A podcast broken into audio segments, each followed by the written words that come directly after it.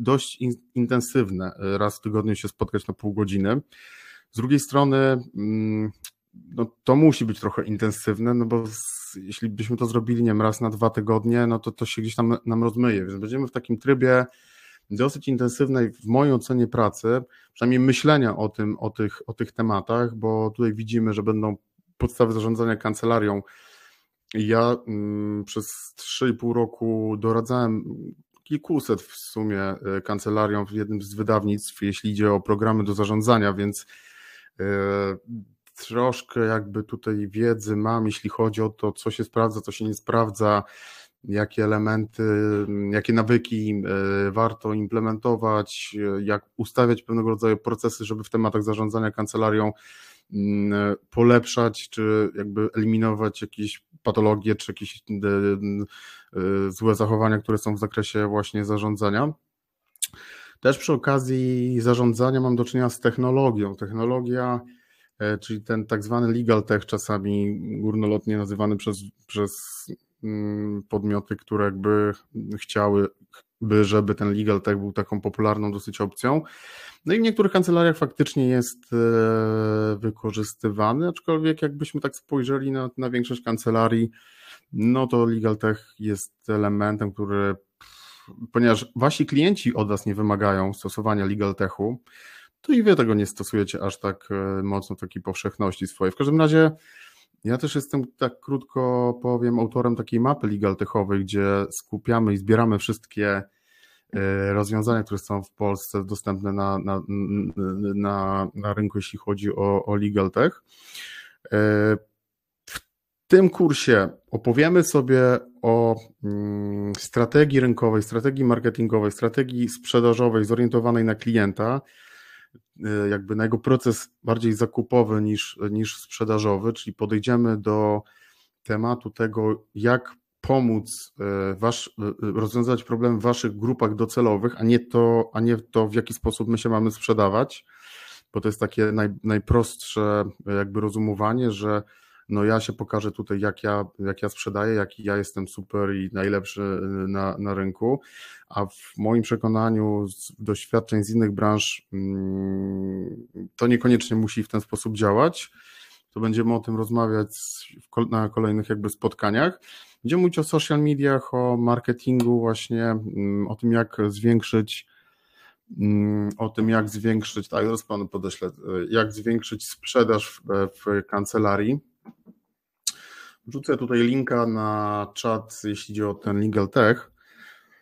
Będziemy na koniec, na koniec października e, też poprawiać tą mapę. To była taka pierwsza mapa z inicjatywy tutaj mecenasa Zalewskiego, żeśmy to zrobili. Mm, ciekawe, tam są różne rozwiązania ciekawe, jeśli chodzi o, to, o te sprawy, które usprawniają pracę w kancelarii.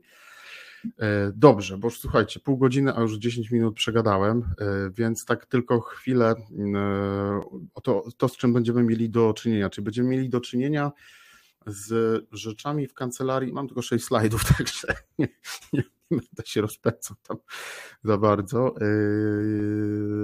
Yy, ten business development to jest taki z definicji szereg działań, który ma wspierać mm, sprzedaż, wpływać na efektywność, na, no tak mówiąc po ludzku, ma, mm, dzisiaj miałem taką rozmowę, nie, że człowiek mówi, no tutaj w kancelarii bym coś, coś pozmieniał. Mówię, tylko muszę się dobrze zastanowić, co. Ja mówię, no co dwie rzeczy pewnie pan musi zrobić, czyli zwiększyć przychody, zmniejszyć koszty. On mówi, o, no dokładnie to jest to. To w, dużej, dużym uproszczeniu do tego zmierza, że jakby mm, te rzeczy robi się po to, żeby no właśnie mieć e, tak biznesowo, tak, mm, zwiększać, zwiększać przychody, zwiększać konkurencyjność, zwiększać mm, zasięg działania i, y, y, i to, jak kancelaria się pozycjonuje, jaki ma wizerunek na rynku, czyli jakby, no ale w konsekwencji jakby to jest to zwiększenie e, przychodów, no zmniejszenie kosztów tam, gdzie to jest potrzebne, no bo nie zawsze zmniejszenie kosztów jest jakby wskazane. No i mm, w kontekście e, realizacji celów biznesowych, no to musimy mówić o pewnego rodzaju horyzoncie czasowym, tak? To musi być określone w czasie. Dzisiaj Mm, zaproponuję Wam e, to, żeby sobie zaplanować do końca roku. To może być taki fajny trening przed e, nowym rokiem. E, zdefiniowanie swoich celów. Ja to zadanie, które tylko tu mi na, dostaliście na maila plus na czacie, później ja to w, jakby wkleję do platformy i wyślę jeszcze maila, jak, gdzie to jest, jak to szukać. W każdym razie ja to dzisiaj zadanie sobie zrobiłem e, i zaraz, zaraz je opowiem o tym, o tym określaniu celów. Mm, to za chwilę, czyli tak, e, ten business development e, powinien nam się kojarzyć właśnie z marketingiem, ze sprzedażą, z zarządzaniem. Prawnicy czasami mają problemy z podstawowymi pojęciami w stylu, co to jest marketing, co to jest sprzedaż, co to jest reklama, więc i to tacy też, którzy prowadzą swoje kancelarie po, po 20 lat i mają kilkunasto, kilkudziesięcioosobowe zespoły proszę mi wierzyć, że jak robiłem szkolenie właśnie z podstaw zarządzania kancelarią, który jest też na właśnie na tej platformie, to przychodzili właśnie prawnicy, którzy z takich większych kancelarii. E, I celem jakby tego kursu i tego, po co my się tu będziemy spotykać, to jest to, żebyście Państwo mm, w ramach niskiej tej mm, opłaty nawet, nie? Bo to tam kosztuje chyba 100 zł tak na 3 miesiące, mieli maksymalną wartość z, z, tego dla siebie i usłyszeli takie rzeczy, które będziecie mogli w stanie wdrożyć. Po to są też te zadania, nie tylko, wiecie, takie klepanie jakiegoś e, pana dziwnego, e, który myśli, że tam się na, naczytał, naoglądał, nasłuchał i, i, i teraz będzie wykładał. To nie o to chodzi. Chodzi o to, żebyście wy też popracowali nad sobą nad własnym biznesem, nad własnymi kancelariami, nad własną e, karierą, bo wiem, że też są osoby, którzy są aplikantami mm, w kancelariach, czyli zaczynają, pracują dla kogoś, być może będą szukali swojej ścieżki, swojego, e, swojego e, rozwoju. Po co określać cele? Mm, co ty chcesz tak naprawdę? Mm, o czym marzysz? Po co to robisz? To są takie pytania, które możemy sobie zadawać jako e, prawnicy. Ja też jestem prawnikiem, ja jako właściciele kancelarii, czy jako pracownicy kancelarii, czy jako osoby, które mm, właśnie działają w kancelarii. No i nad tym slajdem się troszeczkę y, tutaj zatrzymamy, no bo tak, my jesteśmy mm, tutaj po lewej stronie, gdzie są te dwie e, postaci, pani i pana, e, czyli jesteśmy w tym miejscu, jesteśmy w październiku. Na tym kursie przejdziemy sobie do końca roku e, taką trzymiesięczną drogę mm, i po to wyznacza się cele, żeby na końcu tej drogi, albo już w trakcie, albo być może jak macie wyznaczone te cele mm, biznesowe, podkreślam, to nie są cele takie osobiste, to mieć takie poczucie, że działacie właśnie celowo, według jakiegoś zamysłu, e, punktowo, że to jest jakaś siła taka aktywna, twórcza, że jest jakby określony sposób też e, e, działacie, macie z tego satysfakcję, macie odwagę, e, macie tą decyzyjność i, i radzicie sobie też z różnymi obiekcjami, z różnym strachem. I tak, nakreślimy sobie dzisiaj, powiem Wam, jak to zrobić, jak ja to zrobiłem, przeczytam Wam, jak ja to, jak ja sobie swój biznes opisałem. Mm, na pewno mm, jest tak, że jak macie to zadanie, to nie robimy tego zadania w komputerze. To jest pierwsza taka zasada. To musi być, tak jak ja tutaj mam e, napisane długopisem. E, ciekawa dosyć jest e, sprawa, bo dawno nie pisałem, ale, więc tak, piszemy to długopisem, mm, podpisujemy to, czyli to jest takie trochę, to jest ta, to określenie i wyznaczenie celu, celów jest takim trochę kontraktem z samym sobą, ale oczywiście w takim pozytywnym tego, tego słowa znaczeniu. E, czyli tak, jeśli już te cele określimy, no to będziemy szli przez październik, listopad, grudzień, jakby ku temu, żeby je zrealizować. Ja już widzę, że jak ja określiłem swoje cele, to już widzę, że mm, one zaczęły jakby we mnie pracować i już e, widzę, że mm, chyba trzy czy cztery cele sobie określiłem i widzę, że już będą jeden, dwa do zmiany na pewno. Metodą na to, mm, w jaki sposób prawidłowo określać i wyznaczać sobie cele, to jest tak zwana, przez Was może niektórych znana metoda SMART, czyli one muszą być, to jest akronim e, od słów sprecyzowane, mierzalne, atrakcyjne, realistyczne, terminowe. Ja pracowałem wiele lat w sprzedaży jak e, właśnie z, tą, z, tą, z, tą, z tym akronimem SMART się często we wcześniejszych latach spotykałem. Natomiast tutaj teraz w swojej firmie, w swoim biznesie i przy definiowaniu swoich celi widzę, że mm, no jest to dosyć wartościowa jakby metoda na to, żeby trzymać się tej właśnie precyzji, mierzalności, atrakcyjności, realizmu i terminowości. Ja proponuję mm, określić sobie cele, ja sobie przynajmniej określiłem, na koniec roku, żebyśmy zaczęli od tego, no żeby to nie było jakby nazbyt odległe. Oczywiście można sobie określić te cele do końca 2023 roku, jeśli ktoś ma taką potrzebę. Natomiast dla celów tego kursu i tego takiego aktywnego e, działania i myślenia o tym, ja sobie na przykład określiłem to do końca roku. E, jakie to, e, w jaki sposób wyznaczyć to cele, to zaraz przejdziemy do, do zadania. Na pewno ten cel powinien mieć wydźwięk pozytywny, to znaczy to jest e, e, cel biznesowy taki, który e, ma wynikać z tego, co ty chcesz, ale nie ma wynikać z tego, czego nie chcesz.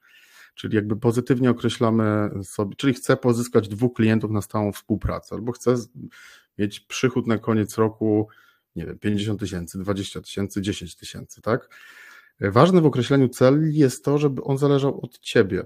To znaczy, on nie może zależeć od żony, od męża, od współpracowników, tylko maksymalnie musi zależeć od ciebie, od tego, co ty zrobisz.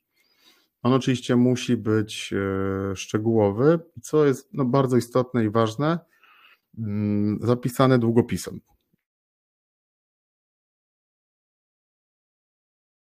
Dlatego, że my jakby podświadomie też będziemy bardziej przyzwyczajać, e, czy bardziej będzie dla nas poważne to, jeśli to zrobimy długopisem, niż sobie napiszemy e, w komputerze.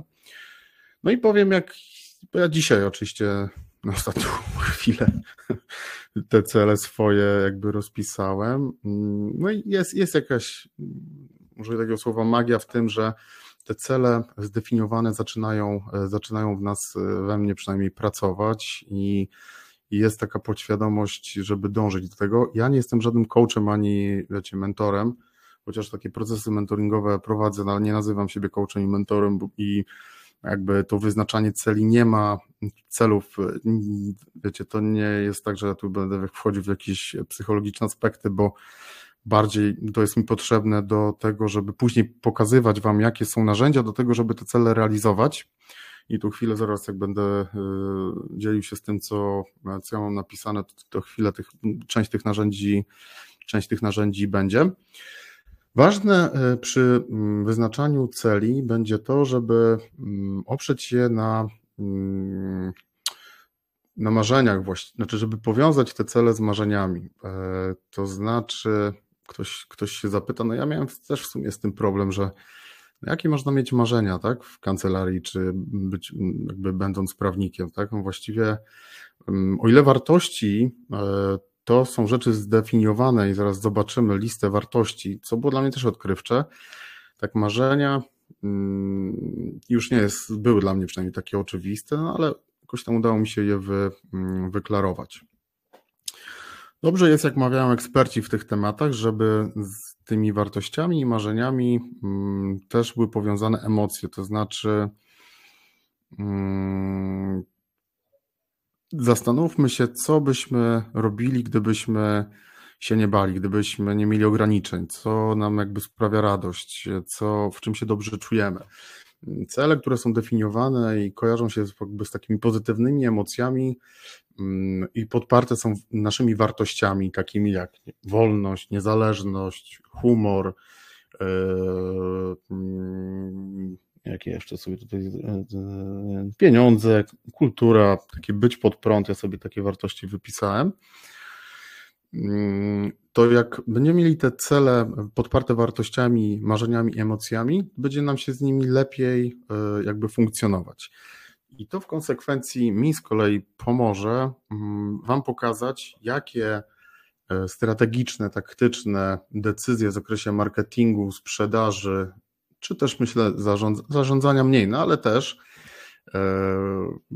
jak te cele pomogą Wam jakby rozwinąć te swoje kompetencje i wdrożyć nawyki, tak, no bo kancelarie business development robią albo, albo same, albo zlecają na zewnątrz, Natomiast e, Często jest tak, że robi część rzeczy kancelaria, część jakaś zewnętrzna firma, agencja czy jakiś konsultant. Mm, w każdym razie warto mieć wiedzę i kompetencje, jak, jak, jak ten proces wygląda. No i żeby ci ludzie tutaj po tej lewej stronie przeszli do, skończyli rok mm, w trzy miesiące z, właśnie z takim poczuciem, że te cele są realizowane, no to potrzebny jest plan. Plan, czyli po prostu zadania do wykonania. Tak jak my będziemy mieli w tym kursie zadania do wykonania, tak tutaj będą zadania do wykonania po prostu, żeby realizować swoje określone cele. Hmm, czyli takie codziennie, co tydzień, co miesiąc, co ja muszę robić, żeby pozyskać dwóch klientów na stałą współpracę, albo nie wiem, zarabiać 20 tysięcy netto, więcej niż teraz zarabiam, jakie ja zadania powinienem podejmować, żeby to zrobić. Więc tutaj będzie też e, temat realizacji, mm, realizacji tego celu. No dobrze, słuchajcie, pytanie jest takie, czy to jest w miarę spójne, o czym mówię, czy to jest w miarę jakby dla Was logiczne, czy to yy, na tym etapie macie jakieś pytania, tu na tym czacie można, można podpytać. Mm, pan Jakub yy, mówi, że jest spójne, logiczne i, i jest ok. Dobrze, słuchajcie, to tak, to idziemy dalej. tu są te wartości. Ja przyznam tak, że jak ktoś by mnie zapytał o wartości, które można mieć jakby takie, no nawet w życiu tym biznesowym, to tak powiem, że z pięć bym może tam wydukał, ale tak, żeby je w takie, taką listę podać, to pewnie bym, bym tego nie wiedział. Teraz tak, ja sobie z tych wartości wybrałem kilka, które mnie charakteryzują, czyli to jest właśnie wolność, przygoda, niezależność, pieniądze, humor, taka kultura, y, czy takie bycie pod prąd, Natomiast Wy sobie możecie stąd też wybrać swoje wartości, którymi będą podparte te cele, czyli jakieś mądrość, bogactwo, kreatywność, e, relaks, harmonia, pieniądze, zdrowie, dostatek, wyobraźnia i no, na bazie tych wartości, tych celi będziemy no, budować ten obraz tego, co się ma zadziać jakby na koniec roku. O, już dziękuję. Więc to jest krótko, no już mamy 22 po, więc to jest krótko, merytorycznie e, przedstawiony temat. Teraz może pokażę ten, e, to zadanie, które, które będziemy, będziemy mieć. Czyli tak, słuchajcie, bierzemy kartkę, chyba że jakieś mówię, jakieś są pytania, to, to, to chętnie. Robimy coś takiego, że bierzemy sobie to zadanie, drukujemy i bierzemy czystą kartkę papieru, i po prostu to y, przepisujemy. Tak ja zrobiłem, tak, że sobie najpierw to napisałem i, i, ten, i e, później długopisem to przepisałem. Więc napisałem datę i napisałem jeszcze tak specjalnie, żeby dla swojej podświadomości jeszcze mnie bardziej jakby to uwiązać z tym, że ja niżej podpisany Piotr Chodosz właśnie zaplanowałem i wyznaczyłem i będę trzymał się poniższych celów. No i jest kilka kroków, żeby to zrobić na bazie tego, co powiedziałem.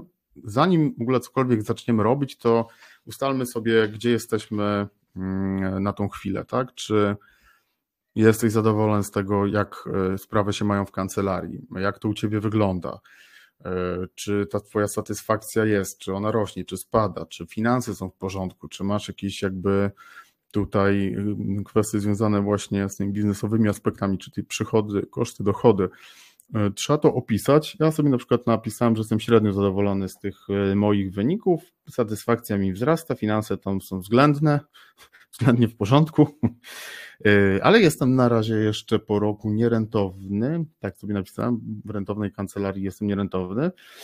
I mm, no też mam takie wrażenie, że jestem trochę na, cały czas na początku jakby drogi poszukiwania mm, dojścia trochę do tej mojej grupy docelowej, czyli do Was i właśnie ta platforma jest takim pomysłem na to, jak sobie zrobić taką nogę biznesową, jeśli chodzi o jedną, jedną z odnóg e, przychodu. No i teraz tak, czyli jakby ustalamy sobie ten stan zero, e, jak jest, e, na jakim jesteśmy stanie. Mm, I teraz przemyślenie marzeń.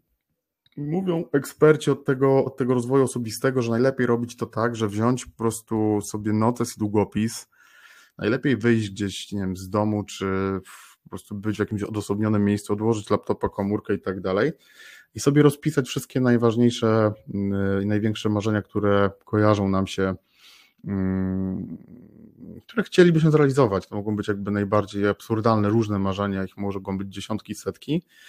Natomiast później układamy te e, Natomiast my możemy to zrobić w kontekście oczywiście biznesowym, tak, żeby to nie były marzenia na zasadzie nie wiem, jakichś osobistych yy, wycieczek, tylko jakby trzymamy, trzymajmy ten kontekst biznesowy tak, tego, tego kursu.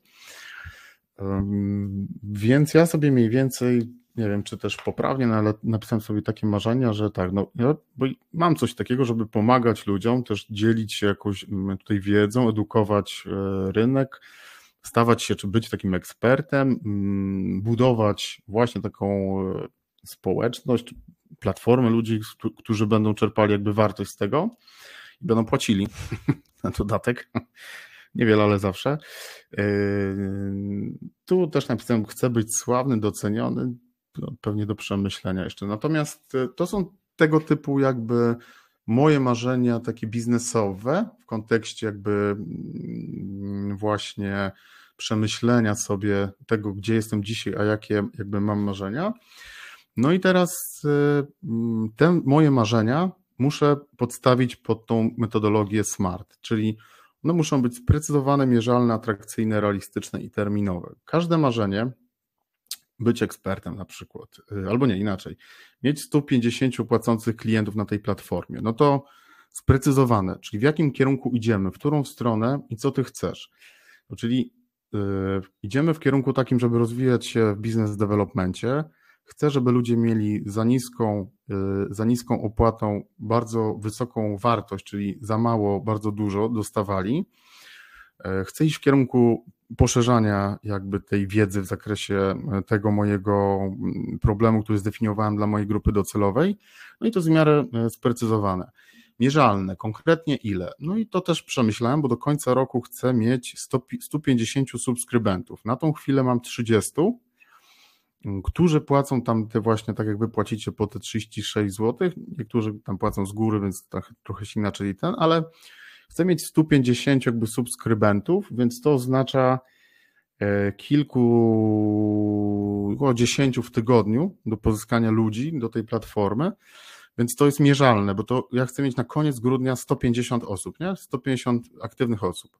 Można przy odpiąć kartę i też nie być, nie? Czyli Dlaczego to jest atrakcyjne dla mnie? Co sprawia, że chcesz? No raz, że e, pieniądze, dwa, że mm, zaczynam od, odszukiwać takie zainteresowanie czy konkurencji, czy jakichś firm tym, czym jest ta platforma, co się dzieje jakby w koło i ciekawe osoby się do mnie odzywają i chcą e, rozmawiać, więc to jest atrakcyjne w kontekście tego celu dla mnie.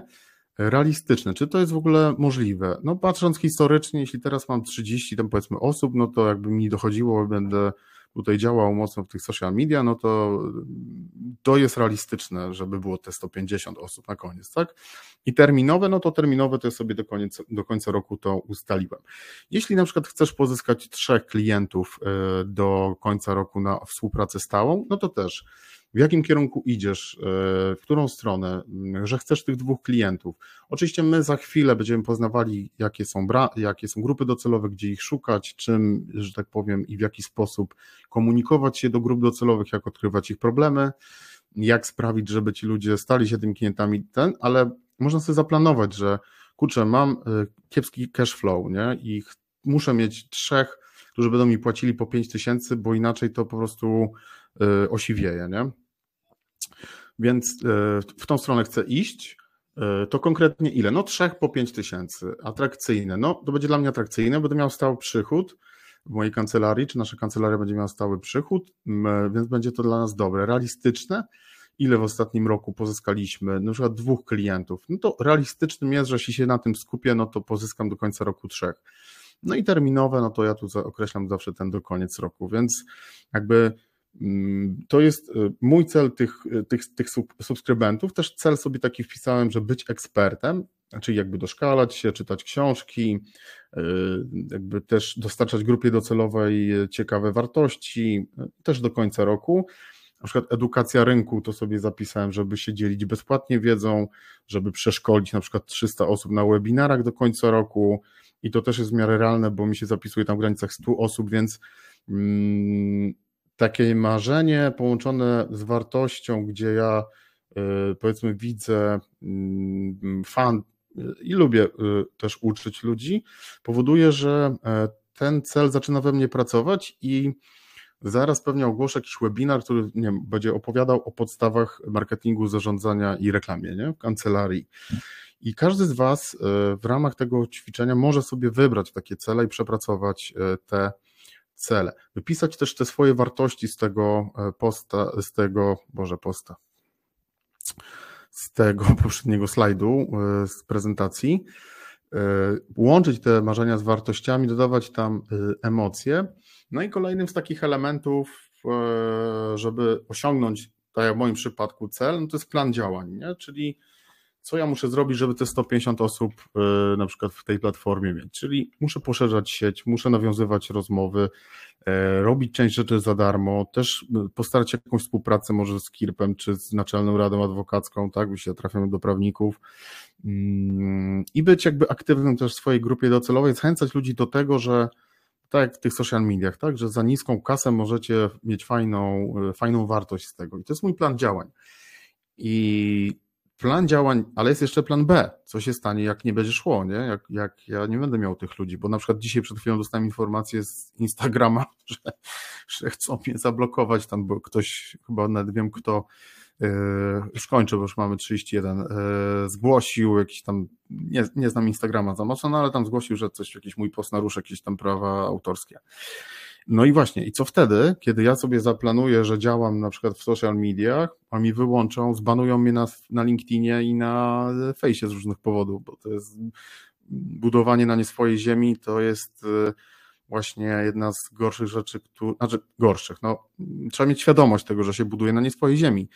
Ja między innymi dlatego postawiłem sobie tą platformę, żeby nie dostarczać za darmo w cudzysłowie kontentu LinkedInowi i Facebookowi.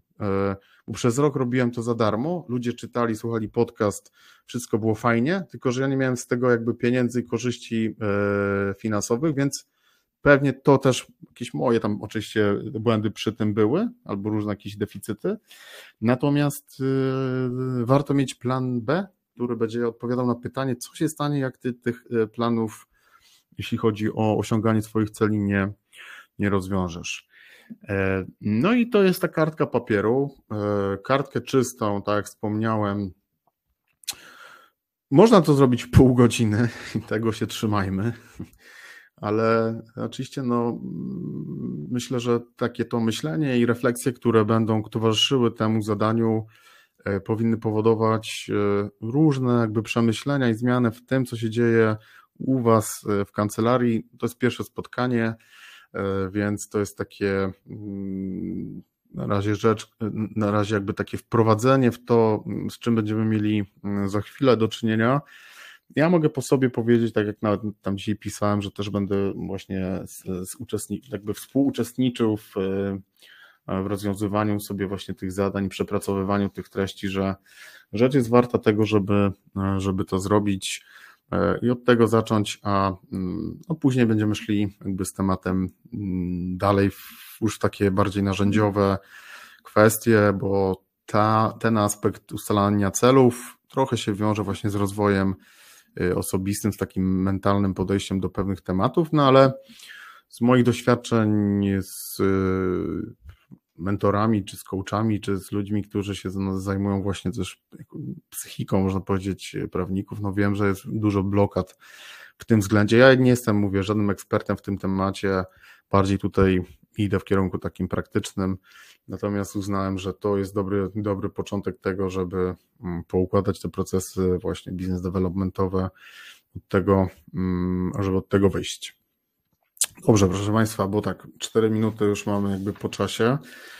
E, czy tutaj macie mm, jakieś właśnie pytania? Czy dajcie mi też znać, czy to miało sens, czy to się Wam podobało, czy może tu czegoś e, brakowało, może mieliście jakieś inne e, przekonania do tego, jak, jak ten kurs się zacznie, czy będzie wyglądał. Czy widzicie też dla siebie właśnie taką wartość w tym, żeby zrobić to zadanie, tak szczerze? Czy, czy to jest raczej taka sytuacja, że no, że nie ma czasu, nie ma kiedy? Czy ktoś by mi mógł odpowiedzieć? Czy jest tu ktoś w ogóle? Pan Jakub pisze. I pani Marta. Zadanie jest super, no to się cieszę. Myślę, że ono jest naprawdę bardzo takie e, praktyczne, szczerze powiem.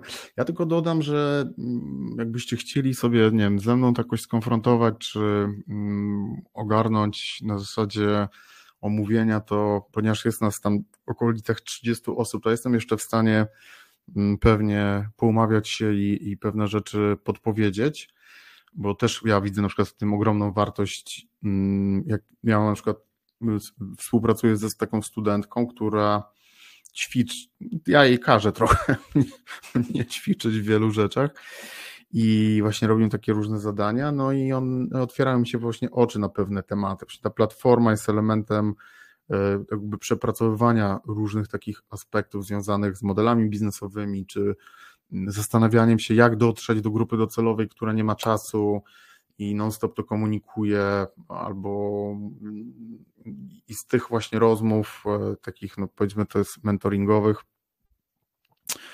No tak, to jest pierwszy krok do zrobienia tak naprawdę. Może Pani Marta, Pani chciałaby powiedzieć dwa, trzy zdania tutaj do uczestników, bo mogę włączyć mikrofon. Albo ktoś by chciał powiedzieć, to jeszcze Trzy minuty was potrzymam i uciekam, bo znaczy yy, ten, mieliśmy pół godziny ogarniać, więc, yy, więc nie będziemy tego, tego łamać. Myślę, że no trzeba się przełamywać, pani Marto, tutaj. No się czego wstydzić. Kamery nie włączę. Do Panie Jakubie zapraszam, jak pan, jak pan chce sobie skonsultować. Yy, oczywiście to, co jakby jest w tym kursie, w tej grupie zostaje w tym kursie, w tej grupie. Mm, to, to jest tak oczywista rzecz. Ale co ja jeszcze chciałem powiedzieć? Yy, co ja chciałem powiedzieć? Już mi wleciało chyba z głowy. Yy, no tak. Dzisiaj na przykład pojechałem, słuchajcie, na spotkanie z taką panią się umówiłem w Warszawie. Mm, no, przyjechałem, wszystko tutaj z przygotowania do spotkania i tak dalej. Patrzę w kalendarz, a to jutro spotkanie jest, nie? Znaczy w sensie mówię, ja. Ale fajne miejsce, hala koszyki, takie, bardzo takie powiedziałbym, powiedziałbym yy... kto na jakim aktualnie etapie jest, ale w jakim sensie? A wiem, chciałem powiedzieć, że mogę włączyć komuś mikrofon, jakby ktoś chciał coś powiedzieć. Kto na jakim etapie? A że kto z uczestników jakby jest na jakim etapie, czy jak, panie Jakubie, bo nie bardzo rozumiem?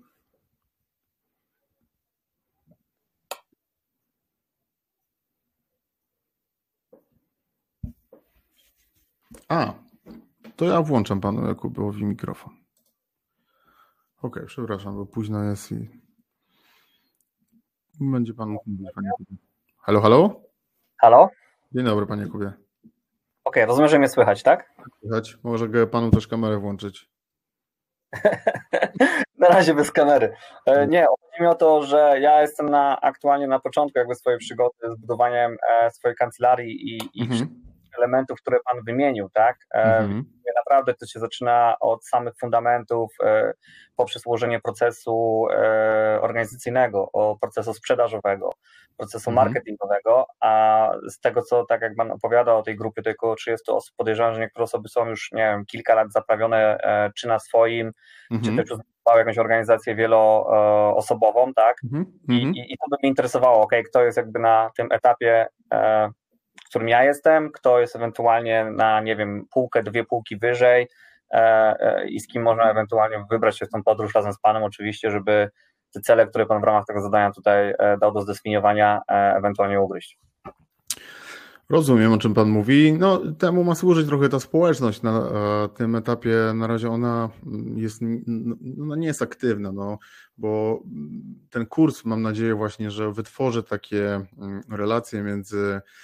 Aha, już wiem, co chciałem powiedzieć, bo możemy też e, w którymś momencie e, przemyślimy i, i, i, i zastanowimy się zrobić takie bardziej luźniejsze spotkanie na zasadzie jakiegoś Q&A, czy bardziej takiego masterminda, gdzie wtedy y, część ludzi, która będzie chciała w tym uczestniczyć, też będzie mogła e, po prostu porozmawiać.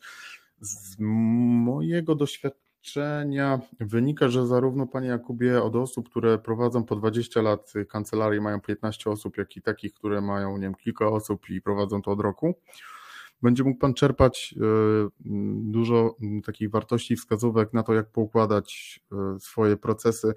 Ja myślę bardziej o procesach chyba jednak w dzisiejszych czasach marketingowych niż sprzedażowych. Tak mi się wydaje, że bardziej jak jest marketing roz, rozhuśtany, to sprzedaż nie jest aż takim dużym kłopotem z mojego doświadczenia. Masz, mam też tą metodykę, jakby jeśli chodzi o, o sprzedawanie, więc jak już klient jest e, w kancelarii i on już jest jakby przyszedł z czymś, to sama sprzedaż w mojej ocenie nie jest, ten proces sprzedaży nie jest aż tak istotny jak sam marketing, nie? Czy żeby spowodować, że mamy za lejek e, ten marketingowy zbudowany, czyli mamy przypływ jakby tematów, przypływ spraw, nie? Do takich, które które możemy realizować. To jest w mojej ocenie, marketing dzisiaj jest w mojej ocenie ważniejszy niż sama, niż sama sprzedaż, nie? Jako rozumiana, że już ktoś przychodzi, a my go tam my będziemy pogłębiać w nim ból, który, który, w problemie, który, z którym on przychodzi. Bo jak on już przyjdzie, to mm, w mojej ocenie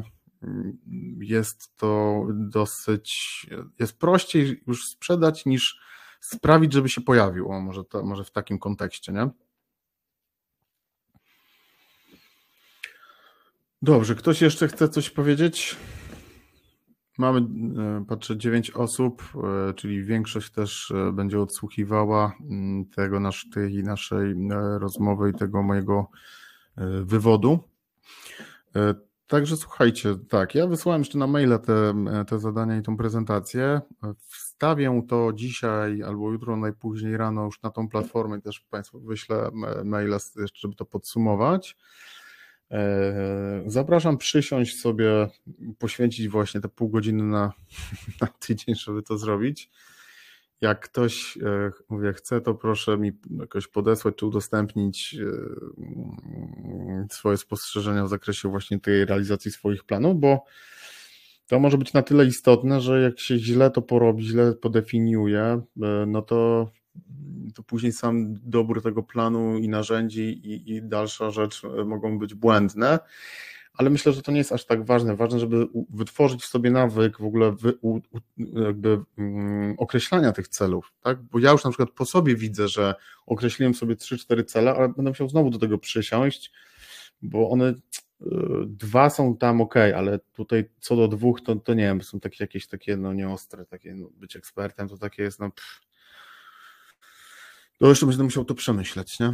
Pani Magda jeszcze pisze, poczytamy, co pani Magda e, pisze i będziemy kończyć, dobrze? Bo tutaj tak przedłużyliśmy troszeczkę. Dobrze, to jeszcze raz zapytam, czy ktoś coś jeszcze chce e, powiedzieć. Jak nie, to myślę, że, mm, że będziemy, szanowni państwo, szanowni państwo, sobie to już kończyć. Może macie jakieś pytania takie jak w korporacji pracowałem, to zawsze na takich spotkaniach było ostatnie 5 minut sprawy różne. o, to uruchamiam okienko. Sprawy różne.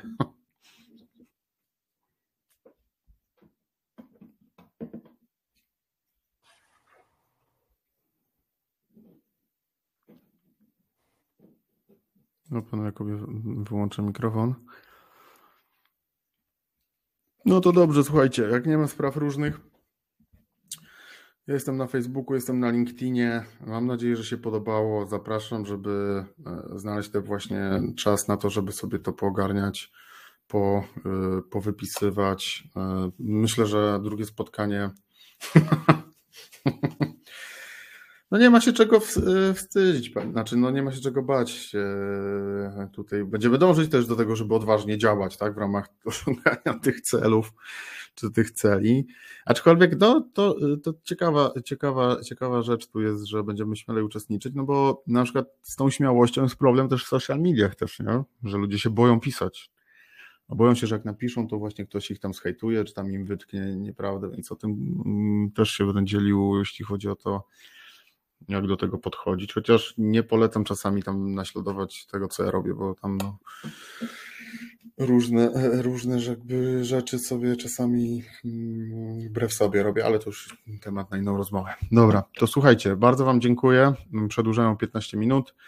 Dobrego wieczoru. Widzimy się mm, za tydzień przy drugim temacie. Zapraszam do wypełnienia zadań i albo sobie zachowacie je dla siebie i z tym się będziemy jakoś, e, myślę, w kontekście drugiego spotkania, kto będzie chciał, to się podzieli tym, albo też w ramach tej platformy, tam powstanie taki pierwszy wątek i tam będziemy mogli też rozpisywać różne swoje rzeczy, żeby się jakby aktywo, e, uaktywnić, tak w cudzysłowie, żeby się wymieniać jakby różnymi spostrzeżeniami, bo na, na, na, na granicach tych e, wymiany tych spostrzeżeń tworzą się wartości dla Was i po to będzie ta społeczność też, której celowo jeszcze na razie tak nie nazywam. Więc dobra, to tyle. Nie przedłużam. Wszystkiego dobrego. Trzymajcie się. Mam nadzieję, że się podobało i dobrego wieczoru. Cześć.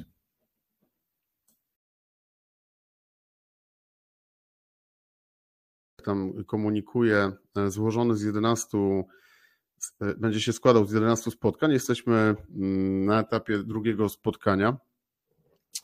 Dzień dobry Pani Agato. Jesteśmy na etapie e, drugiego spotkania.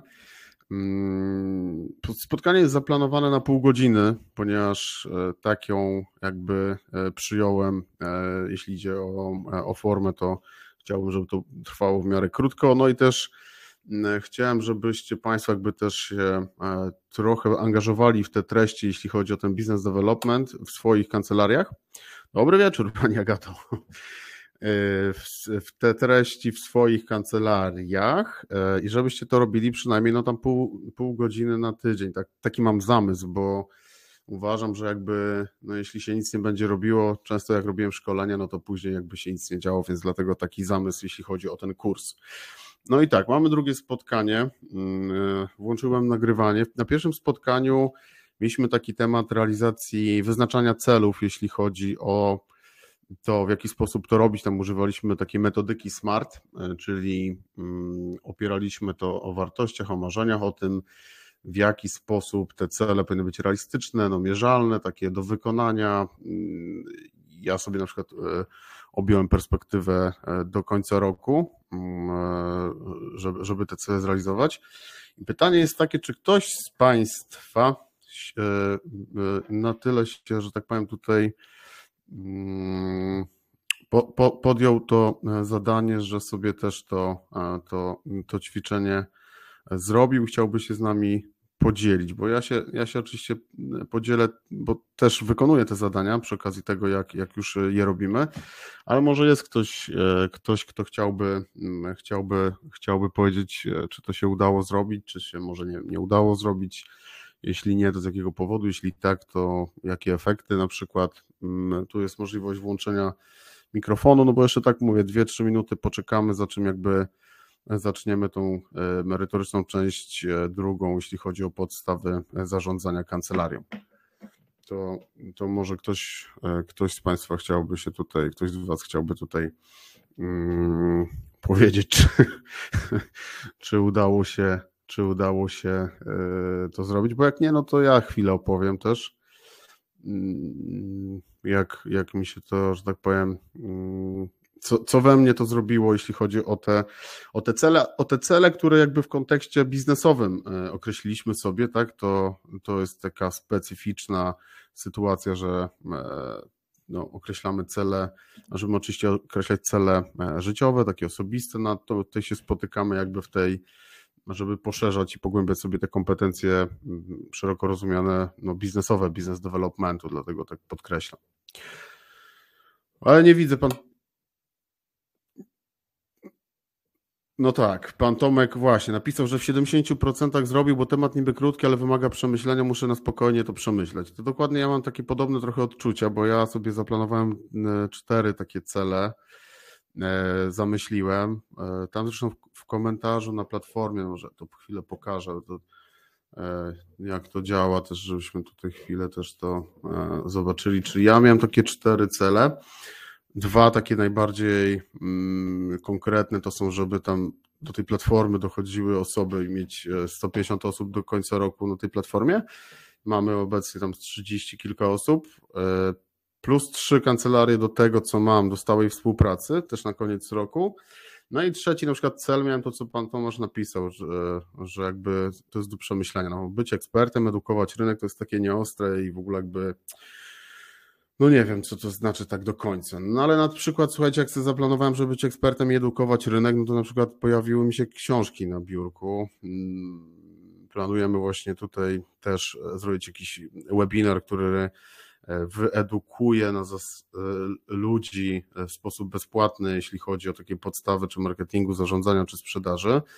Więc w kontekście tego trzeciego i czwartego celu te rzeczy się dzieją. W kontekście pierwszego i drugiego celu też pewne rzeczy, e, szczególnie w tym kontekście tego pierwszego celu się odbywają i czuję się trochę taki zaprogramowany, bo jak sobie to zapisałem, to jakby moja podświadomość jakoś dąży do tego i to jest takie E, ciekawe, polecam to, bo mówię, no sam osobiście jakby to, e, to zrobiłem, więc e, mm, natomiast to, co Pan napisał, Panie Tomaszu, czyli jakby przemyślenie, to też mnie czeka, jeśli chodzi o to być ekspertem, dokować rynek, bo to jakby tak jest, mówię, no nie ostre, to muszę jakoś, właśnie tutaj rozpisuję, że jakbym, nie wiem, napisał 8 artykułów jakichś takich do, do, nie wiem, do miejsc, gdzie ta moja grupa docelowa jest i to są takie eksperckie jakieś miejsca, no to można byłoby na koniec roku powiedzieć, no ten to jest ekspertem, bo tam napisał do tych, do takich to a takich miejsc na przykład, nie? No i to wtedy byłoby w jakimś tam stopniu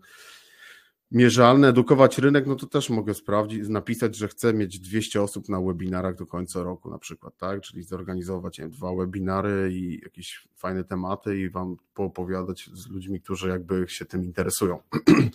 Chodzi o to, żeby, że w tej, tej metodologii SMART e, jest właśnie ten temat, e, ma być, ma być to w miarę precyzyjnie, ponieważ sobie to zrobiłem do końca roku, no to muszę określać tutaj w liczbach się też tak naprawdę, co nie? Więc to jest jakby takie przypomnienie, e, takie przypomnienie, jeśli chodzi o to, co mieliśmy e, w pierwszym spotkaniu.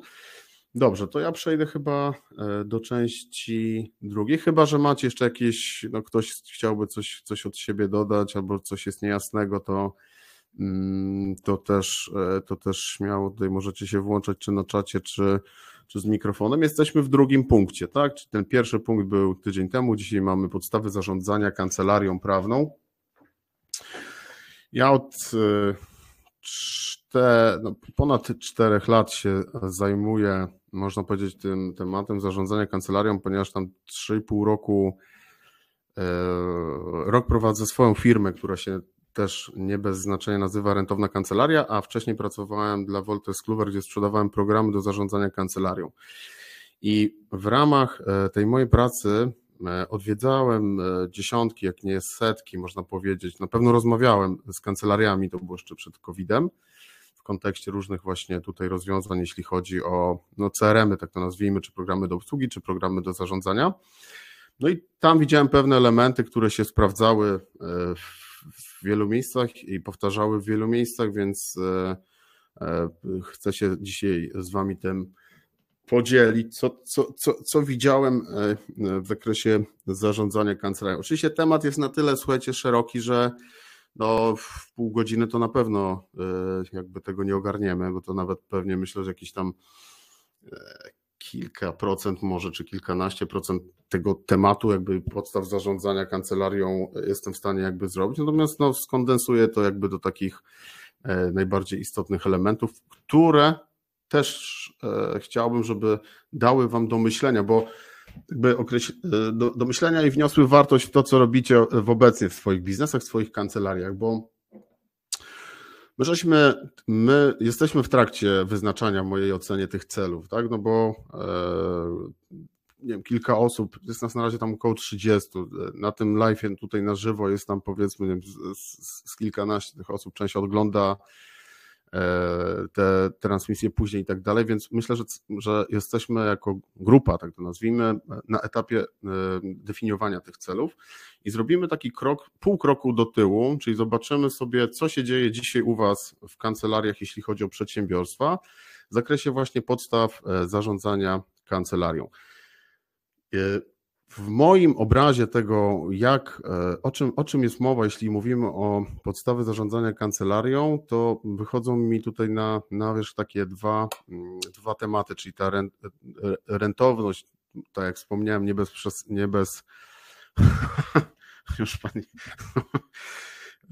Szczerze, panie Jakubie, jakbym miał wybierać teraz do swojej kancelarii, jakbym miał program do zarządzania, to bym, to szczerze bym nie wiedział, co wziąć tak naprawdę, bo to jest temat dosyć skomplikowany, ale to o tym możemy pogadać gdzieś tam na prive. E, przepraszam, bo tu na, bo tu na czacie.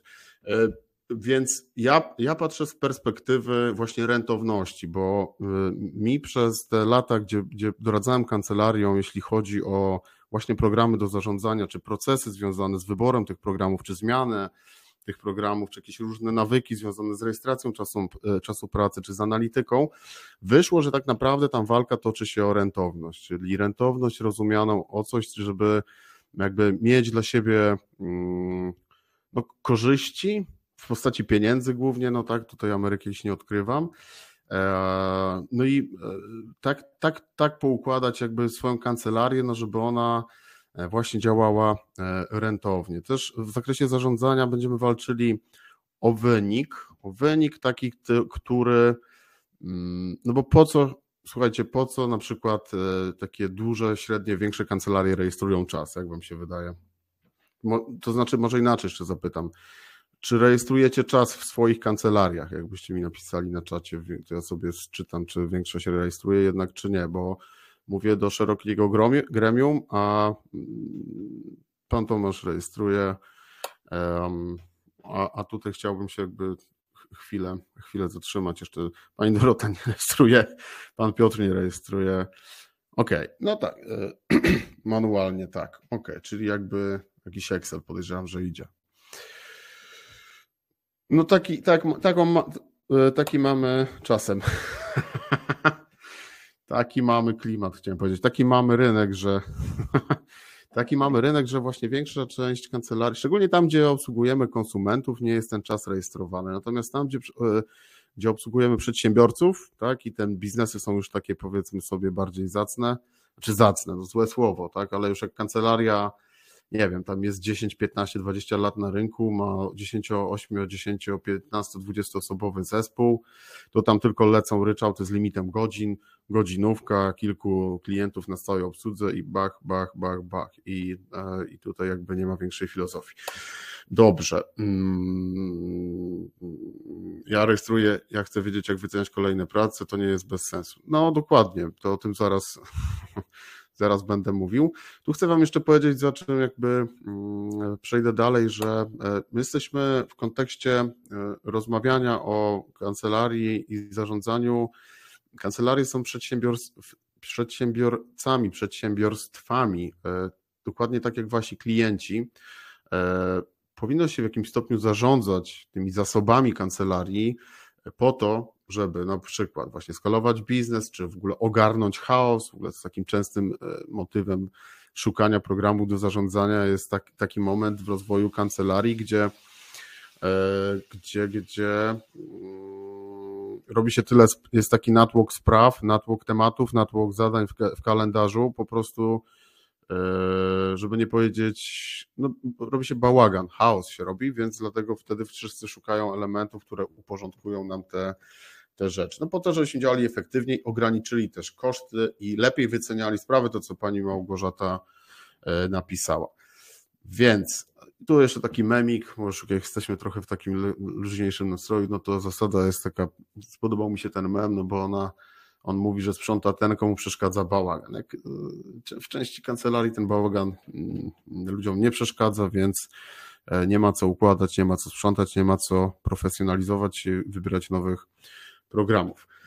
Teraz mm, na bazie e, tych programów do zarządzania, które są na rynku, widzimy, e, ja widziałem przez te lata, że tematy są wokół, wokół sprawy, czyli tematy zarządzania e, kręcą się wokół sprawy. Ewentualnie w starszych programach jeszcze kręcą się wokół klienta. Czyli sercem systemu będzie sprawa,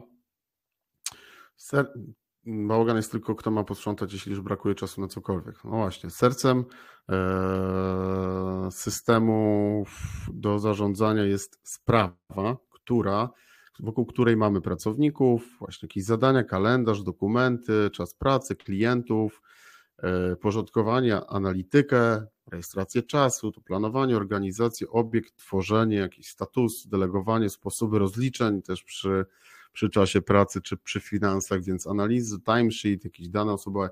Więc widzimy, że tego jest jakby cała masa, jeśli chodzi o sprawę.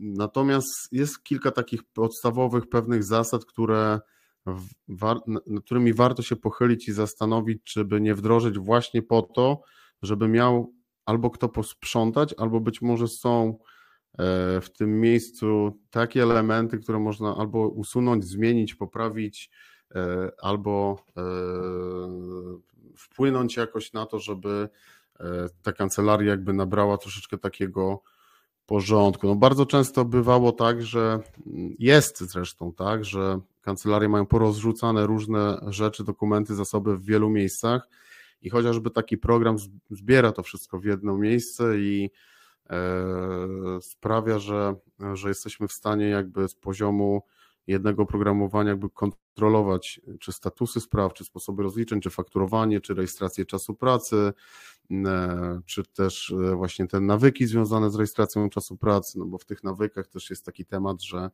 że gubimy te czynności, później nie mamy wiedzy, jeśli chodzi o analitykę, analitykę taką rozumianą na zasadzie, że no ja, ja nawet jeśli nie liczę czasu pracy jak część z Państwa, no to chciałbym wiedzieć, ile mi godzin zajmuje na przykład jakaś sprawa rozwodowa, czy to trwa 5 godzin, 10 czy 15, no bo właśnie chcę się uczyć tego, jak to na przyszłość e, lepiej, lepiej, e, lepiej wyceniać.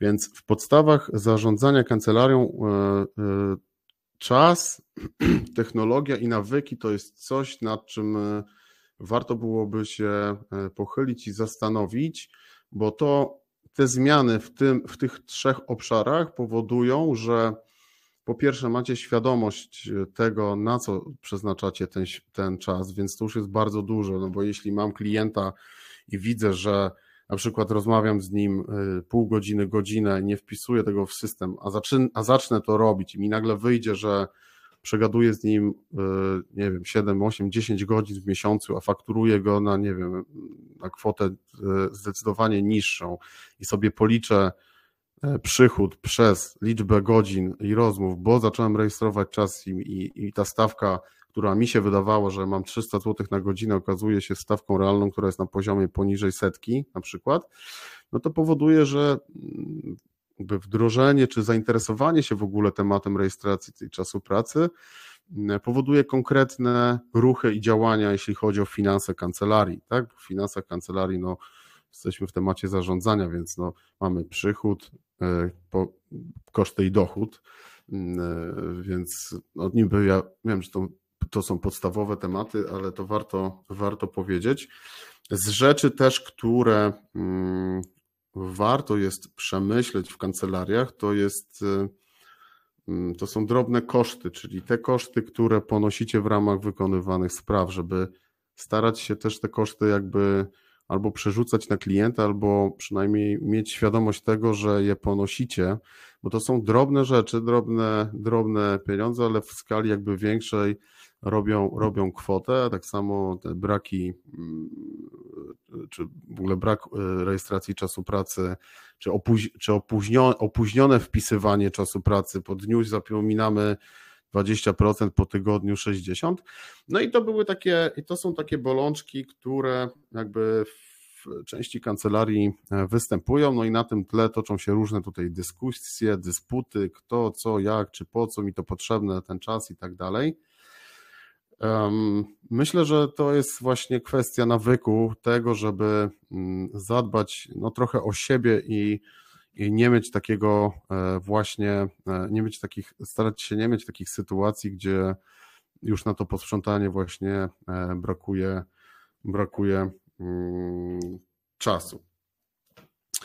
No i w środku tego zarządzania, e, tego zarządzania kancelarią, podstaw zarządzania kancelarią umiejscowiłem tak, takie hasło właśnie tą, tą rentowność, no bo mm, w oparciu właśnie o czas, czy analitykę, czy skalowanie i rozwój, mm, wszystko w mojej ocenie sprowadza się do tej rentowności, bo poprzez e, spojrzenie czy na współpracownika e, w zespole, czy spojrzenie na klienta, czy spojrzenie na jego sprawy, czy właśnie spojrzenie na czas, na co my wykorzystujemy ten czas, e, czy my dobrze się jakby no, wyceniamy.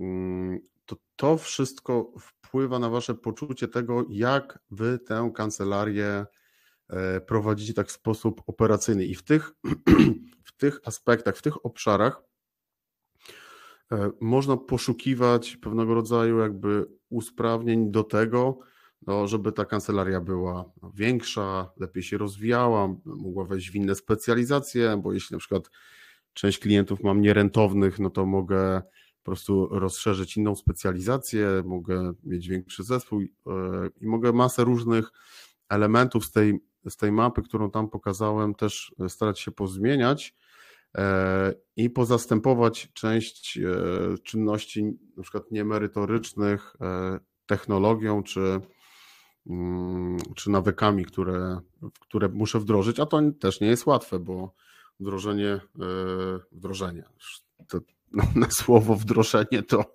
niektórzy dostają, że tak powiem, gęsiej skórki. No ale chodzi o to, żeby E, chcąc się zmienić, no to się nie da nie zmienić i zmienić równocześnie, więc no tutaj, tutaj e, o, tą, o tą rentowność w moim przekonaniu chodzi, jeśli, jeśli rozmawiam o, e, o zarządzaniu kancelarią. Pan Jakub zapytał, jaki program. Ja myślę, że to jest tak, że mm, Program jest tylko już taką wisienką na tym torcie, a w tym torcie są procesy i procedury, które są wewnątrz kancelarii. Czyli wy trochę musicie wypracować. Są trzy drogi, ja to zawsze tam mówiłem. Tak, e, e, trzy drogi są w mojej, mojej ocenie jakby doboru technologii czy wyboru programu do zarządzania. Czyli tak, mogę wziąć jakiś program z rynku, który jest sprawdzony i ja się do niego dostosuję, czyli zobaczę, jak oni to robią i będę tak robił, jak tam jest. E, ja mam swoje procesy i szukam czegoś pod moje procesy, bo ja w taki to a taki sposób to robię, bo niestety nie ma jednolitego sposobu zarządzania kancelarią. Kancelarie są małe, średnie, duże, w środku tam się też różne rzeczy dzieją, więc jakby to do tego jeszcze obsługują konsumentów, e, przedsiębiorców, różne sprawy, różni są ci klienci relacyjni i tak dalej, więc jakby Dlatego jest na przykład 30 tych programów do zarządzania, nie? No bo nikt jeszcze jakby nie wymyślił takiej złotego zasady, żeby, żeby, żeby wszystko w jedno miejsce e, wstawić i żeby było dla wszystkich odpowiednie. To jest w Polsce tam około 20-30 rozwiązań, na przykład CRM-owych, takich sprzedażowych programów, e, to są tysiące, nie? E, czy nawet w Polsce, czy na świecie, więc tu i tak jest, tu i tak jest w miarę, w miarę rozsądnie. E, czyli tak, mogę wziąć z rynku, mogę sam swoje procesy jakby usankcjonować tym programem, który wezmę z rynku, a mogę zrobić taką hybrydę, czyli część rzeczy, które się sprawdzają, są dobre, e, zostawić u siebie, a część wziąć z tego programu i, i pracować na tym, na tym rozwiązaniu, jeśli chodzi o technologię. Natomiast to jest taki raport e, na stronach KIRP-u, który bardzo metodologicznie to opisuje jeśli chodzi o właśnie e, jak wybierać ten program i to nawet można sobie, słuchajcie, przejść go na zasadzie, e, nawet nie wybierać e, program, tylko po prostu przejść go mm, szukając czy tych usprawnień, czy tego polepszenia właśnie tych elementów związanych z zarządzaniem kancelarią na bazie chociażby na przykład tego raportu. Tak, tak, tak, mi się wydaje, że to, to mógłby być dobry pomysł, jeśli ktoś by miał takie poczucie, że mm, rzeczy w mojej kancelarii jednak wymagają tego, żeby zmienić, to zacząć ten czas pisać, bo dalej, dalej tak nie zalecimy, nie, nie zajedziemy. E, no i tutaj taki krótki mam, słuchajcie, przykład, o czym, o czym jest w ogóle konkretnie mowa, no bo ktoś mówi, ja mam stawkę 300 netto, nie? na godzinę. Taką, z taką, z taką pracuję. Natomiast sprawdźcie sobie stawkę efektywną, czyli mm, to, ile macie przychodu, może być w totalu na przykład dla całej, dla całej osoby, czy dla całego zespołu, czy dla całej kancelarii, no i podzielcie to przez e, faktyczną liczbę godzin, którą wy na, na rzecz tych klientów e, robicie i działacie. E, faktyczną, tak, liczbę godzin, bo w tym, na tym przykładzie, no, jak przykład po prostu, tak, 2000 jakiś przychód za sprawę, 25 godzin, czy twoja stawka to nie jest 300, tylko 80 i w ramach właśnie tych zadań mam dwie, dwie, dwa zadania. Dla tych, którzy w ogóle nie piszą czasu pracy, to chcę ich zachęcić do tego, żeby sobie tak bezinwazyjnie, no ja wiem, że to jest też, że to może być szokowe, szokowe działanie. Ja zresztą będę też w tej grupie, która będzie właśnie rozpisywała swój czas, bo też nie piszę. Tutaj się mądrze, a nie piszę, mm, więc słuchajcie, no ja też będę właśnie e, będę wypełniał to pierwsze zadanie. Widać chyba, tak? Na, na, tej, na tej tablicy. Więc chodzi o to, żeby sobie po prostu. Mm, szkolenia. No ja, ja ze szkoleń też swego czasu i inne kancelarie też fajnie, fajnie żyją. To jest, to jest prawda, że na szkoleniach można zarabiać, e, można zarabiać e, dobre pieniądze. I proponuję Wam taką krótką, mm, mam nadzieję, taką nieinwazyjną rzecz, która która Wam pomoże w ogóle wejść w ten świat rejestracji czasu pracy i mi też, bo ja też będę to, będę to robił chyba od jutra. E, więc słuchajcie, jest, e, mamy tak, mamy tydzień, poniedziałek, wtorek, środę, czwartek, piątek e, tutaj, czyli jutro będziemy mieli czwartek i sobie po prostu dziennie wpisujemy, ile czasu poświęciłeś na czynności merytoryczne i ja czynności merytoryczne zdefiniowałem jako czynności związane z pracą nad sprawą e, klienta, czy jakieś umowy, maile, telefony, spotkania z klientem. To są te czynności merytoryczne, to, to wszystko, co nasz umysł, nasz e, intelekt e, wypracowuje, między innymi nasz umysł i nasz intelekt w sprawach klienta. E, za pomocą narzędzi, czy telefon, mail, e, jakieś spotkania, czy face to face, czy jakieś wideokonferencje. Czyli jak na przykład jutro miałbym, nie wiem, trzy spotkania z, z klientami, ja w swojej tej rentownej kancelarii, no to bym wpisał i po godzinie, no to wpisałbym na przykład i coś bym jeszcze na przykład jakąś umowę zrobił, tak, no to wpisałbym tu cztery godziny jako czynności merytoryczne. Czynności niemerytoryczne, czyli one jakby nie są związane z pracą merytoryczną, czyli jakieś fakturowanie, jakieś tematy administracyjne, jakieś projekty wewnętrzne, jakieś prace koncepcyjne, wszystko, co jest oderwane trochę od tej pracy z klientem.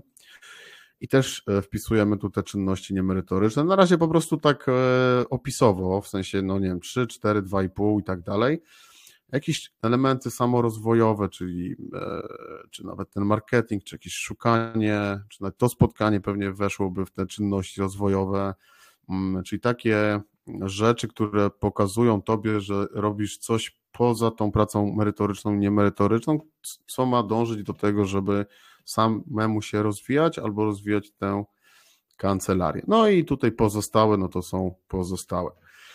Czy to jest mniej więcej ta matryca jest mniej więcej dla Was rzeczą jasną. Czy tutaj hmm, widzicie jakieś kłopoty, jeśli chodzi o to, e, żeby w ten sposób. Ci, którzy nie piszą, tak? Na razie pytam, no bo ci, którzy piszą, to ja za chwilę też powiem, e, jaką, jakie zadanie takie przygotowałem, mm, jeśli chodzi o tych, co, co piszą, co piszą czas, bo hmm, kwalifikacją.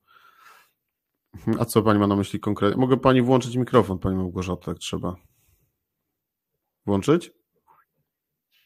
U mnie problemem są drobne kwestie w trakcie dnia, które potrafią zająć 2-3 godziny, ale ciężko mi przypisać je do konkretnych zadań projektu, bo samo wpisanie może mi zająć więcej czasu. No a y, czym pan wpisuje? Jaki, czy ma pan aplikację jakąś tu na telefon, albo jaki jest system tego, nie? Żeby to.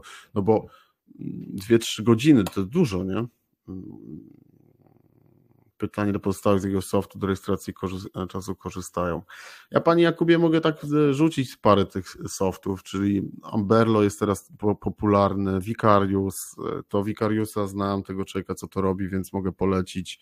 Mecenas IT znam, więc mogę polecić. Amberlo nie polecam, bo, bo nie znam, ale wiem, że kupują. Toggle, taka, napiszę tu na czacie, E, to e, Toggle, taka jest aplikacja, to chodzi po internecie jako, jako dobra. Ja osobiście bardzo lubię na przykład Lobster się nazywa taki soft, e, bardzo szybki, najlepszy UX-owo w Polsce. Mecenas IT. Pani Lauro, jakie tam są jeszcze te softy? Ja włączę tu Panią Laurę, to się Pani Laura tutaj nam podpowie, jakie są jeszcze softy. Właściwie to się zaskoczyłam teraz tym pytaniem, wszystko mi wypadło z głowy. Dobry wieczór. E, Dobry wieczór. E, ja chcę tylko powiedzieć, że w ogóle na tej platformie mamy e, całe porównanie tych platform, tych programów do no zarządzania no kancelarią i myślę, że to jest fajna rzecz, żeby sobie, żeby sobie to zobaczyć, bo no bo też każdy chyba potrzebuje czegoś innego do swojej kancelarii i każdemu będzie odpowiadało coś innego. My tam jeszcze WorkTime'a na pewno porównywaliśmy, czyli taką aplikację typowo do, za, do, mhm. do zarządzania czasem, można powiedzieć. Dobra. Czasu. O faktycznie, zapomniałem. Słuchajcie, no kurczę, jakby jak to się mówi tam pod latarnią, że tam jest nie za jasno. E, my żeśmy e, dwa miesiące temu porównywali, 10 czerwca, mm, ile tych programów Pani Lauro było? Chyba z 10, co? Mm, nie, my chyba wzięliśmy sześć takich głównych na tapetę, tak mi się wydaje. Nie chcę Legal, Legal, Legal Desk jest też teraz w Voltersie takim programem, który może, może być, e, może być, może być ciekawym. Tutaj macie właśnie szkolenie e, właśnie z tych, e, z tych, e, z tych programów, gdzie ja tam w miarę szerzej już opisuję też te kilka programów, właśnie głównie z Polski, bo ja tymi mm, jakimiś aplikacjami takimi pomniejszymi to się, to się jakby przestałem trochę zajmować, co nie? Więc, więc tu można sobie te szkolenie odpalić i popatrzeć, bo nawet nie chodzi o to, żeby coś wybrać, tylko posłuchać, o co może chodzić, jeśli idzie o mm, programy właśnie, na co tam zwrócić uwagę? To myślę, że to może być też e, to może być ciekawa, ciekawa e, sprawa, nie?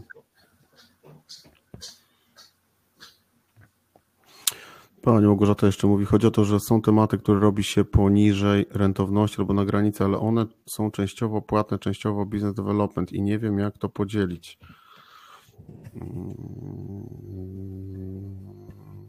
Czyli, aha, okay, czyli macie w projekcie jakby część płatna, a część robicie pracy w ramach jakby obietnicy na przyszłość, że coś się będzie z tego działo większego. Nie wiem, jak to podzielić. E,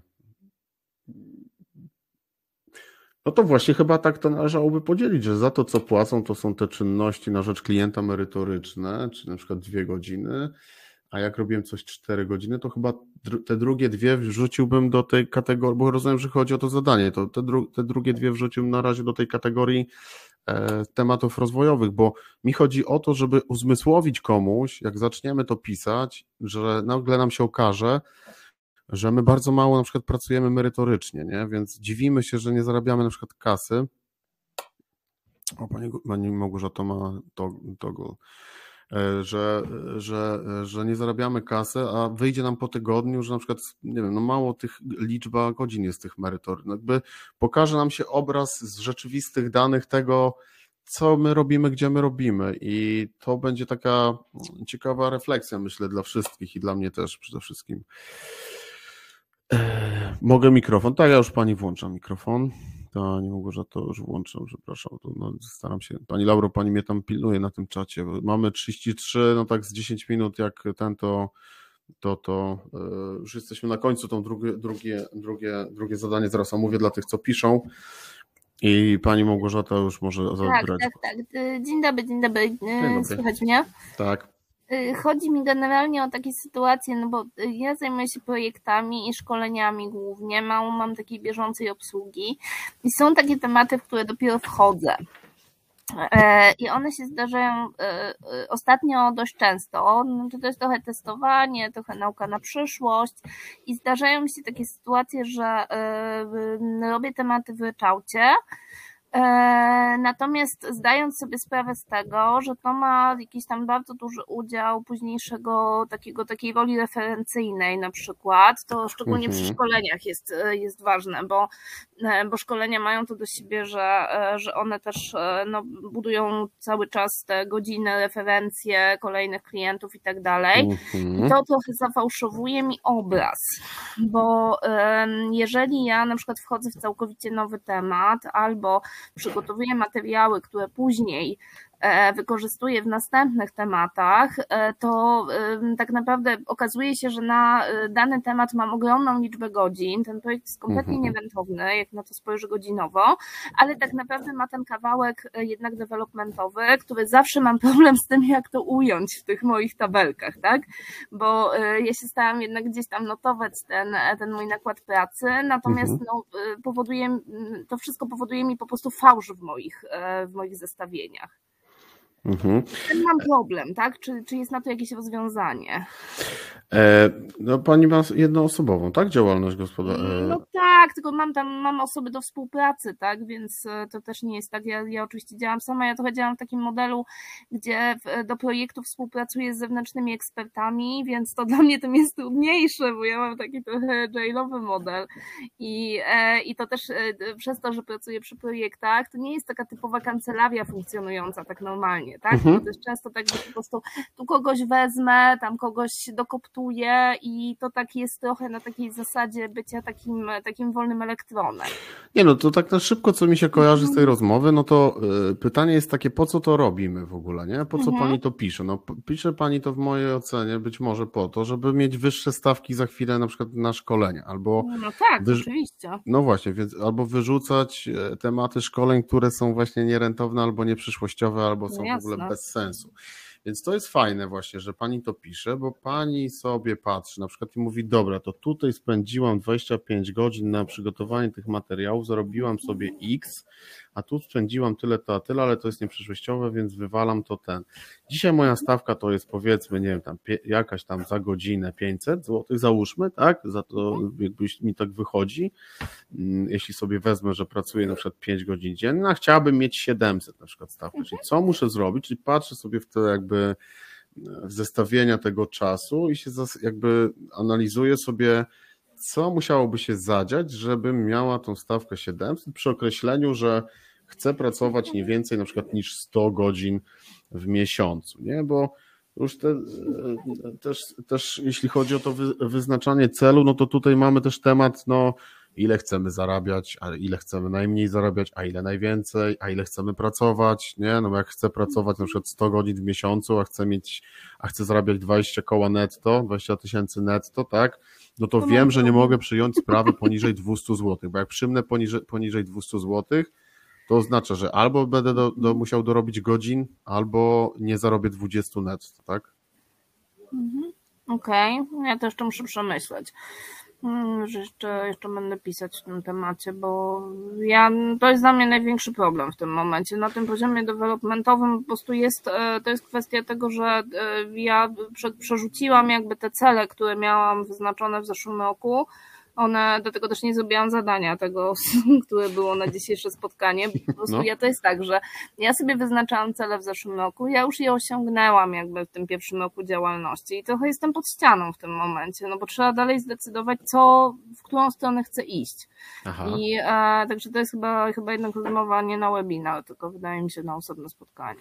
Być może, tak. E... Tak mi się wydaje. Dobra, no, dzięki. Dzięki. E, celem, e, cele mają jakby to do siebie, że one podlegają e, rewizji, nie? czyli nawet jak sobie coś usta... No, no, bo na przykład mój cel, nie? 150 osób w tej platformie. No załóżmy, że wydarzy się coś takiego, że za dwa dni będę miał 150 osób, nie? No i przepraszam bardzo, ja wtedy mówię, o kurna, jestem gościem bez celu, nie?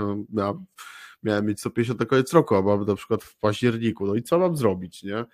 No to być może zrewidować ten cel i powiedzieć sobie tak, no dobra, tak, jest dzisiaj 150 i jest mi z tym dobrze, yy, to nie wiem, to celem moim jest utrzymać tych ludzi na przykład, nie? A jak jestem, nie wiem, jakiś pazerny czy zakładny na pieniądze, czy, czy chcę po prostu dalej wcisnąć w to, mówiąc już tak na przykład wprost, no to zmieniam ten cel i mówię, dobra, to jak tak fajnie idzie i to mnie nie kosztuje, jak bo dużo zasobu, kosztu, żeby to obsłużyć, tak, no to chcę mieć 300 osób na koniec roku na przykład, tak, też jakimś, wiecie, nie jestem mentorem, coachem czy e, człowiekiem, który jakby pogłębia, mam kontakt z takimi ludźmi i, i, i wiem, że na przykład to, co ja robię, to jest w sferze, słuchajcie, takiej e, środowiska yy, materii i ilości, czyli ja operacyjnie opowiadam wam, jak pewne rzeczy tu z tymi pieniędzmi ogarniać i tak dalej, na, ty, na tyle, co się jakby tego naumiałem nauczyłem, ale wiem, że czasami właśnie to, co pani Małgorzata tu powiedziała, to może tkwić gdzieś tam głębiej, czyli w przekonaniach, czy właśnie w tym,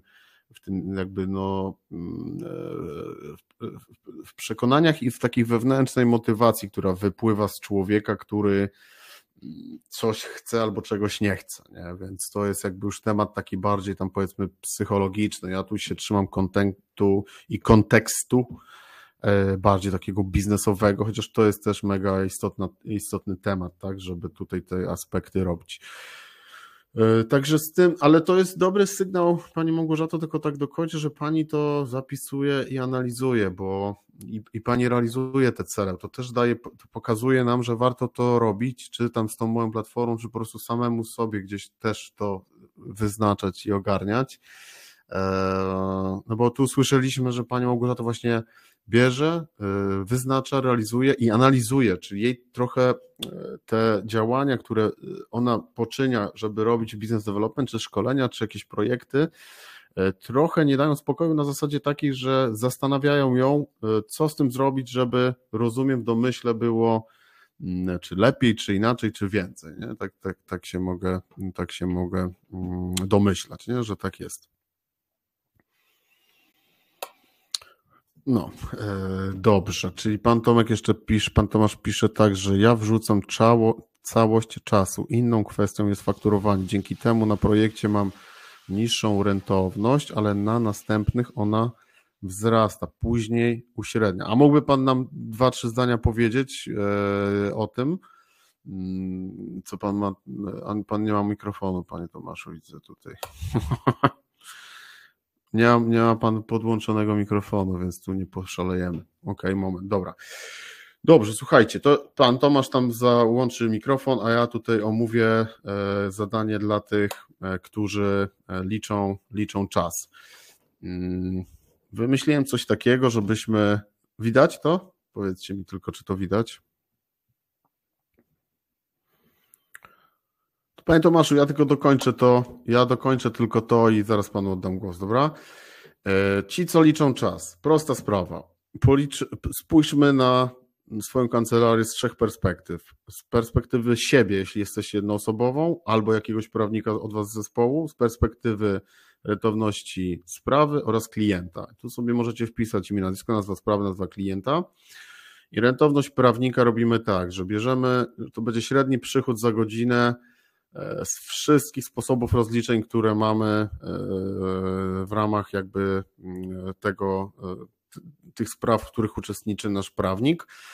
Czyli to jest też niełatwe, słuchajcie, zadanie, bo ja wiem, że w niektórych kancelariach takich, kurczę, które długo nawet działają, potrafią takie być cyrki, za przeproszeniem, przy tym temacie, ale chodzi o to, że patrzymy, ile nam wygenerował kasy, pieniędzy ten prawnik jakby w ramach spraw, które realizuje i dzielimy to przez liczbę godzin i wyjdzie nam średni przychód właśnie za godzinę tego człowieka w tych sprawach, bo możemy mieć e, w zespole cztery osoby i średni przychód jednej osoby będzie 250 zł, a średni przychód innej osoby będzie 50 zł. To będzie dla nas analityczna dana, która pomoże nam pewne rzeczy w zespole e, ustalić, uszczegółowić, e, skąd się to bierze i dlaczego tak jest. Tak? Więc to jest taka rentowność tego prawnika rentowność sprawy, czyli po prostu mamy jakiś projekt, mamy sprawę, bierzemy przychód z niej i też dzielimy przez liczbę godzin, to zwróćmy uwagę, że mm, mogą różni prawnicy w tej sprawie uczestniczyć i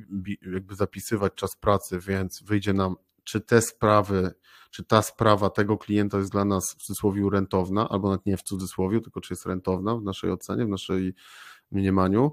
No i klienta, czyli mogę mieć kilka spraw klienta Coca-Coli, e, pisz, robią ludzie rzeczy w tej, w tej sprawie i biorę kilka spraw, sprawdzam ile poszło faktur dla nich dla tej Coca-Coli i dzielę to przez ogólną liczbę godzin, która e, jest i widzę wtedy, czy Coca-Cola jest rentowna. Panie Tomaszu, włączam panu, nie mogę włączyć panu mikrofonu, bo pan nie ma mikrofonu. Jeszcze tu pan nie włączył, także to nie, nie pójdzie to.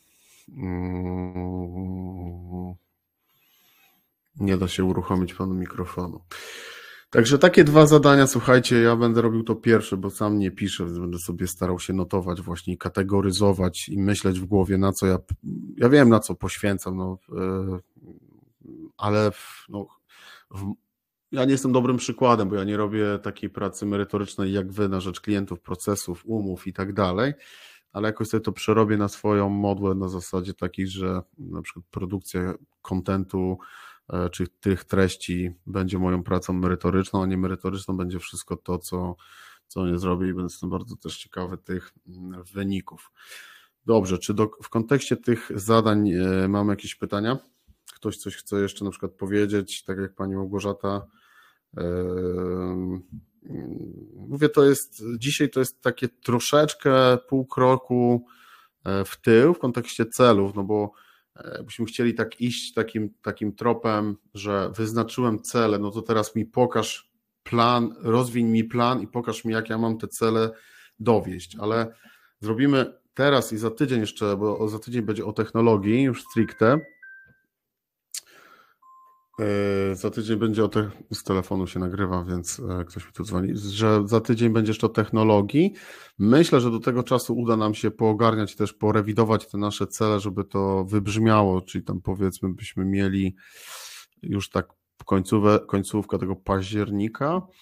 No i wtedy już wejdziemy w to, jak definiować e, strategie, plany działania, jakich narzędzi używać, co robić konkretnie, żeby dowozić te, te cele takie, taki, taki jest plan jakby mój, jeśli chodzi o aktywność na tej platformie.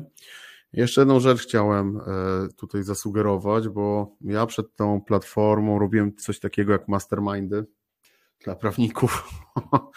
Na początku przychodziło tam z 10-15 osób w dwóch grupach na Facebooku i na LinkedInie, no ale później przychodziły jedna, dwie osoby. Stwierdziłem, że no ja też prowadzę firmę, więc no nie będę, że tak powiem, na siłę kogoś uszczęśliwiał tymi webinarami. Jak ktoś e, e, mi przychodzą dwie osoby, no to, no to, to nie będę tego robił.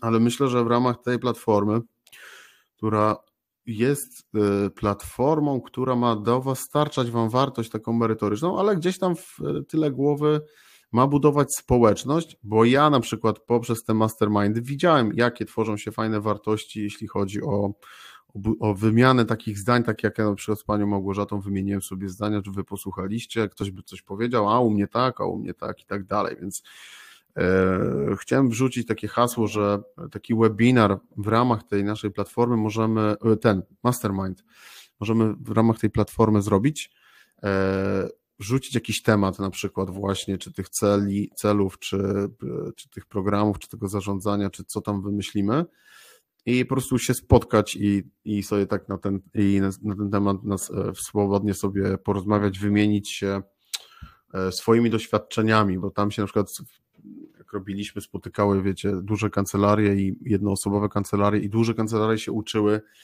e, od małych, a małe od dużych czasami i to było bardzo mega fajne, no bo na tym tle się naprawdę rodziły fajne wartości i, i masę rzeczy ja na przykład powyciągałem, nie? więc wrzucam takie hasło. Pani Laura mi zaraz podpowie, jak to zrobić, żeby to się zadziało. Nie, Pani Lauro? Oczywiście. Co pani, co pani proponuje? Pani to przejmie. Ja muszę się z tym przespać najpierw.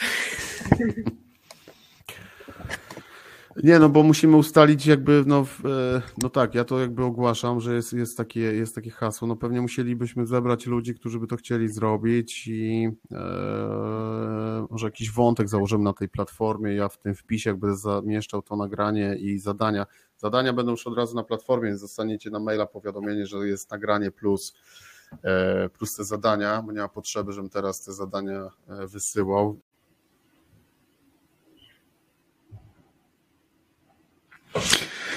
Cześć, witam Was serdecznie w trzeciej części kursu Business Lex Development. E, uśmiecham się tak trochę nienaturalnie, bo nagrywam ten początek już któryś raz z kolei, a nagrywam ten początek, ponieważ wczoraj na spotkaniu na żywo, ponieważ ten kurs toczy się na żywo, no zapomniałem włączyć nagrywarki, więc kawałek tego początku muszę jakby nagrać mm, w czwartek, czyli dzień po, a mm, po, po jakimś czasie będziecie mieli przeskok do tego, co było wczoraj, o ile uda mi się to zmontować. Myślę, że się uda, ale zobaczymy. Dobrze, słuchajcie, wczoraj mm, o 18, od 18 do 19 mieliśmy Mastermind.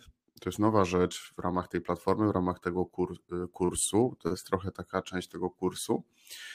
E, I chcę poinformować, że ten Mastermind będzie rzeczą, która będzie się działa będzie się działa cyklicznie. To znaczy, ja kiedyś robiłem te mastermindy, widziałem potężną wartość w, tym, w tych spotkaniach, w tej wymianie myśli, wymianie różnych idei, teorii e, i praktyki ludzi, którzy robią podobne rzeczy i działają na podobnych rynkach. Mm, są po prostu ludźmi, którzy, którym zależy na rozwoju kancelarii, chcą siebie rozwijać w kontekście tych, e, tego business development. No i wczoraj właśnie mieliśmy pierwsze spotkanie. Ja jestem bardzo e, zbudowany tym, e, bo po pierwsze, mm, wyszło nam na tym spotkaniu, że mm, duża część właśnie prawników czy kancelarii dąży do czegoś takiego jak stały pewny comiesięczny dochód, przychód, e, czyli w tych rozmowach pierwszych naszych webinar mastermindowych pokazało się nam, że Czyli ja odkryłem w mojej grupie docelowej, tak, w której też trochę jestem, no bo też jestem prawnikiem, też prowadzę kancelarię, że ona się nazywa rentowna, no ale, ale powiedzmy, że też, też, e, więc e, tutaj odkryłem, że właśnie ta technologia będzie pomocna do tego, żeby skalować swój czas i swoje know-how. To się bardzo często przewijało w, w ramach tego pierwszego mastermind. E, I, to, I tutaj jestem zbudowany, ponieważ no, e, też tworząc tą platformę, dostarczając te różne informacje, szkolenia, podcasty, artykuły i ten kurs, e, mam w tyle głowy, żeby budować społeczność. Celowo na razie mówię, tego nie nazywam społecznością, bo to jeszcze nie ma takich przymiotów społeczności. Społeczność to, jest, to są ludzie, którzy się wspierają, wymieniają informacjami, wiedzą o sobie dużo, pomagają sobie i Mastermind daje taką namiastkę tego, żeby to się zaczęło dziać i wczoraj mieliśmy jakby przykład tego, że to e, zaczyna się robić. No ale to trochę czasu jeszcze potrzeba, żebym ja tak z, z ręką na sercu powiedział, że okej, okay, udało nam się zbudować społeczność, więc, e, więc, e, więc to tylko tak e, na marginesie. Byście chcieli zapytać, a co, co, co ja z tego będę miał, z tego masterminda czy z tego kursu, no to ja na przykład konkretnie mam z tego wczorajszego masterminda to, że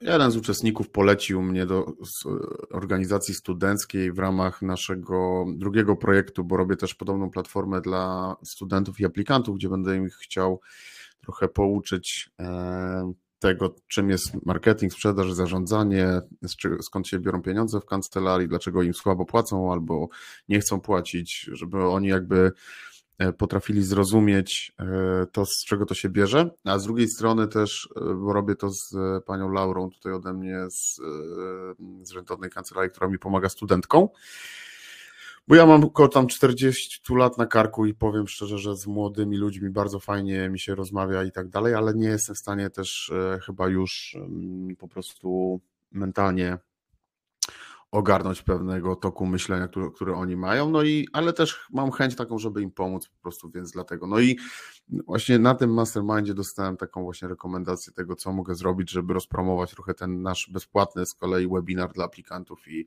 studentów. No to taka pierwsza jakby, pierwsza taka podstawowa rzecz. Do, do tego jeszcze dowiedziałem się o kilku realnych problemach mojej grupy docelowej.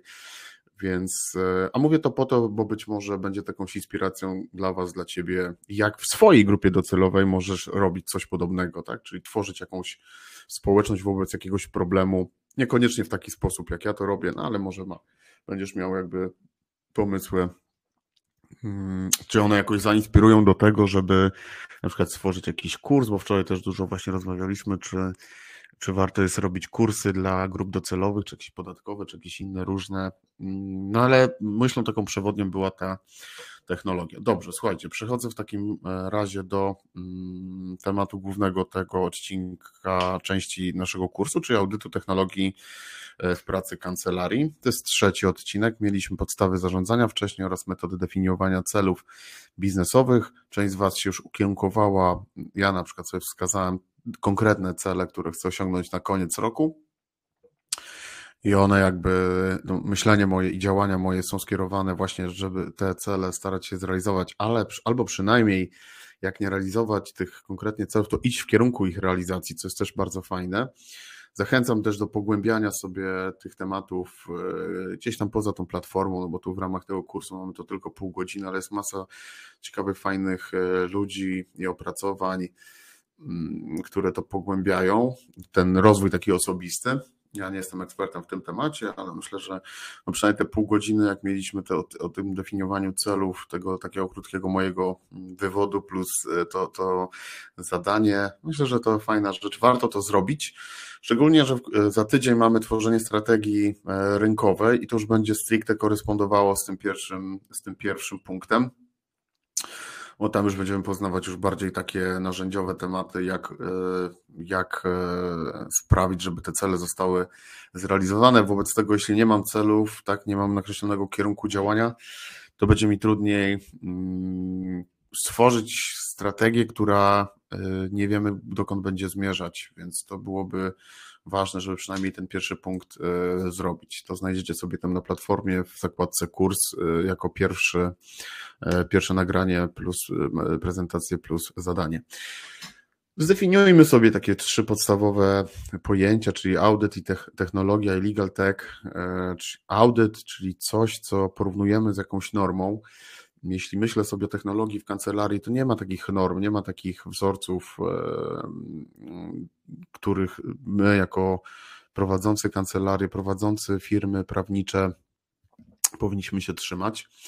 Wobec powyższego i w moim mniemaniu te kancelarie małe, średnie i większe są bardzo zróżnicowane. Ta technologia, która występuje, też jest różnoraka, różne są sposoby realizacji pewnych zadań w kancelarii, realizacji tych celów, e, czy rejestracji czasu pracy, czy sposobów rozliczeń z klientami, czy w ogóle komunikacji z klientami. Naprawdę bardzo różne są sposoby podejścia kancelarii do tego tematu. A jak myślę audyt, to myślę sobie o tym, że warto mieć taką świadomość tego, żeby mm, sprawdzić sobie, co w naszej kancelarii funkcjonuje, jakie technologie używamy, za co płacimy, czy są może takie, za które płacimy, a nie używamy, czy może coś, są takie obszary, których warto było tą technologię wdrożyć, wprowadzić, czy taki audyt, czy taka autorefleksja, taka rewizja tego, co mam, e, z czego korzystam, z czego nie korzystam, z czego mogę zrezygnować, co by mi się przydało. Teraz poznamy w tej drugiej części mm, obszary, w których to w ogóle można definiować i wyłapywać jakby te rzeczy. Natomiast no, to miałem na myśli, mówiąc audyt technologii w kancelarii e, prawnej. Sama technologia, w mojej ocenie, mm, to podzieliłbym ją na takie dwie kategorie, to znaczy zarówno software, jak i hardware, czyli hardware, czyli te wszystkie mm, komputery, telefony, tablety, monitory, tematy związane z telekomunik- e, telekomunikacją, jakieś telefony i tak dalej, czy to wszystkie rozwiązania takie fizyczne, które jakby są w kancelarii, czy jakby rozwiązania, czy serwerowe, czy chmurowe, bo to też można te, tego typu podział stosować. Natomiast software to myślę o tym, że o, mm, o programie, który ma zaszytą w sobie myśl ludzką i który jest wyrażony za pomocą aplikacji e, komputerowej, takiej informatycznej IT. Czyli programy nie wiem, mailowe, program do zarządzania kancelarią, Lex, Legalis, inne tego typu systemy informacji prawnej. To będą takie bardziej rozwiązania softowe, tak, czy software'owe, czyli jakby wytwór ludzkiego mózgu, jeśli idzie o e, zapis informatyczny, programistyczny, można powiedzieć, tak, jeśli chodzi o te softy, rozwiązania. Tak trochę mówię o tym głębiej, bo niby wszyscy jak wszystko wiedzą, ale jak przychodzi co do czego, to tak naprawdę warto wracać do tych korzeni i jakby mm, uzmysłowić sobie, czym jest tak naprawdę oprogramowanie jako takie rozumiane, nie? Z definicji. I Legal Tech w mojej ocenie, czy Legal Tech, to niektórzy mówią, to zależy jak to tam ma mm, ten, ale chyba legal tech powinno się mówić tak poprawnie. Takie hasło rynkowe już od kilku lat funkcjonujące. Wobec, no niektórzy tu producenci mocno to podkreślają, chcą, żeby ten legal tech był takim mocnym jakby e, hasłem, które, które wejdzie w umysły prawników. Natomiast rzeczywistość jest taka, że Szanowni Państwo, że mamy trójpodział jakby Legal Techu w Polsce na 1.0, 2.0 i, i 3.0 i większość jest na poziomie 1.0, czyli to są programy do organizacji pracy, do biegu dokumentów, systemy informacji prawnej, ewidencjonowanie godzin, e, narzędzia do komunikacji, czyli taka, taka podstawowa, podstawowa technologia e, softowa do obsługi procesów związanych właśnie z obsługą kancelarii, obiegiem dokumentów, właśnie rejestracją czasu pracy. Proste rzeczy tak naprawdę. W dwójce Legal Tech 2 mamy mm, bardziej złożone narzędzia, czyli tutaj są pewnego rodzaju procesy, które automatyzują dokumenty, czyli korzystanie z wzorów dokumentów, sumów, pozmów, smart kontraktów. Um, tego w kancelariach jest troszeczkę mniej, aczkolwiek e, Aczkolwiek jest część kancelarii, która używa na przykład wzoru dokumentu do tego, żeby automatyzować procesy. Jak ma powtarzalną liczbę spraw, no to korzysta właśnie z wzorów dokumentów, żeby się rzeczy podpowiadały, żeby się tworzyły. I nawet takie proste programy do, do mm, zarządzania kancelarią mają wbudowane funkcje właśnie przygotowywania umów, czy, czy pełną. Sprawdźcie sobie Państwo też, jak macie takie programy bo jeśli wam wyjdzie, że na przykład dużo czasu tracicie na tych, na przygotowanie prostych dokumentów, to warto się przyjrzeć, poświęcić trochę czasu i zautomatyzować sobie to w tym obszarze Legal Tech 2. No i mm, poziom trzeci, czyli tutaj mamy już sztuczną inteligencję, uczenie maszynowe, bardziej, bardziej takie korporacyjne kancelarie, e, w mojej ocenie w tym działają, czy jakieś działy prawne, no bo tam musimy mieć do czynienia z dużą ilością danych, y, dużą ilością możliwych danych do przetworzenia, do analizowania właśnie dokumentów, y, skomplikowane dane, jakieś mm, właśnie wiedza, którą można przetwarzać w różne, w różne sposoby. I ja się z tym najmniej spotykam, być może dlatego, że obsługuję klientów tam raczej tych małych i średnich, to, to może być też, też jakiś powód, może w tych większych kancelariach E, są działy, które tą sztuczną inteligencję mm, bardziej jakby pogłębiają i, i wprowadzają w obieg kancelarii. Tutaj widzimy mapę Legal Techową, Legal Tech Polska 2022. To jest pierwsza mapa, która powstała w Polsce, jeśli chodzi o rozwiązanie legal techowe dostępne dla klientów polskich. Projekt e, był zrealizowany przez e, Fundację Legal Tech Polska i moją firmę, czyli Rentowna Kancelaria, na, e, na mm, hasło, czy na prośbę o to, żeby się zająć tematem mecenasa Zalewskiego, zareagowałem i współutworzyliśmy tę mapę, czyli z jego inicjatywy została ta mapa czy właściwie z inicjatywy fundacji należałoby powiedzieć, ta mapa stworzona. Będziemy tworzyć tę mapę teraz niebawem, mam nadzieję, że jakoś e, w listopadzie, w pierwszej połowie listopada powstanie poprawiona mapa, no bo to jest pierwsza jakby taka faza, jest tam pewnych, pewnych kilka tematów do, do omówienia, jeszcze do uszczegółowienia. Podzieliliśmy to na kilka obszarów, czyli mamy te właśnie programy do zarządzania, czy cyberbezpieczeństwo, czy tematy związane z RODO, właśnie automatyzacja, tworzenie dokumentów, compliance, windykacja, zawieranie umów, e, dużo rozwiązań związanych z sygnalistami oraz pozostałe e, rozwiązania, które wspierają, mogą wspierać pracę prawnika mm, w zakresie legal techu, legal techu, co jak zwał. W każdym razie jest to taki obraz rozwiązań, które Państwo możecie w, kontekście takim, jak już zdiagnozujemy, co tam nam jest potrzebne, e, używać.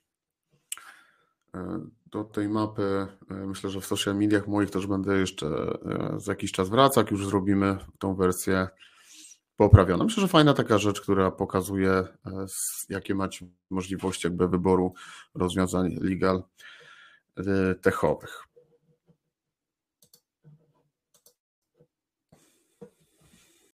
Fundacją Legal Tech Polska stworzyliśmy listę rozwiązań z mecenasem Zalewskim, które mają pomóc e, prawnikom, przynajmniej w takim wstępnym rzuceniu okiem na to, z czym mamy do czynienia, co z czego możemy wybierać e, rozwiązania, w ogóle jakie to są rozwiązania, co możemy automatyzować i z jakich rozwiązań korzystać.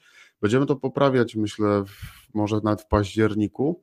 Może e, jakoś na początku listopada to wypuścimy. No, widzimy tu pewnego rodzaju jeszcze braki, E, logiczne czy, czy e, przedmiotowe, jeśli chodzi o zestaw, tak, toczą się dyskusje, czy jak takie Amberlo na przykład, które pochodzi z Litwy czy tam z Łotwy, to powinno się znaleźć na takiej mapie legal techowej, więc chcę tylko powiedzieć, że coś takiego jest, no i można się tym jakby tu zainspirować. I też myślę, e, poznać trochę te programy, żeby wiedzieć na przykład też dla Waszych klientów, e, jak, jak ten rynek e, wygląda. Taka ciekawa inicjatywa mecenasa Zaleskiego, ja to podjąłem i żeśmy to zrobili.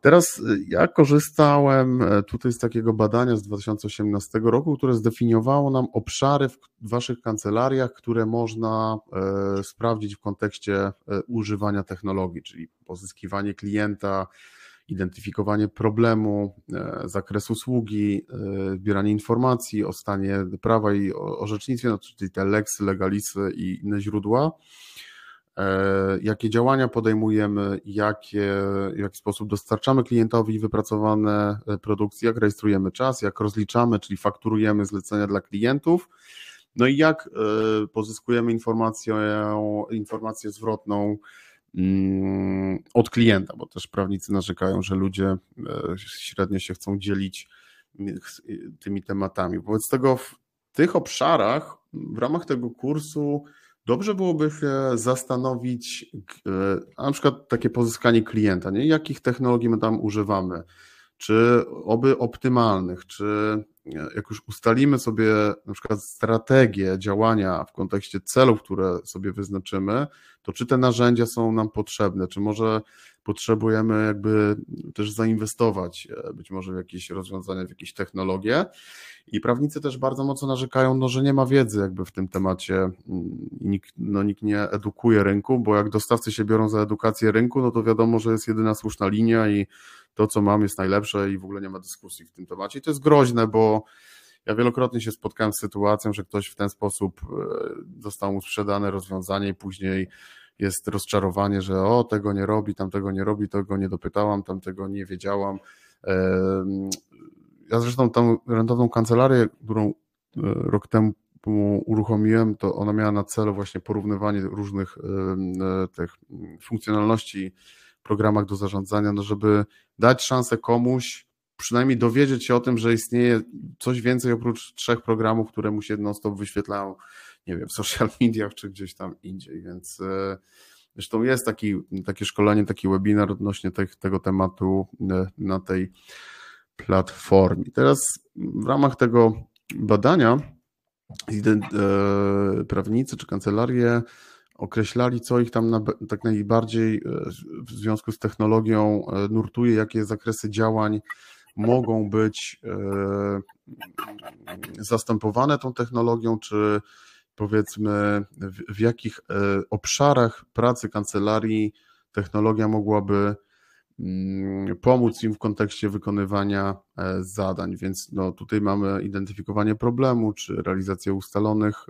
działań, ustalanie zakresu usługi, czy dostarczenie klientowi mm, wypracowanych e, produktów, to się tam powtarza, to zbieranie informacji o stanie prawa i orzecznictwie, no ale to jest praca w Leksie czy w Legalisie, mm, więc tutaj warto się na przykład zastanowić, czy my oby nie za dużo czasu na przykład spędzamy przy e, narzędziach, nie znając ich, bo to ja na przykład jako doradca się z tym spotykałem, że ludzie mówili, panie, ja robię to w taki to a tak, panie Piotrze, robię to w taki to a taki sposób. E, strasznie dużo czasu na tym, e, na tym, na to tracę, a ja patrzę na to, mówię, no dobrze, a proszę kliknąć tu, zrobić tak i tak i będzie taki sam efekt. Ojoj, oj, to ja nie wiedziałam, że to tak można, że ten program ma.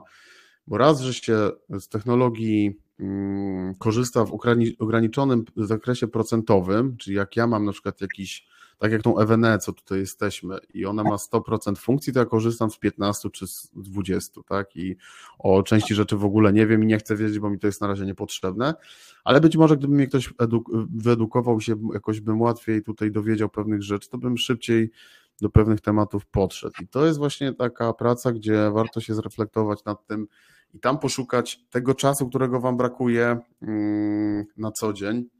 Bo w takich drobnych y, elementach, drobnych czynnościach może się okazać, że przygotowanie pisma, nie wiem, kosztuje Was godzinę czasu, a poprzez lepsze wykorzystanie technologii nagle ten czas skraca się, nie wiem, do, do pół godziny do 15 minut, bo na przykład możemy szablony ustawić dokumentów, na przykład, tak? Więc y, to są takie istotne elementy, w których ja, ja z doświadczenia widziałem, że e, ta zmiana przekonania o czymś, jak działa technologia, wpływała na poprawę e, albo ograniczenie czasu, który człowiek potrzebował do zrobienia określonej czynności właśnie w inny, w inny sposób. E, mówi się tu o rejestracji czasu pracy, też mieli na drugim spotkaniu. Ja to przyznam się, że jeszcze się nie wziąłem za rejestrowanie swojego czasu pracy, bo chyba to po prostu charakterologicznie się do tego, mm, do tego, ojej, przepraszam, bo tu włączyłem coś, już włączam. E, jakby nie jestem przekonany, ale to będę musiał e, robić. E, w każdym razie mm, mamy te obszary funkcjonowania kancelarii, mm, gdzie wchodzi technologia, gdzie technologia może być wykorzystywana. No i dobrze jest na tym etapie kursu, w którym jesteśmy, przynajmniej zdiagnozować to, że jest jakieś, są gdzieś jakieś problemy i no bo później można się zastanawiać, jak te problemy e, potraktować jako, nie wiem, wyzwania i zamienić albo, albo zlikwidować e, te bariery, które e, jakby są związane z używaniem technologii. E, tu jest też takie, takie krótkie e, też z tego badania dla Fundacji Legal Tech, e, te korzyści, które można osiągnąć dzięki wykorzystywaniu, wykorzystaniu systemów. I to nie są, wiecie, takie korzyści na zasadzie, że pan tu sobie będzie opowiadał teraz o zwiększeniu wydajności pracy, a, a my mamy taki kocioł, że, że nie wiemy w co ten. Więc faktycznie jak wdrażaliśmy, jak ja wdrażałem programy do zarządzania, to ta wydajność się polep, polepszała. E, czynności się faktycznie stawały rutynowe, bo nawet sama ta rejestracja czasu pracy, jak dostarczysz komuś dobre rozwiązanie, że on ma na komórce na przykład możliwość pisania czasu, e, albo nie zajmuje mu to nie wiadomo ile, tylko robi to bardzo szybko, bo sobie słownikowo wybierze zakres pracy, on szybko dopisze do sprawy e, czynności. Nagle zwiększa się i liczba tych godzin wpisanych, e, i mm, czas, w którym to jest robione, bo ogólnie taką rejestrację czynności pracy powinno się robić od razu po tym, jak coś zrobimy. Jak nie wiem, napiszemy pismo, zadzwonimy do klienta, odpowiemy na maila, to w tym samym momencie powinniśmy tak naprawdę od razu wbić to w system, e, czy za pomocą komórki, czy, telef- czy tego, czy komputera, bo im później, to tym gorzej, tak? Bo po dniu jest 20% w plecy tego czasu, a po tygodniu 60% tego czasu nigdy się nie znajdzie w danych kancelarii wiedzy, czyli wiedzy, której wy, którą wy powinniście mieć do tego, żeby podejmować prawidłowe decyzje na przyszłość, jeśli chodzi o decyzje takie e, biznesowe, tak, strategiczne, bo jeśli wam na przykład wyjdzie, że bardzo dużo czasu e, moja kancelaria spędza nad jakimiś dokumentami, nad przygotowaniem dokumentów, e, to ja mogę wejść w to i zobaczyć, co tam takiego się dzieje i co musiałoby się stać, żeby ten czas zniwelować o połowę na przykład. Nie? Natomiast dopóki nie mam tej, dopóki nie mam tych danych, to nie będę wiedział, jak to zrobić, skąd to zrobić. Tu się już, bo to jest raport z 2018, mówiło o pracy zdalnej i tam jest też cała masa różnej technologii i problemów, które są związane z tą mm, pracą zdalną.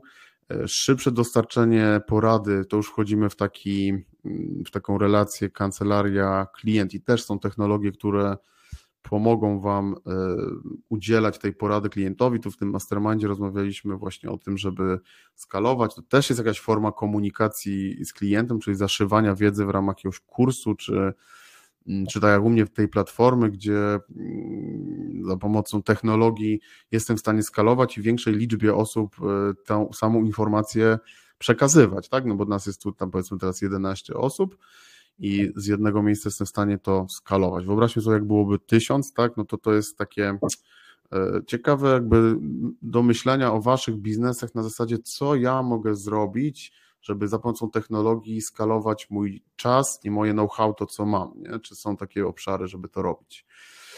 Mm, technologia poprawia tą jakość komunikacji, zmniejsza e, ryzyko popełnienia błędu, podnosi mm, jakość usług. Klienci dzisiaj tak mocno o to Was nie pytają jako kancelarię, dlatego Wy też e, moim zdaniem mocno o tą technologię nie zabiegacie, bo Was nikt w cudzysłowie nie ciśnie o to, żeby robić to w sposób bezpieczny, sprawny, szybki, fajny technologicznie w większości przypadków nie ma tego typu rozmów, bo gdyby klienci zaczęli wymagać na Was, że gdzie są moje pliki, czy to jest bezpieczne i tak dalej, chociaż mogę tu oczywiście się mylić i, i możecie mieć oczywiście swoje inne doświadczenia, ale ja tak mówię co do ogółu e, o tym temacie, mm, skąd wynikać może jakby opór prawników przed tym, żeby technologię stosować. Mm, Prawnicy mówią o braku, o braku informacji o rozwiązaniach, o braku tych rozwiązań, które są jakby odklejone, no, oderwane troszeczkę, że, że, e, nie ma jakby technologii, która odpowiada na ich potrzeby. To też może wynikać z tego, że jak ktoś ma małą liczbę spraw, no to nie będzie inwestował w technologię, która e, obsłuży to, bo to nie ma sensu też czasami, tak, a rynek jest e, powiedzmy sobie rozprosz, no, rozproszony, tak to nazwijmy, tak. Część kancelarii tylko ma taką skalę i działa trochę jak fabryka, a nie jak pracownia artystyczna. Dlatego no, nie będzie inwestowała w, w, w, w technologię, jeśli działa, jeśli ma kilka spraw w miesiącu, bo to się mija z celem. Prawnicy się nie lubią uczyć i tak na tyle y, mamy, czy macie E, rzeczy nowych, które jakby non-stop się zmieniają i non-stop trzeba ogarniać i wielowątkowość, wieloaspektowość tematu powoduje, że jak ja mam się jeszcze uczyć technologii, no to, to mi głowa paruje i ja się nie dziwię, bo sam tak mam. E, no ale z drugiej strony jest ta właśnie konieczność sposobu działania. Rozmawialiśmy trochę o tym mastermindzie, że jest taka potrzeba właśnie łączenia zasobów czasu, zasobów mojej wiedzy, z tym, żeby to e, skalować, czyli no, żeby mieć taki dochód stały, tak, czyli mieć ten przychód. E, padło takie sformułowanie dochód pasywny, ale to faktycznie pasywny, jak widzicie, nie, niekoniecznie jest, no coś trzeba przy tym robić, tak, no więc e, natomiast chodzi bardziej o taki abonamentowy temat. No i ludzie się nie chcą szkolić, jak, się, ma, jak się ma już mm, zespół i też jest duża konkurencja to Piotr nawet mówił, że tak, że jest duża konkurencja i ten niski, e, coraz taka większa presja na niższą stawkę godzinową powoduje to, że, że są problemy z e, wdrażaniem e, technologii. Tutaj też jest taka infografika, która pokazuje, w jakich mniej więcej obszarach się poruszamy, czy mam tego Lexa Legalisa, to rejestracji czasu pracy, te komunikatory, Mm, tu tematy chmurowe, e, e, zarządzanie dokumentami, to jest bardzo ważny e, temat, jeśli chodzi o technologię, czyli skupienie się na tym, co w zakresie obiegu dokumentów dzieje się w kancelarii, bo tam jest masa rzeczy, które można, gdzie można czas zaoszczędzić, mm, bo też z innych badań wynika, że bardzo dużą liczbę godzin czy ilość czasu prawnicy poświęcają na dokumenty, to nic tutaj nie odkrywam, a jest kilka ciekawych rozwiązań na rynku, które gdzieś tam te, te, te tematy związane z, nieruch z tym, Boże, z nieruchomościami, z e, dokumentami mogą mogą e, ogarnąć. I teraz jak rozmawiamy o technologii w kancelarii, no to jest, pada takie pytanie, no co ja z tego mam? Jedno z takich bardziej ulubionych e, pytań moich ostatnio, więc przy dobrym wdrożeniu technologii będziemy mieli lepszy dostęp do informacji, też łatwość w wyszukiwaniu tych informacji. Dużo czasu tracimy na szukanie, jak mamy rozproszone, e, rozproszone informacje czy wiedzę w kancelarii, to dużo czasu się szuka na, w ogóle na, na szuk, dużo czasu tracimy na szukaniu. Mm, będziemy oszczędzać czas, będziemy mieli bezpieczne dane i tutaj takie e, efektywniejsze zarządzanie kancelarią za pomocą dobrze wdrożonego programu do zarządzania. Usprawnimy pracę zespołu, bo jeśli dzisiaj na przykład nie nie zadaniujemy siebie w zespole, czyli na przykład nie pracujemy na zadaniach czy na kalendarzu w kancelarii, to choćby wprowadzenie kalendarza czy zadań w ramach zespołu, niech to będzie dwu, trzy, pięcioosobowy zespół, to już jest bardzo duży uzysk, jeśli chodzi o stosowanie no, tej technologii w, w kontekście komunikacji zespołowej. No i też myślmy o technologii w kontekście usprawnienia pracy E, z klientem, bo tak naprawdę mm,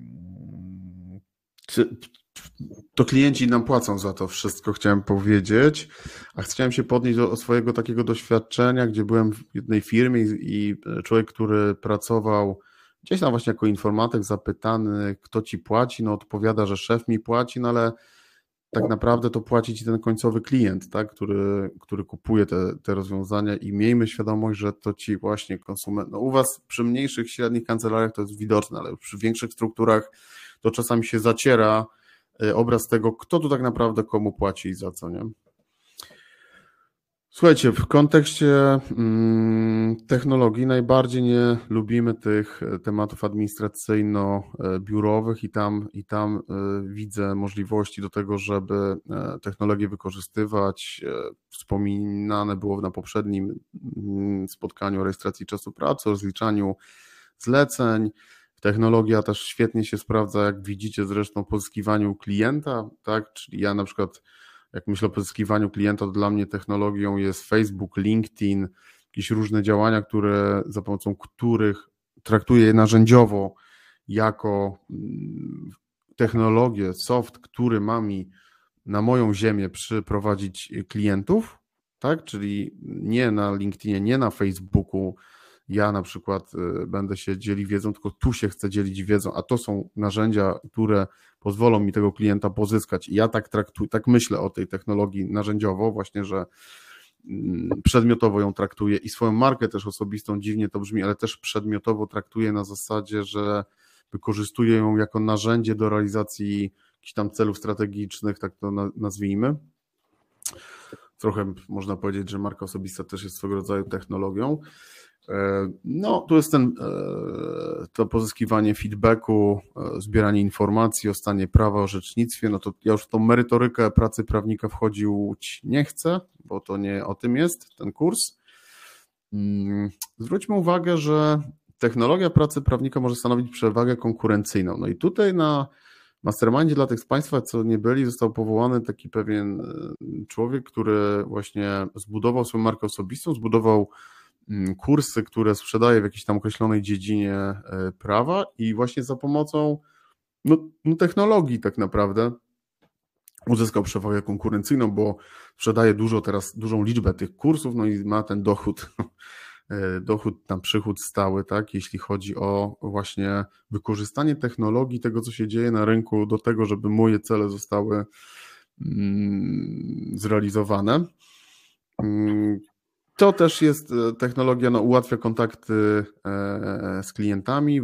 Podkreślam to, że, że tutaj też możecie szukać dla siebie szansy na to, jak lepiej e, i, i, i rozsądniej i tu rentowniej właśnie działać w tym, w tym kontekście. Na pewno jak rozmawiamy o, technologii dla prawników, to na, na czoło wysuwają się takie tematy jak podpis cyfrowy, podpisywanie, przechowanie umów, E, te środowiska e, chmurowe, no ale bardzo częstym, e, bardzo często kancelarie też są na tym poziomie Legal Tech 1.0 i często ta komunikacja mailowa to jest wszystko, co się dzieje w zakresie technologii, jeśli chodzi o jeśli chodzi, szanowni państwo, właśnie o wykorzystywanie wykorzystywanie technologii do realizacji celów e, biznesowych kancelarii. Nie korzystamy, bo nie mamy pieniędzy, nie mamy kim tego obsłużyć, w ogóle nie, ma, nie widzimy potrzeb, jesteśmy niewyedukowani, nie wiemy skąd tego brać. E, mamy też jakieś pewnego rodzaju bariery psychologiczne. Ja to mówię, że mm, część prawników, szczególnie mam nadzieję, że tu nikogo nie obrażę, no ale adwokatów to jest e-wykluczona, nie? W sensie jakby jest, jest, jest coś w prawnikach, sam jestem, więc może trochę poniekąd sam siebie obrażam, więc jest coś takiego, że my po prostu mamy trochę do tej technologii taki stosunek, e, że się boimy jej i nie wykorzystujemy, tak? No inne branże jakoś tam śmielej sobie radzą, ale z drugiej strony też jest masa kancelarii, która sobie świetnie też i bardzo fajnie radzi z wykorzystaniem technologii. Zadanie, już kończąc, e, bo mamy w 33, zadanie, które przygotowałem, będzie polegało na tym, żeby E, spojrzeć sobie na obszary w kancelarii, które stykają się z technologią i zadać sobie pytanie, w jakim, e, w jakim mm, zakresie wykorzystuję tę technologię poprzez właśnie e, te pytania, no bo to pozwoli nam. To jest taki sposób, chyba Napoleon miał taki sposób, że jak jego jakiś dowódca przychodził z jakimś problemem, to on mu mówił, słuchaj, to jak przyjdziesz do mnie z jakimiś pytaniami, to najpierw sam sobie wymyśl trzy odpowiedzi tego problemu, a później dopiero do mnie przyjdź, nie? No efekt był taki, że nikt do niego nie przychodził, no bo jak ktoś zdiagnozował problem e, w jakimś tam tym swoim e, zespo zespole, tak to nazwijmy, i sobie musiał sam odpowiedzieć na te pytania, to, to bardzo często sobie je rozwiązywał sam.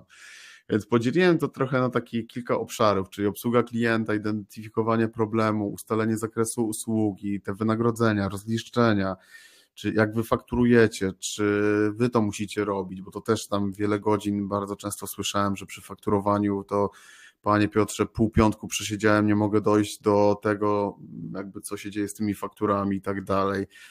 E, prawnik, który się powinien zajmować jakimiś merytorycznymi tematami. Nie? Pytanie jest, to jest takie zadanie, żeby się zreflektować, co można zrobić e, w tym temacie, jeśli chodzi o na przykład obsługę klienta, czy identyfikowanie problemu, czy ustalenie zakresu obsługi, wynagradzania, rozliczenia, bo tutaj pan, także Michał też e, rzucił taki, taki temat, że są te właśnie te obsługi stałe problem. Być może w tych miejscach, jak sobie poodpowiadamy, też znajdą się, wiecie, takie inspiracje do tego, co musiałoby się zadziać, żebyśmy na przykład e, wykorzystali technologię do tego, żeby, miało, żeby zarabiać na obsługach stałych. Ja tu mogę przywołać jakby no ten swój przykład, gdzie on działa na razie na takim mizernym, no bo co to jest tam 30 zł, ale chodzi o sposób, nie? E, o sposób jakby podejścia do tematu, bo ja wykorzystałem technologię, żeby mieć e, tak jakby to, żeby mieć jakieś określone pieniądze co miesiąc. Oczywiście muszę dowozić wartość wam, bo wy jak zobaczycie, że to jest jakiś tam nie, nie ma wartości, to jest chwila i od, będą odpięte karty albo nie, nieopłacone te dostępy, to pełną świadomość tego mam. Ale chodzi mi o to, że mm, poprzez zrobienie e, czegoś z technologią możecie wpłynąć też na e, właśnie te obsługi stałe, które tutaj padają też i na czacie które padają też i, i tutaj e, na czacie, więc trochę sobie na tym mastermindzie mi się bardzo fajnie, nie wszyscy byli, dlatego o tym mówię, nie, fajnie was słuchało i rozmawiało, dużo mi to daje, dało na przykład mi wartości do, i do myślenia. Mm, i to zadanie jakby no wrzucimy do na platformę, jakby chodzi, jeśli chodzi o takie pytania właśnie w kontekście zadań, spraw. Czy ja wiem, że część kancelarii w ogóle kalendarza nie prowadzi, a jak już prowadzi, to też jest to tak, Krzysiek ma tam, Wojtek ma tam, a Beata ma tam i na tym tle jakby non-stop są jakieś jazdy, że nie, nie wiemy kto, co, gdzie i tak dalej, więc to jest taki, no ja w ramach, wiecie, kursu jestem w stanie jakby zdiagnozować, przynajmniej e, wyłuszczyć to, nad czym można popracować, też Wam pomóc, e, jeśli, są, jeśli takie problemy się pojawią, mm, bo czy w jakichś tam rozmowach indywidualnych, toczą się zresztą takie tematy gdzieś tam indywidualne, że no, szukamy takiego to, takiego rozwiązania i co, by, co, co byś tam powiedział, co byś podpowiedział, jak to, jak to ogarnąć, więc mm, więc e, ten, no ale żeby to zrobić, no to musimy przynajmniej, wiecie, no, mieć jakąś refleksję i zrobić taki trochę audyt, e, nazwę go technologiczny, no, jakby w kancelarii, nie? Dobrze, słuchajcie, e, to tak, wyłączę to nagrywanie. Widzę, że będę musiał i tak e, jeszcze dograć. Dobra, Piotr, ja Ci wyłączę mikrofon. E, włączyło się nagrywanie, więc zaczynam tę część jakby mm, merytoryczną, jeśli chodzi o kurs, czyli mamy czwarte spotkanie. Witam osoby, które dołączyły do nas już po mastermindzie, od 18 mieliśmy masterminda.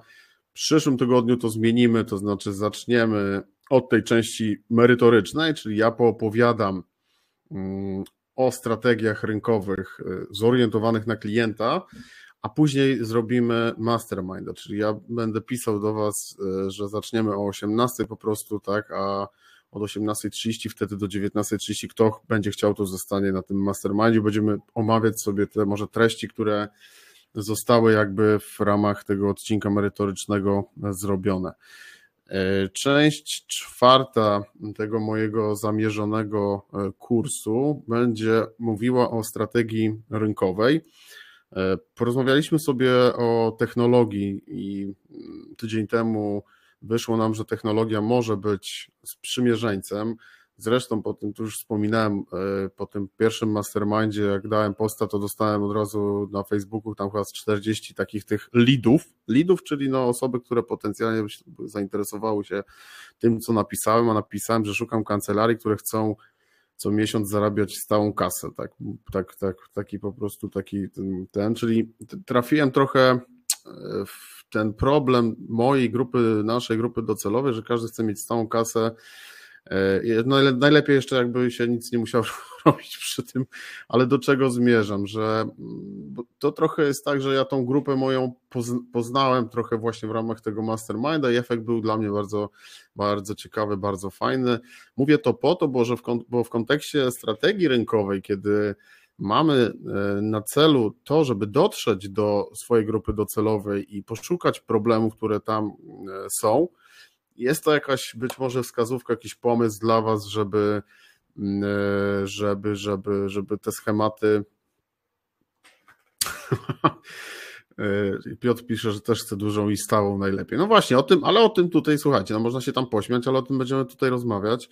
Jakie, są, jakie będą narzędzia do tego, żeby, żeby takie. Ja też mam jako cel właśnie z pierwszego odcinka zdefiniowane, że chcę mieć dodatkowo trzy kancelarie na stałej współpracy na, na małej stawce, bo sobie ją celowo też podniosłem Zapisałem ją zresztą na tej platformie i w środę mam spotkanie właśnie też z kancelarią, która już tak kończymy tam e, negocjacje, więc też mam taki cel i też dzielę się tymi narzędziami, które stosuję, żeby te cele jakby zdobywać, tak? No bo tam mam cel, żeby tych ludzi pozyskiwać na platformę, no i na stałą współpracę. No to, to takie mam dwa głównie e, finansowe.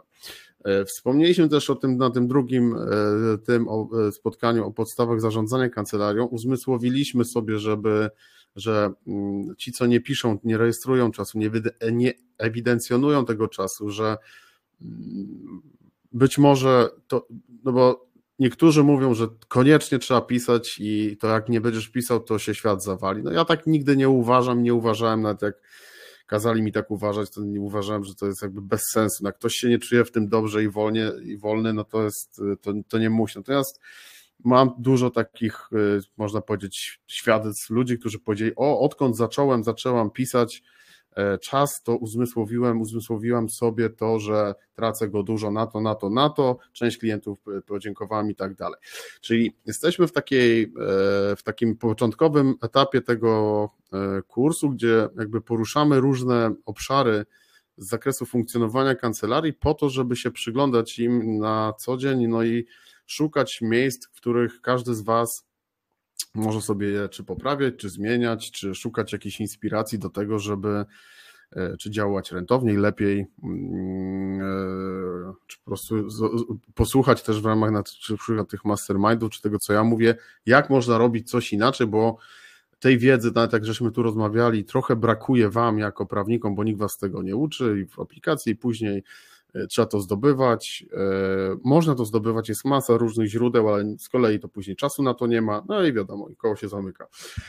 Dobrze, słuchajcie, przechodząc do tematu jakby strategiczne, strategicznego myślenia, ja powiem, że coraz ostatnio więcej na ten temat e, z natury takiej, że no muszę się mm, jakby wdrażać to i przygotowywać, to oczytuję i dowiaduję. E, I obok tematu strategii wcześniej są e, tematy mm, wizji i misji. I teraz wizja z misją będą nam korespondowały z tym pierwszym naszym spotkaniem, który, w którym definiowaliśmy sobie cele, jakie ma ta kancelaria jakby osiągnąć.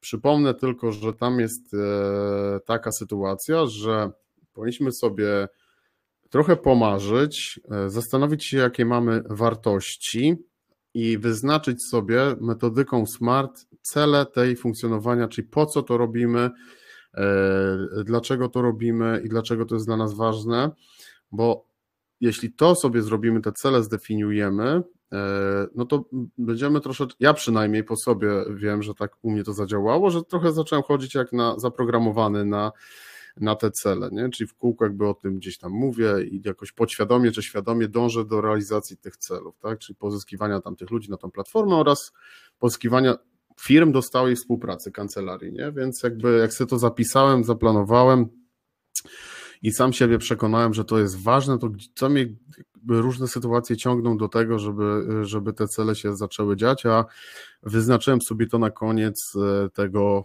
e, roku, więc e, to było w pierwszym tym. Natomiast wizja, misja i strategia, mm, a się przekonałem, że ja trochę bez wizji, bez misji działam, czyli na przykład nie mam takiego krótkiego, precyzyjnego manifestu, czyli czegoś w rodzaju, że nie wiem, tam business development jest tam bardzo ważny dla prawników, bo coś tam, coś tam. To, to też jakby jest przede mną, muszę sobie zdefiniować coś takiego, takie credo, to jest takie wyznanie wiary, jakby za czym ty się opowiadasz w ramach swojej kancelarii, w ramach swojej mm, właśnie misji. Wizja to jest e, też taka, mm, to jest też taka wizualizacja, można powiedzieć, planu, która pokazuje, że dzisiaj jesteś w punkcie A, a do czego ty właściwie dążysz? Czy ta kancelaria ma, nie wiem, być 5, 10, 15 osobowa, ma zarabiać 2, 3, 5 razy tyle? Czyli chodzi o taką, o taką właśnie wyznaczenie w, swoim, w swojej głowie tej wizji i misji, w ogóle do czego dążymy, bo często jak z prawnikami na co dzień tam rozmawiam, no to w ogóle jakby jest y, tabula rasa, to w ogóle jakby nie ma takich tematów, no się robi, bo się robi, a zastanowienie się nad tym, nad tymi celami, nad tą wizją. Wizji misji jeszcze jakby nie robiłem, więc na razie mówię, że cele na mnie tak zadziałały, ale też e, tą wizję, misję będę sobie e, definiował. Natomiast tematem dzisiejszego spotkania to jest ta strategia, czyli to jest zaplanowany e, z definicji też tutaj, tak, program mm, ogólny działalności kancelarii ukierunkowany na wykorzystanie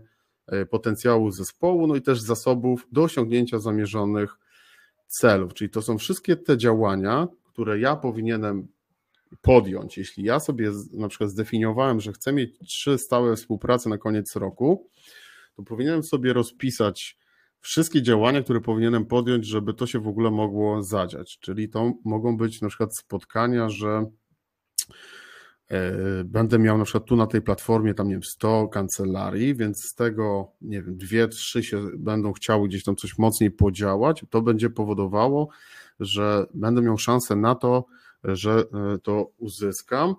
E, no i żeby sobie ten program jakby zaplanować, rozpisać, mm, żeby sobie właśnie zaplanować, rozpisać, to musimy, co uciekła mi myśl, musimy mm, sobie właśnie to, e, właśnie sobie, a musimy, już wiem, e, e, to musimy używać narzędzi też takich biznesowych, marketingowych.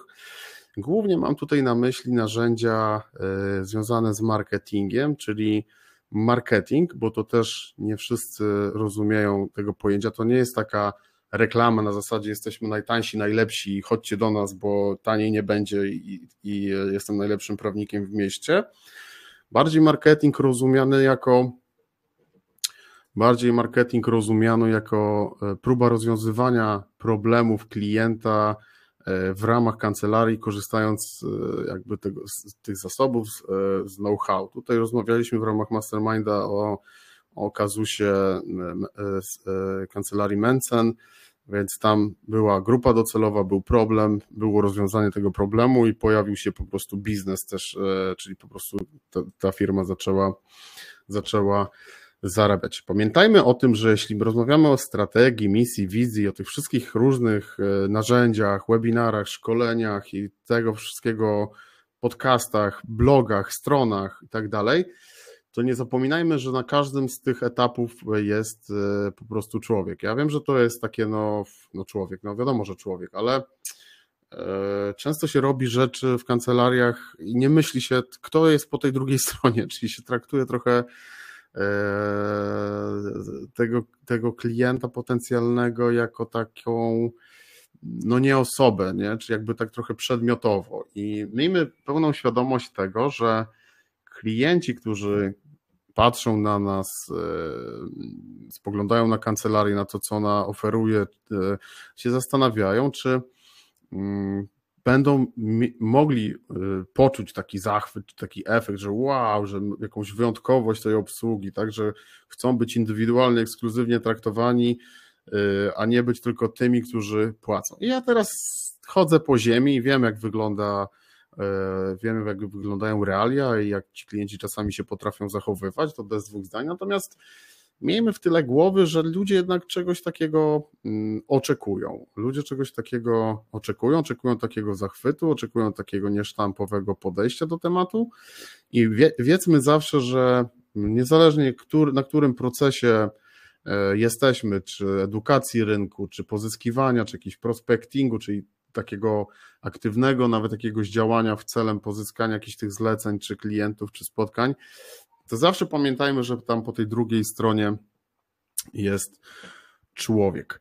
E, dwie takie, trzy właściwie takie główne rzeczy w zakresie strategii, które należałoby sobie na pewno przemyśleć, żeby dopasować do tego narzędzia e, działań, to jest e, po pierwsze rozpoznanie tego, gdzie moja kancelaria, w które rynki docelowe uderza, to znaczy jakie to są branże, czy one są jakieś specyficzne, kto tam kupuje, jaki jest proces zakupu w tych firmach, czy tam podejmuje jedna osoba decyzję, czy pięć osób podejmuje decyzję, jaki jest czas na podejmowanie decyzji, jaki mamy w ogóle pomysł, żeby dotrzeć do tych ludzi i, zaistnieć w ich umysłach, czyli rozpoznajemy swoją grupę docelową. Tak jak ja staram się rozpoznawać moją grupę docelową z moim e, tematem, tak, czyli z tym business developmentem e, i ja też nie, nie mam poczucia, że miał do końca dobrze to zrobione, bo cały czas się zaskakuję jakimiś e, ciekawymi rzeczami, ale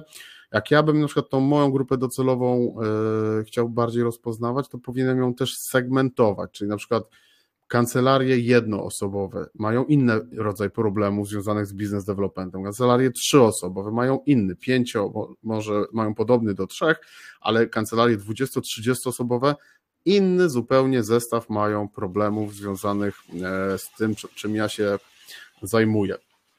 I żeby to sobie e, na początku odpowiedzieć na te pytania, żeby poznać tego idealnego klienta w danym segmencie, bo segmentów może, mogę ja mieć na przykład kilka, bo mogę mieć jednoosobowe działalności, mówię średnie e, kancelarie, tak, takie, nie wiem, 5-20 osób, tak, i mogę mieć 30 i 50 i mogę mieć korporacje, bo korporacje też się na przykład mną interesują, e, takie wielkie firmy mówią, o ciekawe, ciekawe, no, też szukają inspiracji do tego, żeby robić, bo robią podobne rzeczy, tylko mają inne, większe zasoby od średnich czy małych kancelarii, ale bardzo zbliżone rzeczy robią, no bo też szkolą, jakieś konferencje robią, e-booki wydają, blogi piszą, podcasty nagrywają, więc robią podobne rzeczy, tak jak e, czy jak ja byłem w korporacji, a teraz jestem jednoosobową działalnością, to ta korporacja też ma przecież Wolters y, Akademię Prawnika 360 stopni, nie? czyli jakby podobne rzeczy jesteśmy w stanie w tych czasach e, zrobić i dotrzeć do podobnej grupy docelowej.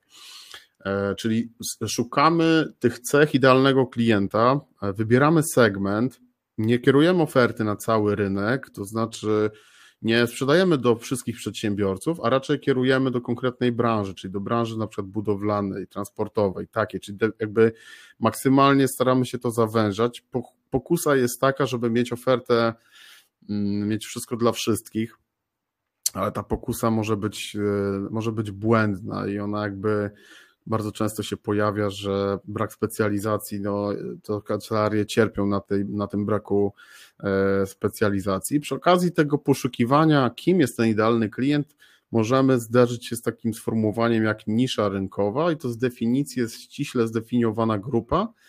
W wyniku podziału segmentu jeszcze na pod podsegmenty i ta grupa określonych nabywców może poszukiwać konkretnej kombinacji wartości w ramach danej oferty. Czyli u mnie na przykład to mogłoby być coś takiego, że mam grupę docelową jakby prawników z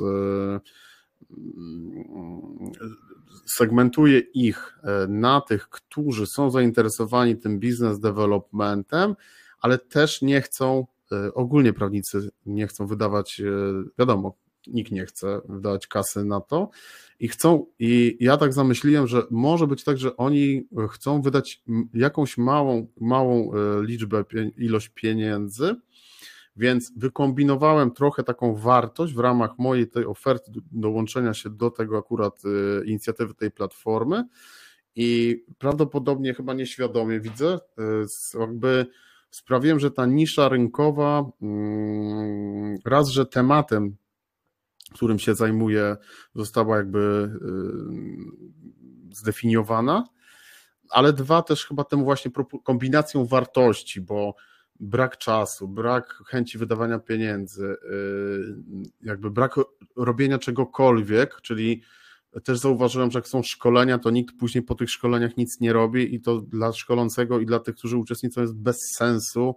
Ja, ja nie lubię robić jakby rzeczy bez sensu, więc stwierdziłem, że jak ktoś pół godziny w tygodniu nie znajdzie, nie porobi jakichś rzeczy, to ja nie chcę, w ogóle nie chcę takich ludzi szkolić, bo to nie, nie, nie działa po prostu, yy, ale na przykład moja konkurencja to robi.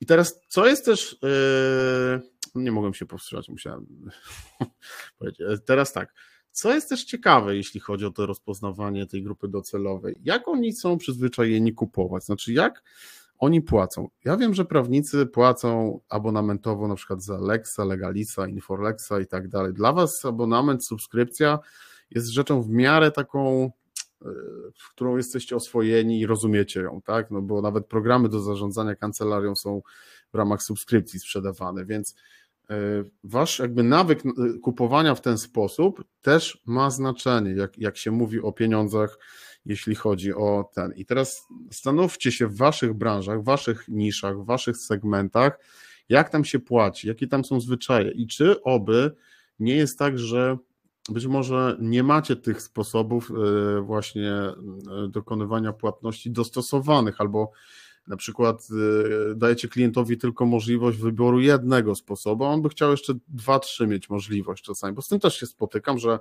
przychodzi ktoś po wzór tego umowy, tak, no to 1500 i y, bierzesz pan czy nie? No to nie, no to do widzenia. Więc, a może on chce jakiejś y, właśnie konsultacji, albo może jakiegoś y, pokombinować z nim z jakimś abonamentem, albo mm, jakoś dać mu możliwość jakby zapłacenia za to, czyli rozpoznać trochę to, jak, jak on chce e, kupować.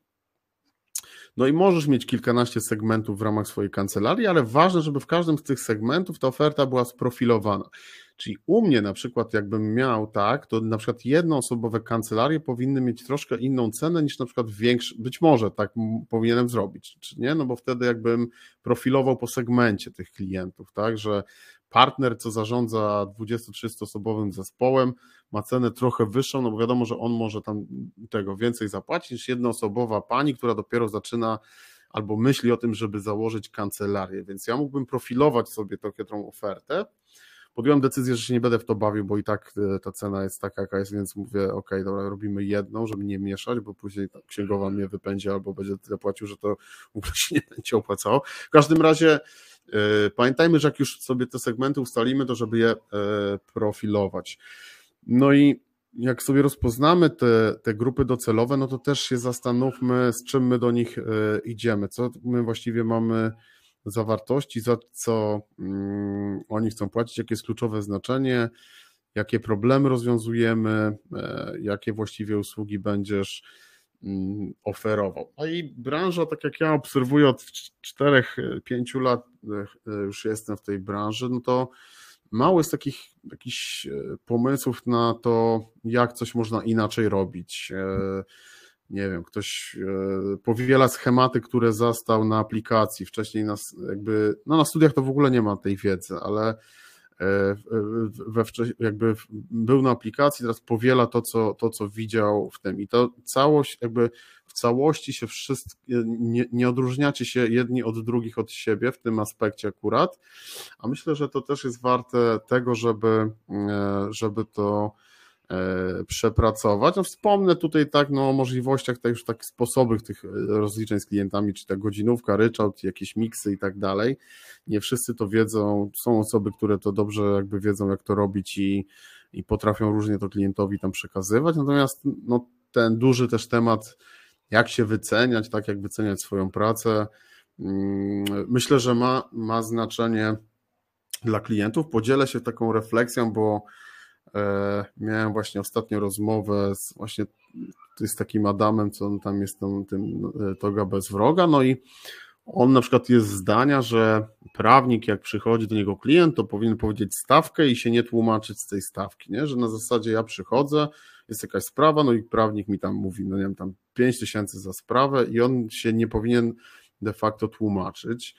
Natomiast z mojego punktu widzenia, e, jakby mi ktoś tak powiedział, to bym się zastanowił, dlatego że ja bym wolał, żeby ten prawnik mi na przykład rozpisał, powiedział tak, że zobacz Piotr, 5 tysięcy, ale tak, 2 tysiące, to my będziemy teraz 7 godzin robili to. E, tu masz półtorej tysiąca, to my w tym czasie ja będę musiał zrobić to, sprawdzić to, jechać do urzędu, e, sprawdzić tę umowę i tutaj ci poprawić, więc mi to zajmie 3 godziny, a jeszcze 500 zł to my bierzemy dlatego, że to jest jakaś tam rozprawa, coś tam, coś tam.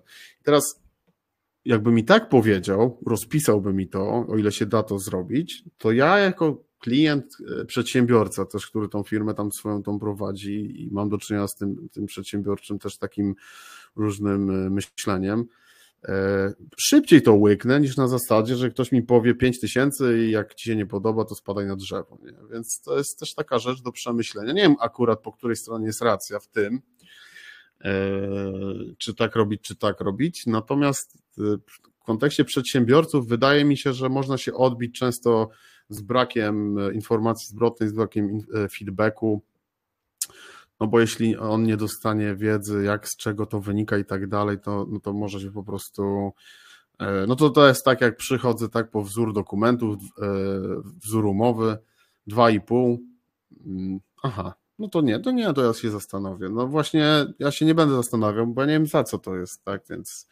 No ale to jest pewnie też temat taki na jakiegoś masterminda.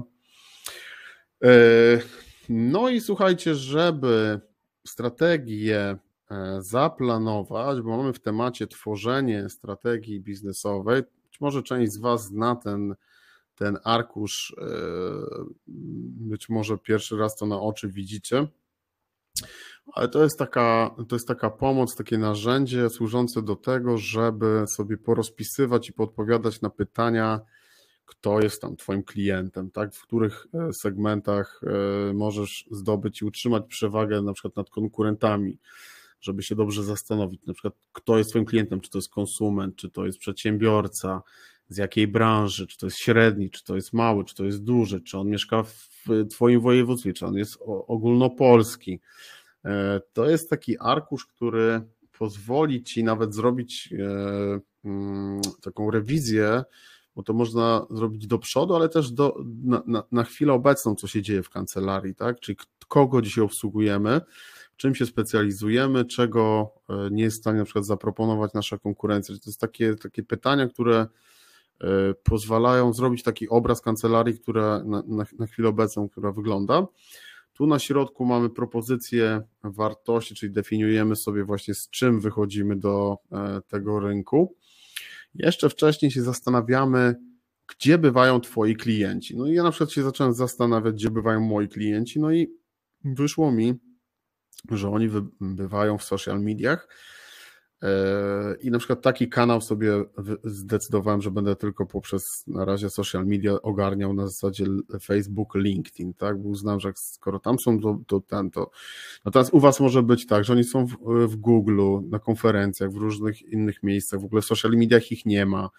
Bardzo ciekawa sprawa jest, że kancelarie działające na przykład uporczywie na LinkedInie, szukające jakichś konsumentów, i robiące taki, e, te treści, czy content, czy publikacje które zupełnie jakby nie trafiają w ten w LinkedIna, a ci klienci są na Facebooku, bo ktoś im tak powiedział, że na LinkedInie to będą, a na Facebooku ich nie będzie i ktoś tak, takie ma przekonanie i w ten sposób robi.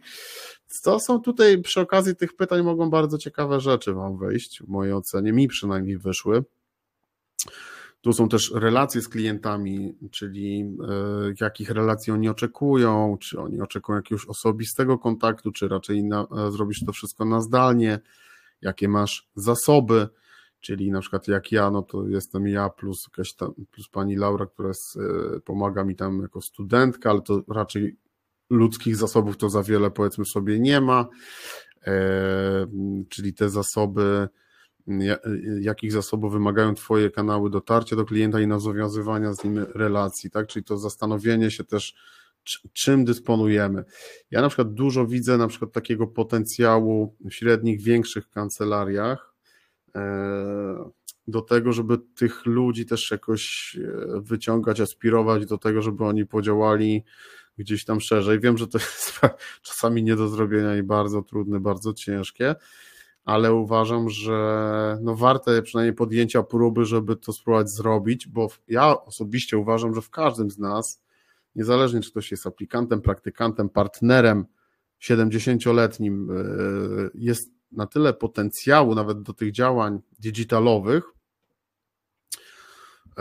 że można próbować. Jako przykład to mogę powiedzieć, ostatnio jakąś tam rozmowę miałem, gdzie pan, taki właśnie adwokat, tam koło tam 50, nawet nie wiem, czy no 60 to nie, dobre, dobre, dobrze powyżej 50, zapytał się to, jak ja mogę się e, promować tak w internetach przy takiej 30-letniej ładnej kobiecie atrakcyjnej i tak dalej.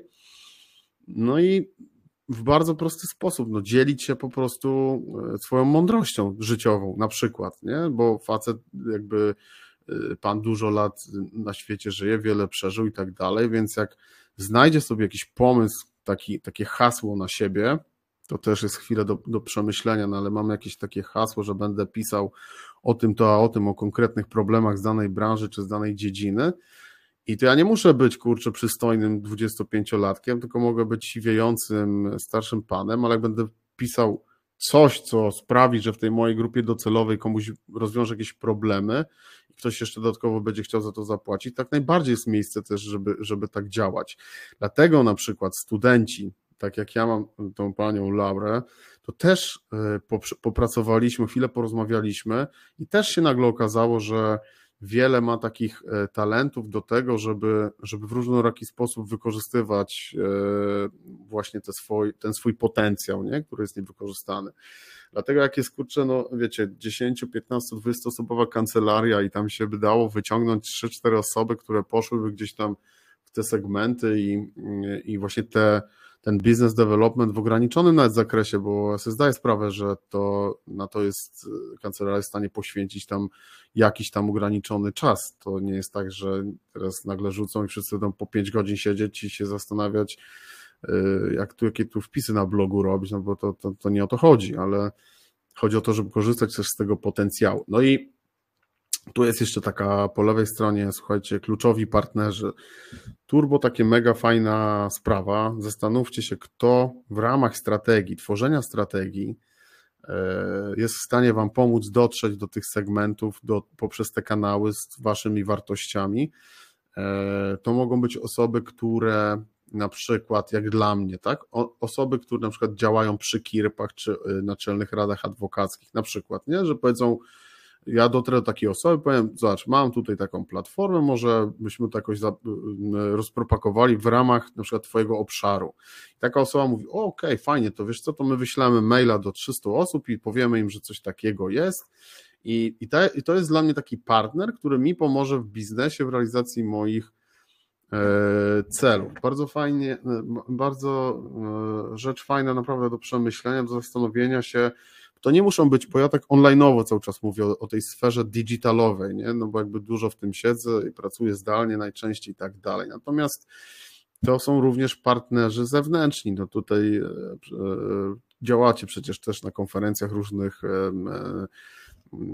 spotykacie się z klientami, tak, nawiązujecie relacje, więc o, też o takich partnerach tutaj mówię i warto, warto mm, to tutaj dobry research robić i, i, zastanawiać się, kto nam może pomóc. Z reguły często są to osoby, które są w tej samych grupach docelowych, a zajmują się troszeczkę innym zakresem działalności niż my. No i mm, tworząc strategię biznesową, pamiętajmy no, o przychodach, tak i o strukturze kosztów. To jest bardzo mm, w tych czasach pewnie e, jeszcze bardziej ważna rzecz. Jeśli chodzi o strukturę e, kosztów czy, czy, e, czy przychodów, no to warto sobie też to rozpisać.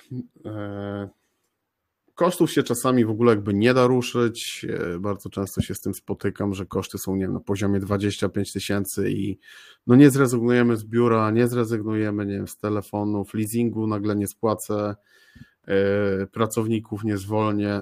Sztywno jest jakby tutaj w tym temacie, więc tego, tego nie ruszymy. No więc jakby yy, jedyne rozwiązanie, chcąc mieć coś lepiej, no to no to mieć e, wyższy, wyższy przychód. No i słuchajcie, to, mm, to tyle na dzisiaj, jeśli chodzi o tą pierwszą część tej, mm, tego, tego tematu strategii, czyli takiego e, rozpoznania, co się obecnie w kancelariach, e, co się obecnie w kancelariach dzieje, jaki macie punkt wyjścia E, do jakichś e, tutaj dalszych, e, dalszych działań.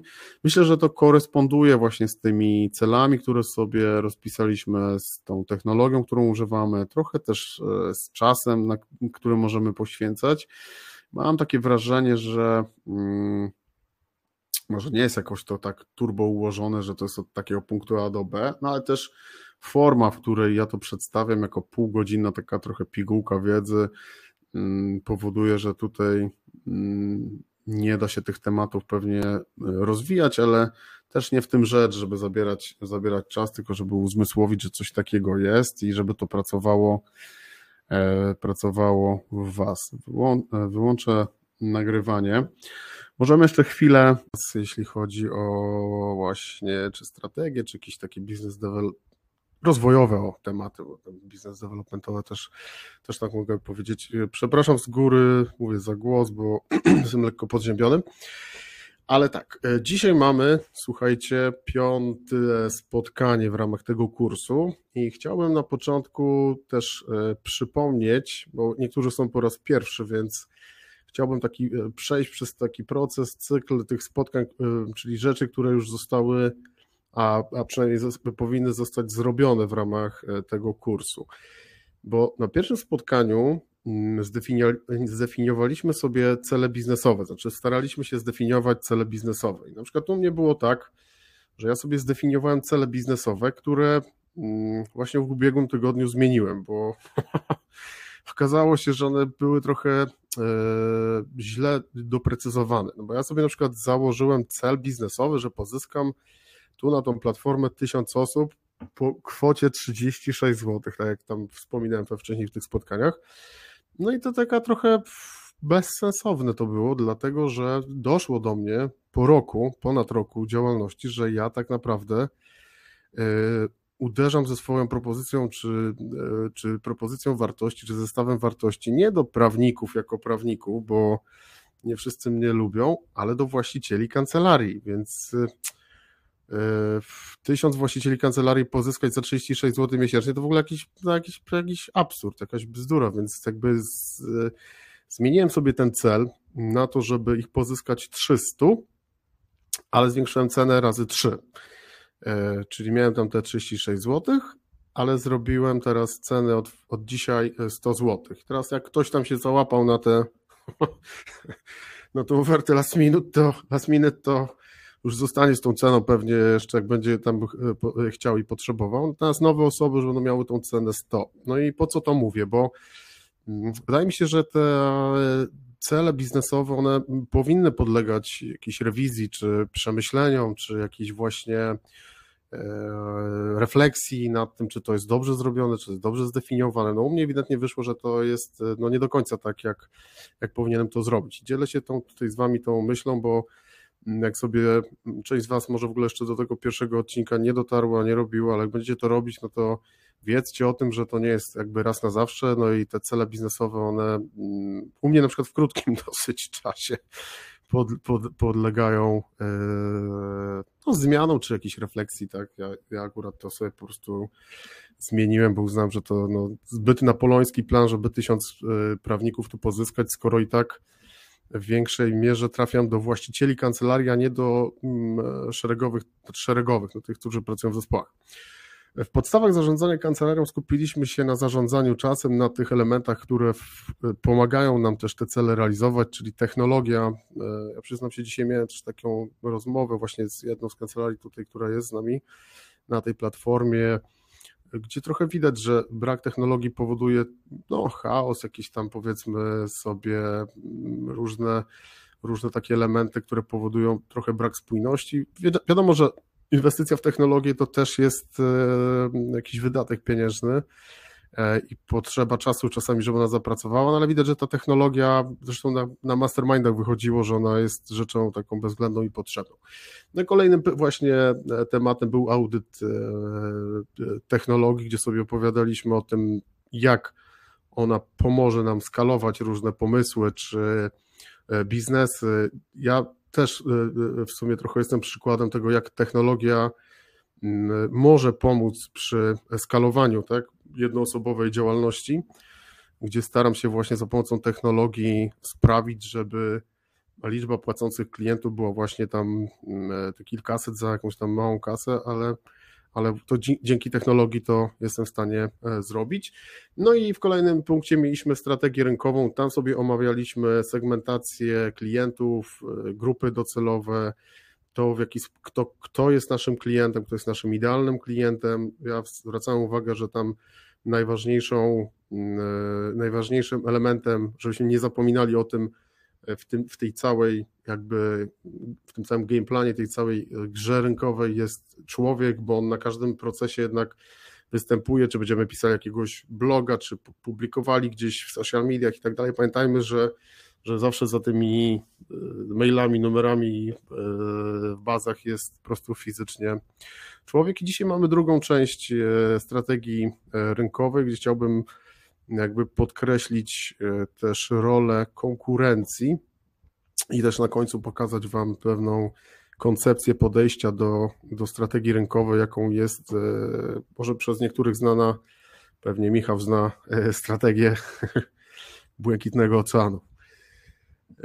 Tak jak wspomniałem, tak jak wspomniałem, powinniśmy mieć już zdefiniowaną misję, wizję swojej kancelarii. To było na poprzednim, na poprzednim spotkaniu możemy powiedzieć, że ja swoją właśnie misję i wizję mm, no w, tam, w ubiegłym tygodniu właściwie jakby zapisałem, bo gdzieś tam ją pewnie tam pod skórą czułem, że mam taką misję, wizję, no ale jednak zapisana e, to jest trochę co innego niż, niż takie wyobrażenie o tym, że ja ją mam. E, tą misję i wizję mm, też warto właśnie z tymi celami, żeby to było spójne, e, skonfrontować, żeby to jakby się uzupełniało. No i e, analiza też e, dzisiaj konkurencji, o której opowie, e, opowiemy, może Ci pomóc w udoskonaleniu jakby strategii takiej biznesowej oraz wzmocnieniu pozycji mm, rynkowej. Analiza konkurencji, ja w ogóle myślę sobie tak, że trochę to za, jakby pomijam ten aspekt i mm, sam we własnym biznesie trochę jakby nie widzę dla siebie konkurencji. Może to jest jakieś błędne i, i nie do końca mądre myślenie, ale e, na przykład uważam, że w zestawie jakby cech, które ja mam osobiście, tak, czyli w sensie znam się trochę na marketingu, na sprzedaży i na zarządzaniu, e, trochę, złe słowo, no ale znam się na tych powiedzmy trzech obszarach, to trudno w Polsce znaleźć e, firmę, która działa w branży prawniczej, która jakby te trzy obszary by obsługiwała i dlatego żyję sobie w takim radosnym przekonaniu, być może błędnym, pewnie, pewnie błędnym, że tej konkurencji mam mało. Natomiast na pewno mam konkurencję w postaci agencji marketingu, czy jakichś innych konsultantów, czy jakichś innych doradców e, takich biznesowych, strategicznych, e, konkurencji w postaci e, waszego czasu, bo, bo z tym muszę mocno konkurować, stąd też jakby ten no, tutaj zamysł na prowadzenie tego kursu taki, żeby jak najmniej tego czasu było wymagane, to też ten, ten kurs na przykład jest sprzedawany tak, że wymaga tylko pół godziny w ciągu e, tygodnia, bo, bo, bo, w ten sposób staram się przekonać swoją grupę docelową do tego, żeby poświęcili czas na rozwój czy e, na działania e, biznes developmentowe. Natomiast uważam, że w branży prawniczej jednak tej konkurencji macie trochę więcej. Prowadząc kancelarię, jest masa konkurencji, która po prostu zajmuje się tym samym. No i wy musicie się skupić w swoich strategiach na tym, żeby tą konkurencję w jakiś sposób no, czy obejść, czy E, czy powiedzmy sobie sprawić, żeby jej nie było, o czym opowiem za chwilę, jeśli chodzi o, ten, e, o tą strategię błękitnego oceanu. Jest takie hasło w marketingu, wyróżnij się albo zgiń. No, no, chodzi o to, że mm, żeby tak działać, żeby czy nasza propozycja wartości, czy nasza usługa, czy nasze docieranie do grupy docelowej, e, czy nasza właśnie oferta połączona z wartościami, no bo na tyle E, różna, żeby, żebyśmy nie rozmyli się jakby w tle innych podobnych nam kancelarii. No i każdy, każdy z Was, każdy z, każda z kancelarii, każdy właściciel kancelarii, który odpowiada za jeden segment, czy kilka segmentów, czy kilka specjalizacji, do których dociera, powinien znaleźć takie wyróżniki, jeśli chodzi o ofertę, czy sposób postępowania z klientem, które spowodują, że właśnie się wyróżni. No bo po drugiej stronie tego wyróżnienia e, czeka po prostu zagłada. Mm, zagłada albo taka walka na czerwonym tak zwanym oceanie, to za chwilę to pokażę, co mam na myśli, jeśli chodzi o, o ten czerwony ocean. E, żeby jakby skupić się na analizie konkurencji, to na pewno musimy sobie odpowiedzieć na pytanie, kto jest w tym naszym rynku docelowym, w jaki sposób ten produkt lub usługę mm, powinniśmy porównywać z produktem lub usługą konkurencji. No, zastanowić się, jaki jest właściwie nasz udział w rynku sprzedaży mm, i przychody. No, tak jak u mnie na przykład, to myślę sobie, że to jest, hmm, to jest też bardzo ciężki temat pewnie do, do przeliczenia. Natomiast myślę sobie, jeśli chodzi o grupę docelową, która jest w granicach tam 60 tysięcy e, prawników, no można jakby spróbować zdiagnozować, jaki to jest e, rynek na takie, na takie mm, e, działania rozwojowe czy biznes developmentu. W takiej analizie na pewno powinniśmy porównywać ceny, mm, robić taką analizę strategii marketingowej i w social mediach, no i też skupić się na tym, jak, jak klienci nas, nas, nas e, porównują. No i jak to mm, zrobić? Należałoby wybrać między 5 a 10 firm prawniczych, które mm, porównasz po prostu ze swoją kancelarią. One powinny oferować Mm, podobne usługi mm, i mieć podobny e, model, model biznesowy. E, możemy sprawdzać analizę stron internetowych, ocenę e, ich jakby sytuacji gospodarczej. Cały czas jakby w głowie mam tą, ten temat kredytów frankowych, bo tam gdzieś w social media właśnie się te, te frankowe tematy przewijają i myślę sobie, że tutaj jeśli chodzi o czy badanie rynku, czy właśnie jakieś przewagi konkurencyjne, to nie jest e, niełatwy temat, żeby, e, żeby to ogarnąć. Każdym razie myślę sobie, że tak na co dzień, tak jak ja, e, nie wiem, być może wy też trochę zapominacie, Dzień dobry Panie Dyrektor. Być może zapominacie o tym, o tej analizie konkurencji, no bo mówię, ja na przykład żyję w takim przekonaniu, że, że tej konkurencji nie mam, a myślę, że to jest spory błąd też też z mojej strony. No i e, te, temu celowi może posłużyć taka analiza SWOT, czyli e, mocne, słabe strony, tak, jakie są e, szanse, jakie są zagrożenia. Czyli w, ta, w, w, tej strategii, którą byśmy jakby przygotowali czy stworzyli, w późniejszych tygodniach będę opowiadał o tym, jak podejść do tematu marketingowo, czy reklamowo, czy jakby jakie E, tutaj e, z jakich narzędzi korzystać, e, to myślę, że, że ta konkurencja, przynajmniej waszych tych obszarach, gdzie wy faktycznie o tego klienta musicie, że tak powiem, walczyć, będzie istotnym aspektem, istotnym elementem. Na przykład u mnie jest tak, że mm, nie wiem, ja to tak oceniam, że nie ma trochę popytu na to, co ja robię, w sensie kancelarii jakoś tam sobie, nie wiem, czy lecą na podcastach, czy albo ja jestem na tyle, że tak powiem, jeszcze kiepski, że tam nie przychodzą, ale nie, nie ma takiej, nawet na przykład prawnicy też mało w Google szukają tych, tych produktów i usług, więc może, może być ta sytuacja, natomiast u Was może być to e, trochę inaczej. No i strategia, słuchajcie, błękitnego e, oceanu. To jest sytuacja, w której mm, mamy jakiś obszar rynkowy i po prawej stronie widzimy e, czerwony ocean, po lewej widzimy niebieski ocean. Chodzi o to, że jeśli sobie przemyślimy misję, wizję, właśnie strategię tego, jaką mamy propozycję, jaką mamy ofertę dla tych naszych klientów, i będziemy potrafili wypracować sobie takie rozwiązanie, gdzie inne kancelarie nie będą w stanie w ogóle, e, nie będą w stanie podejść do nas na zasadzie e, takich czynników oferty, które one nie są w stanie po prostu spełnić. Czy na przykład w moim, e, jak to zobrazować? No w moim przypadku, kiedy przychodzi do Was na przykład agencja marketingu i mówi, że Wam zrobi marketing, to ona nie ma pojęcia o tym w większości przypadków, jak zarządzać kancelarią, co to znaczy e, badanie rentowności, analiza spraw, rejestracja czasu pracy, gdzie tam są błędy, jakie mogą być relacje w zespołach, co tam jest e, istotnego, co tam, co wpływa biznesowo na prowadzenie kancelarii e, w obszarze zarządzania, czyli ja na przykład, i dlatego być może mam tak, że ja myślę o sobie jako, że jestem na tym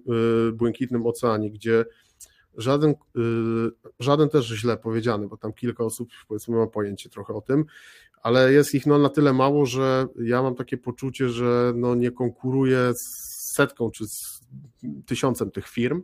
Natomiast u Was y, bardzo często jest ten czerwony ocean, nie? że mamy 100 kancelarii, każda robi franki, każda robi to w podobny sposób, tak samo pozyskuje klientów, y, na social mediach pokazuje te wyroki z wygranymi sprawami. I teraz jest pytanie, co zrobić, jak się wyróżnić, aby nie zginąć, żeby to robić jakoś inaczej, czy jakoś inaczej tych klientów obsługiwać, czy ich docierać do nich, bo w momencie, kiedy to e, odkryjecie, to być może pojawi się dla Was e, no właśnie ten, ten błękitny ocean, gdzie tak tutaj po lewej stronie no nie widzimy w ogóle jakby e, tych łowiących, łowiących ryby. W ogóle ta, ta no właśnie, ale, no ale sporo kancelarii robi też od 2000 i wcześniej pewnie też robią, nie? To jest też często argument, który pada, że, że robimy długo te franki. Więc pytanie, czy to jest akurat e, taka sytuacja, że to jest ten błękitny właśnie ocean.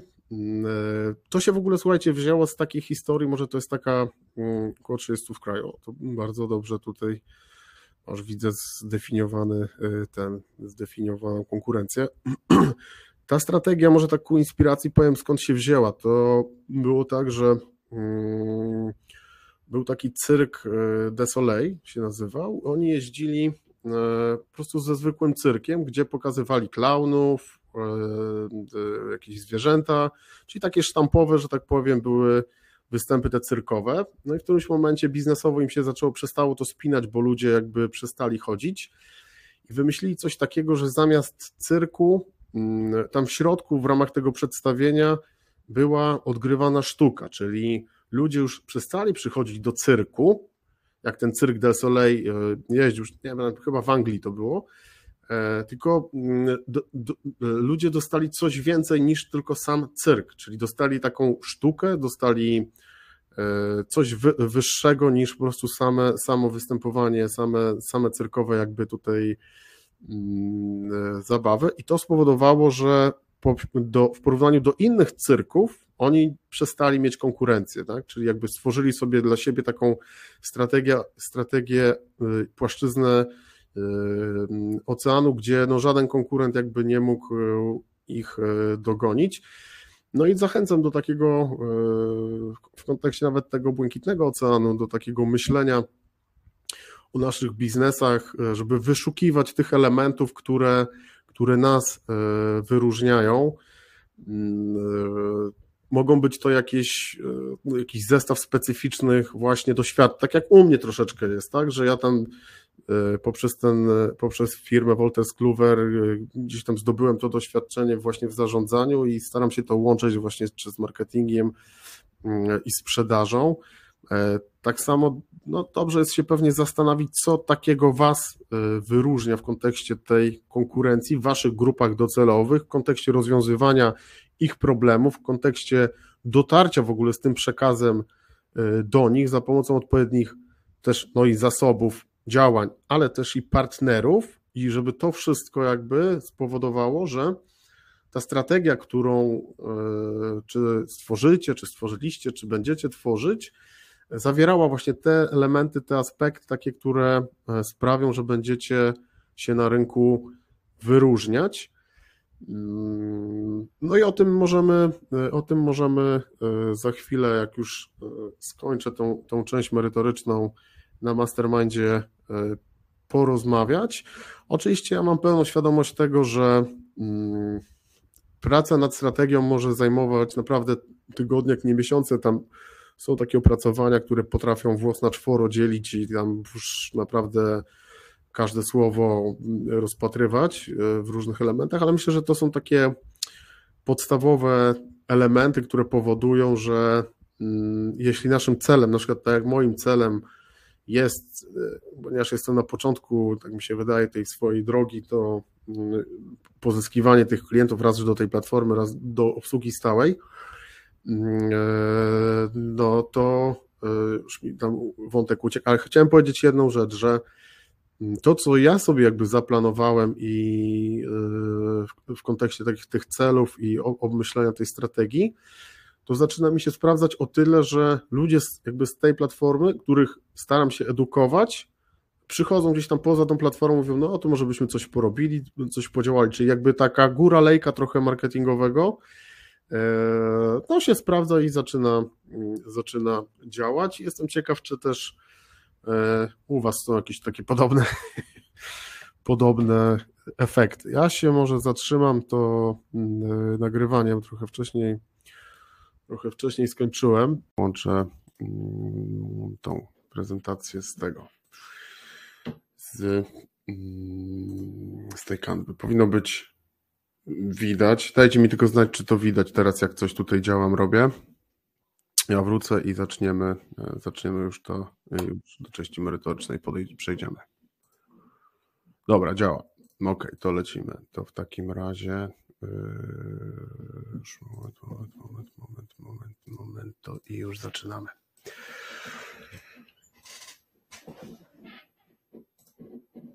Prezentuj. Dobrze. Business Lex Development, kolejne spotkanie w ramach tego kursu, jeśli chodzi o rozwój prawników, o rozwój kancelarii, właściwie, właściwie właścicieli kancelarii w zakresie szeroko rozumianego business developmentu. Dzisiaj mamy temat social media i poprawa e, wizerunku prawnika.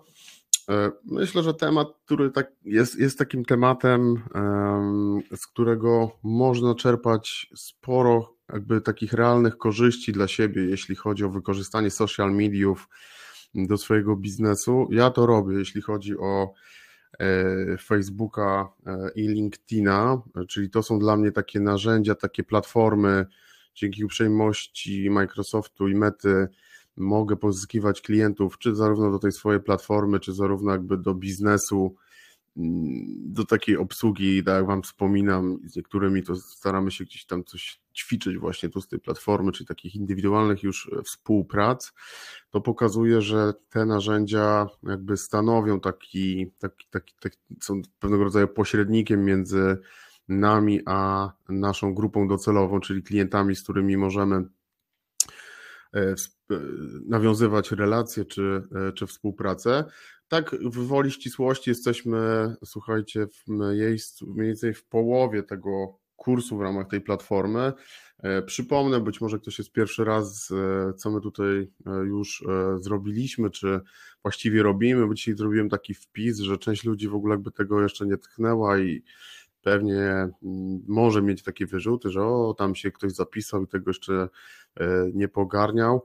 Ja postaram się zebrać to wszystko w jeden plik, żeby mm, też w takim cyklu sobie właśnie zdefiniować, e, postarać się zdefiniować cele, czy mm, zaplanować w ogóle być może końcówkę roku, czy tam pierwszy kwartał, tak jak rozmawialiśmy tutaj wcześniej, mm, czy z Tomkiem o tym, jak on sobie na przykład planuje różne rzeczy, więc e, zdefiniowaliśmy sobie cele, określi, w ogóle zastanowiliśmy się, jakie my mamy cele tak, w, tej, e, w tym naszym biznesie, po co my to robimy, dlaczego my to robimy, e, dlaczego ważne jest, żeby to było oparte też o jakieś o marzenia, właśnie o to, co nas kręci, co mm, powoduje, że chce nam się to robić. Omówiłem troszeczkę podstaw zarządzania kancelarią, tej rejestracji czasu pracy, czy podstaw w ogóle funkcjonowania tego, jak kancelarii można sprawy e, prowadzić, tak, jakie zasoby potrzebujemy, żeby te sprawy e, do, dobrze, dobrze organizować, dobrze prowadzić. Wyszło nam, że technologia jest bardzo ważnym w dzisiejszych czasach e, aspektem, jeśli chodzi o. Zerknę na czat, bo coś tutaj mam. Jeśli, jest, jeśli chodzi. Cześć Jakubie. Jeśli chodzi o to, jak kształtować, jakby definiować swoją przyszłość. Myślę, że bez technologii będzie coraz trudniej po prostu. Kwestia, jakie narzędzia, jakie rozwiązania, w jakich obszarach to jest jakby temat, który, nad którym warto myśleć, nad którym warto się zastanawiać. Dotknęliśmy trochę strategii rynkowej, czyli w, w, kontekście strategii też omówiliśmy wizję, misję e, tego, co kancelaria chce robić, jak robić. No i w ramach strategii chcemy poszukać tych czynności, które spowodują, że na przykład ci klienci się znajdą u nas w nowi w kancelarii, o ile takie mamy cele. E, na to poświęciliśmy dwa odcinki, no a dzisiaj jakby jest taka kontynuacja trochę tego tematu, czyli można powiedzieć, że mm, co, jaką rolę w tej układance e, grają social media i nasz e, wizerunek. To o tym dzisiaj bym chciał troszeczkę więcej powiedzieć, więc zdefiniujmy sobie coś takiego, że marka osobista to jest to, co e, inni lubi, ludzie mówią na Twój temat. Często rozmawiając z prawnikami, oni mówią, że bardzo chcielibyśmy mieć taką, mm, taką opinię eksperta, osoby, do której się ludzie zwracają po to, żeby ona swoim autorytetem jakby zdecydowała o jakichś kwestiach związanych z prawnymi aspektami.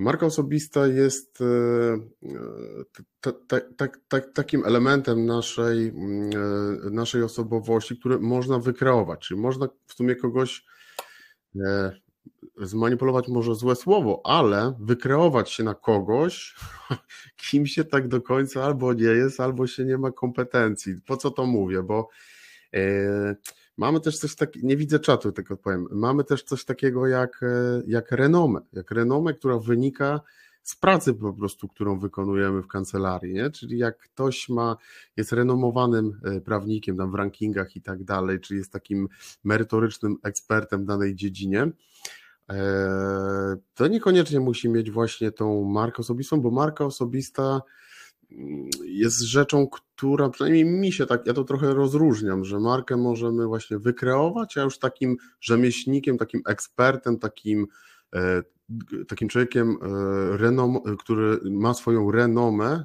to, to jest trochę co innego niż marka, nie? To, to tylko tak zwrócę uwagę. No i często ja to się na przykład spotykam z tym, że ludzie mówią, prawnicy, że a to dobra praca, no się sama obroni. No, jeśli tego nie pokażemy światu, jeśli tego na przykład za pomocą tych social mediów e, nie będziemy starali się komunikować czy pokazywać, jak my pracujemy, co my robimy na co dzień, co się w naszej kancelarii dzieje, jakie problemy rozwiązujemy, mm, jak inaczej to robimy, co zyskują nasi klienci i tak dalej, to oczywiście no, w ramach jakiegoś tam lokalnego e, rynku to się e, rozejdzie, ale czy to będzie miało szansę na to, żeby się rozprzestrzenić mocniej?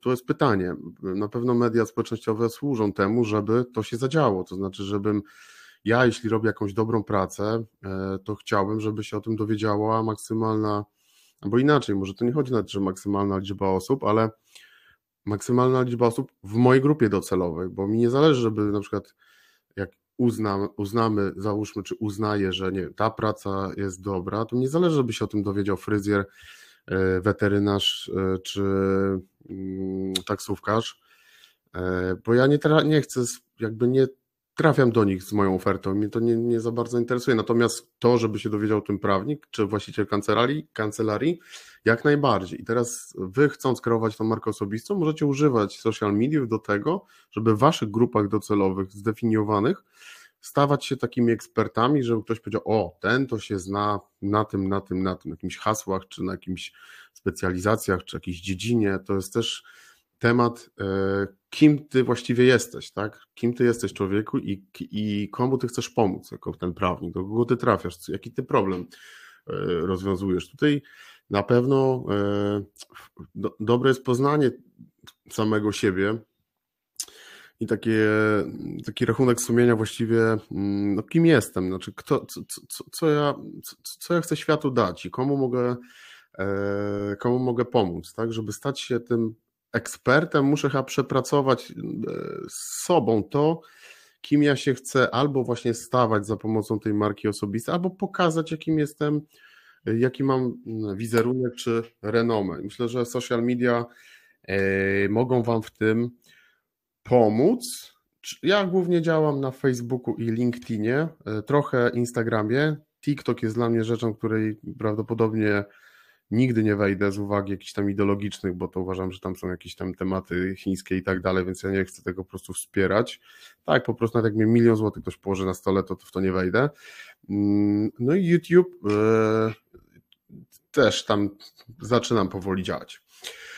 E, z rzeczy, które są istotne, jak rozmawiamy o social mediach, to zawsze weźcie pod uwagę to, że mm, na rynku mm, utrzymają się ci prawnicy, można powiedzieć, te kancelarie, które będą wnosiły wartość. Jest tutaj mm, z nami Michał, który na przykład dzieli się e, swoją, swoimi spostrzeżeniami i jest i bardzo głęboko wchodzi w temat negocjowania, e, temat negocjowania, czyli e, on wnosi wartość, tak? To nie są chwali posty na zasadzie wygraliśmy 17 sprawę frankową i tak dalej, tylko on wnosi wartość, bo ludzie czytając to, te posty, E, zauważają pewne elementy, które są na przykład w kontekście negocjowania e, istotne.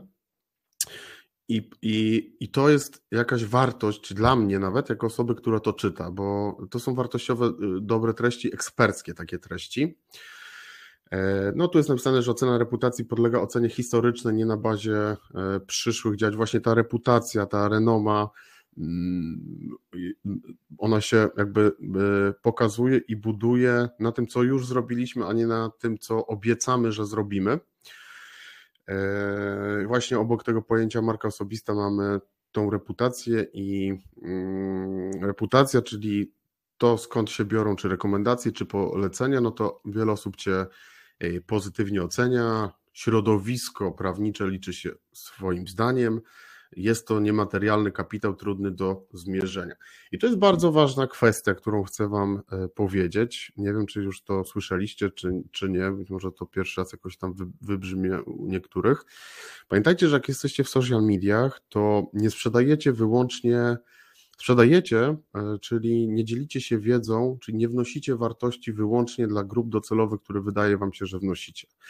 Czyli jak ja na przykład obsługuję jakieś wiem, urzędy, e, gminy e, i tak dalej, to dzieląc się wiedzą, na przykład w tym zakresie e, konkretnie, nie wnoszę wyłącznie wartości do przedstawicieli tych urzędów i gmin, ale pamiętajcie, że sprzedajecie też do innych kancelarii. I to jest mega ważna rzecz, dlatego że na bazie właśnie tych rekomendacji i poleceń Yy, właśnie następuje, następuje przekazywanie tych informacji, kto, gdzie, jak, y, co robi, czym się zajmuje. Tu w ramach tej platformy już mieliśmy próbkę tego, jak to działa. Ja też poza platformą na przykład y, polecam różne osoby w różnych tematach, jak dostaję jakieś informacje i uważam, że to też tak samo działa w, e, w social mediach. To znaczy, jeśli ja będę rozpoznawany i będę miał markę osobistą i renomę i reputację jako człowiek, który tam jest od business developmentu, załóżmy, czyli ten sprzedaż, marketing, zarządzanie, to wy zapytani, też rozmawiacie z innymi prawnikami i tak dalej, zapytani e, o to, czy masz kogoś od marketingu, od tego, e, czy od sprzedaży, czy od zarządzania, być może powiedzieć, a jest taki, wiesz, chodusz, który, jest, który robi określone tam określone rzeczy. I tak samo działa to w kontekście prawnych aspektów, czyli jak sobie ustalimy jakiś zakres tematyczny, jaki wizerunek chcemy budować, dlaczego chcemy to, to budować, w ogóle czy chcemy i co chcemy, jak to będzie spójne, i zaczniemy to robić, to zaczniemy być od, odbierani przez innych kolegów i koleżanki z różnych kancelarii, co może Wam dać bardzo fajny efekt w postaci po prostu poleceń, rekomendacji innych ludzi. Tak to działa z Tomkiem, nawet żeśmy tam tydzień temu rozmawiali, była Dorota, także Tomek powiedział, co robi, Dorota powiedziała, co robi, mówi, a wiesz, ja mam klienta, który by to może chciał, nie? Więc to mm, uważam, że social media e, też kierujcie swój przekaz do, do grupy docelowej, do prawników, bo to się, to się opłaca, więc e, Mówi się dużo o prostym języku, żeby to prosto pisać i tak dalej. No może nie do końca i niekoniecznie, bo jak coś ma być merytorycznie, to być może się nie da prosto czasami to napisać. Eee, co robić, żeby w ogóle jakby działać w tych social mediach? To pokazywać, co się robi dobrze, czyli opisywać jakieś procesy, jak się rozwiązy, rozwiązało jakiś problem, eee, jak dobrze my to robimy, jak jesteśmy w stanie szybko zająć się jakimś tematem, e, rozwiązać te problemy, jak robimy inaczej niż, niż konkurencja, dawać wartość, czyli nie wychodzić z poziomu własnego ego, czyli ja jestem tu gwiazdorem i słuchajcie, zobaczcie, tutaj, tam, tutaj pogorniałem, tylko zadać sobie zawsze to najprostsze pytanie, czyli co z tego, co ja z tego mam, co ja z tego mam, ja, czyli po drugiej stronie komputera człowiek, który czyta te twoje posty, nie, czy jak dasz, nie wiem, zdjęcie psa, który biega po podwórku, co mi się na przykład zdarza, to co ktoś z tego będzie miał, nie? Co ktoś z tego będzie miał? Co moja grupa docelowa będzie z tego miała? Oczywiście raz na jakiś czas yy, można takie rzeczy robić, ale no zawsze miejmy w tyle głowy, po co, po co to jest. Jakie są Twoje silne strony? Co Cię wyróżnia? Mm, jaka jest, jaki jest Twój pomysł na komunikację i na obecność pośród innych, żeby się nie zlewać, a to jest dosyć łatwe, żeby się zlać jakby z innymi e, prawnikami czy z innymi e, osobami, które te kancelarie są bardzo podobne i są i działają, już im to mówili w tamtym tygodniu na czerwonym, w realiach Czerwonego Oceanu, czyli naparzanie jest na, na stawki, na ceny, na, e, na kasę po prostu, jeśli chodzi o to, czyli jakby co jak ty się, jaką masz komunikację na obecność pośród innych? To jest takie hasło też, czym ty się chcesz wyróżniać. To trzeba sobie oczywiście tam przepracowywać, ale o tym należy pamiętać. Trzeba być spójnym, konsekwentnym, przynajmniej starać się, czyli nie skakać po tematach albo nie zmieniać e, specjalizacji branż i tak dalej. Tak, jak już się w coś wejdziemy, to, to ta konsekwencja, e, pomimo różnych e, tutaj niedogodności z tym związanych, powinna być zachowana. Adam, odpowiedzialność, wiarygodność to są takie hasła, no ale no, nie, nie, nie naginamy rzeczywistości, jesteśmy odpowiedzialni. Nastawienie na ciągły rozwój, no myślę, że tego prawnikom brakuje, dosyć, jakby ja to widzę, tak przynajmniej w tych moich obszarach, no bo być może tam merytoryczne rzeczy prawnicy się mocno rozwijają, tak, natomiast w tych moich obszarach, na przykład jeśli idzie o rozwój taki biznesowy, e, Myślę, że tu jest dużo, dużo do zrobienia, jeśli chodzi ten. Natomiast nastawienie na ciągły rozwój to jest chyba taki mindset, takie myślenie, że nigdy nie będzie tak, że będę jakby do końca usatysfakcjonowany z tego swojego rozwoju, zawsze coś będzie do poprawienia. Tam ostatnio nawet mówiłem, że kurczę, dwudziestoparoletni prawnicy mają problem, żeby założyć profil na LinkedInie czy Facebooku, a 70-latkowie budują marki osobiste na przykład, tak? Jest taki człowiek Kuczyński, tam z PKO, z, który po prostu, albo ktoś mu to robi, albo sam to robi, to już bez znaczenia, tak, że płaci komuś, ale mm, tego nie wiem, ale albo sam po prostu to, to robi, więc 70-latek może, 20-latek no nie może, bo od dwóch lat, bo bo jest jakiś problem nie, z tym. Bo za dobrze chyba mają prawnicy. Dobrze, słuchajcie. Yy, takie kilka podstawowych rzeczy, no do czego to służy? Ją nam te social media, trzymajmy się tego tematu. Nawiązywanie relacji biznesowych. Yy, mamy relacje biznesowe. Yy, ja z większością ludzi, których mam gdzieś tam czy na tej platformie, czy rozmawiam, czy za pomocą tych social mediów, to na oczy nie widziałem a mam poczucie, jakbyśmy się tam znali wiele miesięcy czy wiele lat, więc te relacje biznesowe za pomocą social mediów stają się bardzo takie e, proste, naturalne i zwróćmy uwagę, że one są i one są e, kosztowo też mm, ciekawe, bo no, nie ponosimy kosztów nie wiem, dojechania, kawki, herbatki. To wiadomo, że te rzeczy też muszą się odbywać, natomiast tu pokazuje, że możemy być bardzo blisko prezesów firm, na przykład e, za pomocą social mediów i mieć ten kontakt, e, niekoniecznie ponosząc koszty pozyskania tej relacji czy tego klienta służą nam do tego, żeby budować właśnie markę osobistą, wyszukiwać osoby decyzyjne, czy po branżach, czy po e, czy, czy regionalnie jakichś osób decyzyjnych możemy na LinkedInie czy Facebooku. Facebooku to może nie, ale na LinkedInie jak najbardziej. Wymieniamy doświadczenia. No, ja się na przykład też uczę, dzielę się wiedzą, wzajemnie sobie na social mediach e, ludzie pomagają, też się niektórzy wyróżniają, e, komunikują, jak mogą pomóc właśnie komunikują, jak mogą pomóc, bo często kancelarie komunikują, jakie one są, przepraszam za wyrażenie, zajebiste i najlepsze na świecie, a ludzie tego nie bardzo oczekują. No, chcą e, jakiejś merytorycznej pomocy, czegoś, co e, sprawi, że jak przeczytają dane, dane zagadnienie, no to powiedzą, o, to on mi pomógł, jakby to jest coś, co zmieni mi coś w życiu, bo mam taki problem, albo być może potrzebuję edukacji w tym zakresie. E, bo de facto chodzi o to, żeby być mm, w umysłach innych.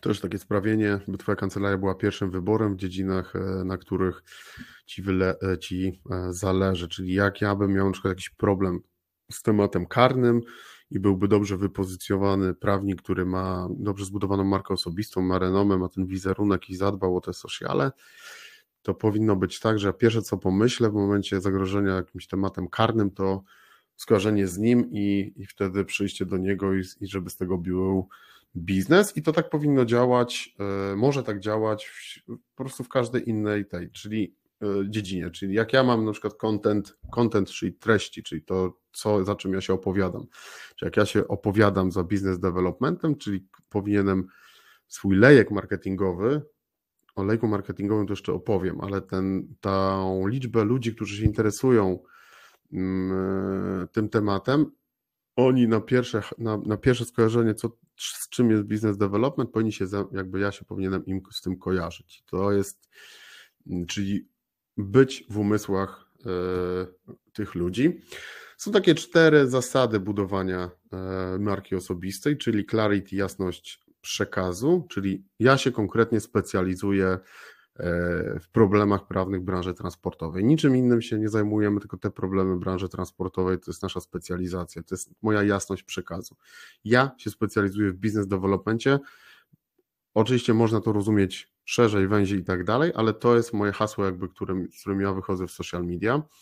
Jest, staram się być w tym spójny i konsekwentny, czyli tu podaję, że to jest taki Wojtyś, ten Mm, od Lexa, tak, z Voltersa, gość, który jakby cały czas się koncentruje na, mm, na tym, że jest od Lexa, po prostu Akademia Pana Lexa.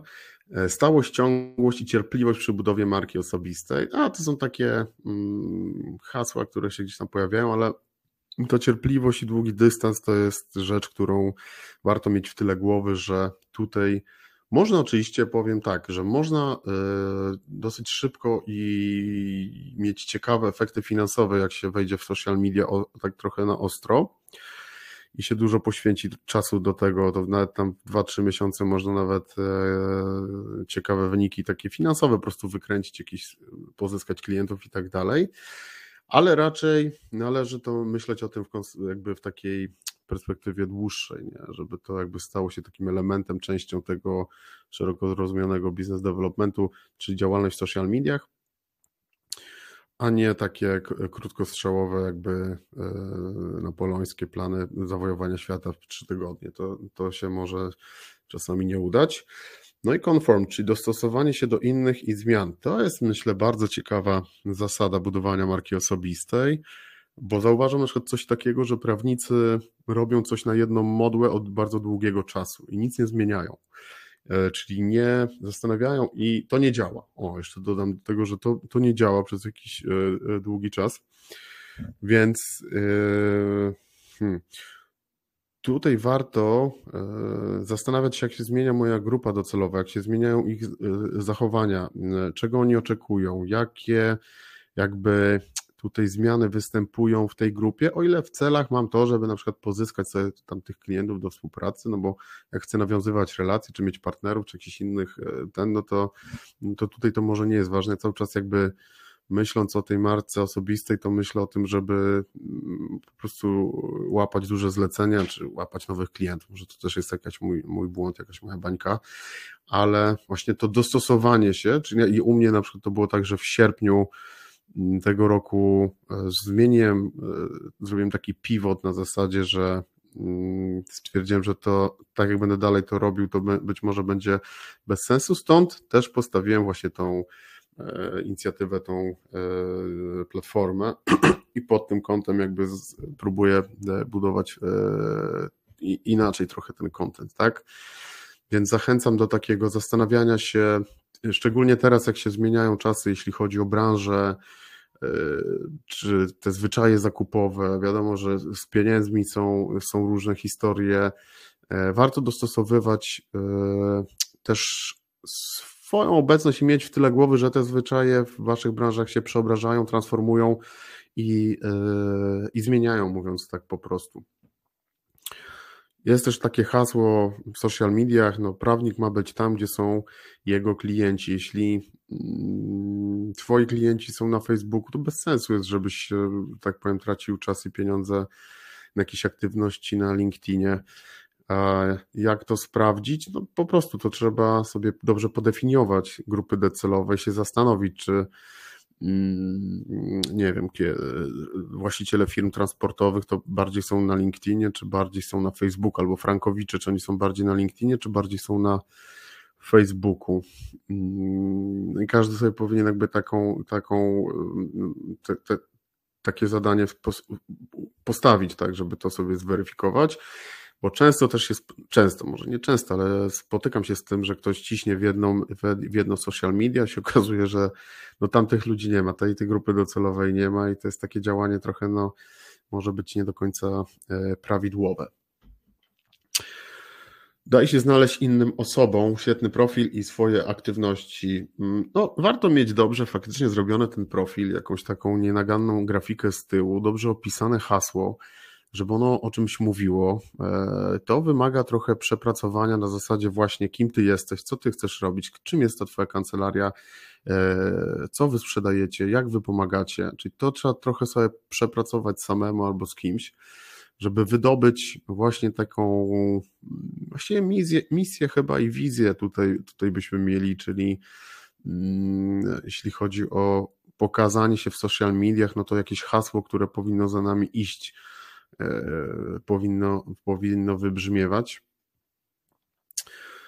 Znajdź właściwie, właściwe osoby, buduj z nimi autentyczne i owocne relacje. E, prawnicy mają tak, że mają właśnie zrywy do social mediów, e, wchodzą na LinkedIna, mają 80 znajomych, no i nagle potrzebują mieć z tego biznes. Także to czasem może nie zadziałać, bo mm, taka budowa swojej swojej grupy kontaktów, czyli poszerzanie swojej grupy kontaktów jest bardzo czasochłonna i taka powiedziałbym mało, mało, że tak powiem, ambitna, ale potrzebna do tego, że jeśli na przykład ja mam na przykład 6 tysięcy osób, które gdzieś mam w tej sieci i robię na przykład jakieś y, wydarzenie czy webinar tematyczny dla tej grupy osób, no to jest na pewno większa szansa, że mi przyjdzie na webinar, nie wiem, 100 osób, niż miałbym 200 osób w sieci swoich kontaktów. E, tutaj mówię w kontekście właśnie social mediów, bo do tego można stosować, no, można jakichś różnych partnerów wykorzystywać i tak dalej, ale mówimy tu w kontekście swojej marki osobistej, czyli jak ja mam w, e, w gronie moich znajomych tysiąc właścicieli firm transportowych i zrobię jakieś wydarzenie, które tyczy się tych firm transportowych związanych z prawem, to łatwiej mi jest uzyskać e, jakieś efekty w social mediach niż miałbym 200 przypadkowych osób.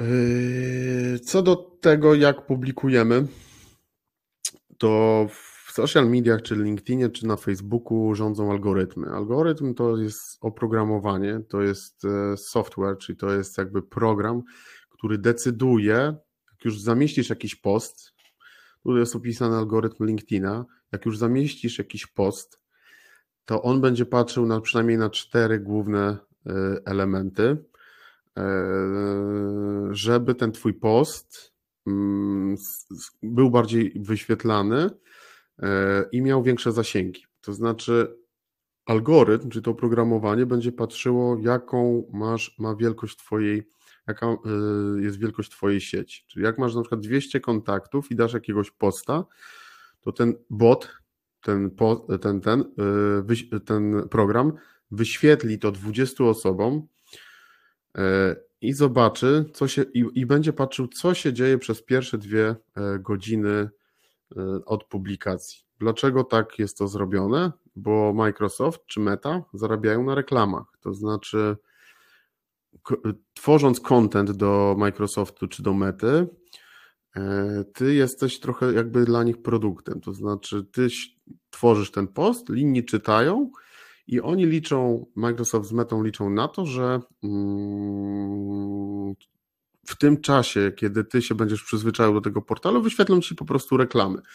Więc dla nich celem jest to, żebyś jak najwięcej siedział w socialach dla, na LinkedInie i na Facebooku, po to, żeby ci wyświetlać reklamy, za które wezmą pieniądze.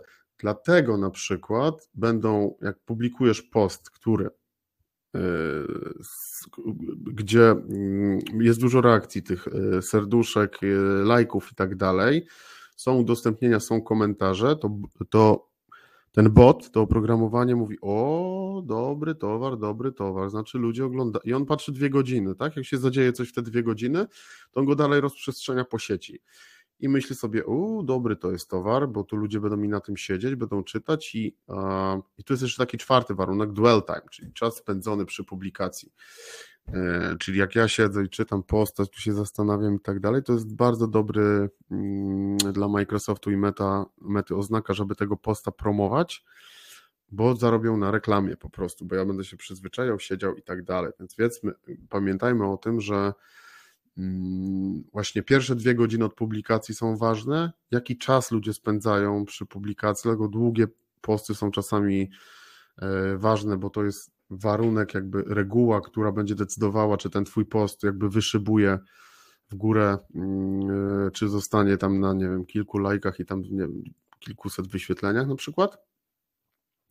Ważna jest wielkość twojej sieci, no bo to z automatu jakby E, też sprawia, że ten, że ten post jest bardziej e, rozpoznawalny, e, większe ma zasięgi.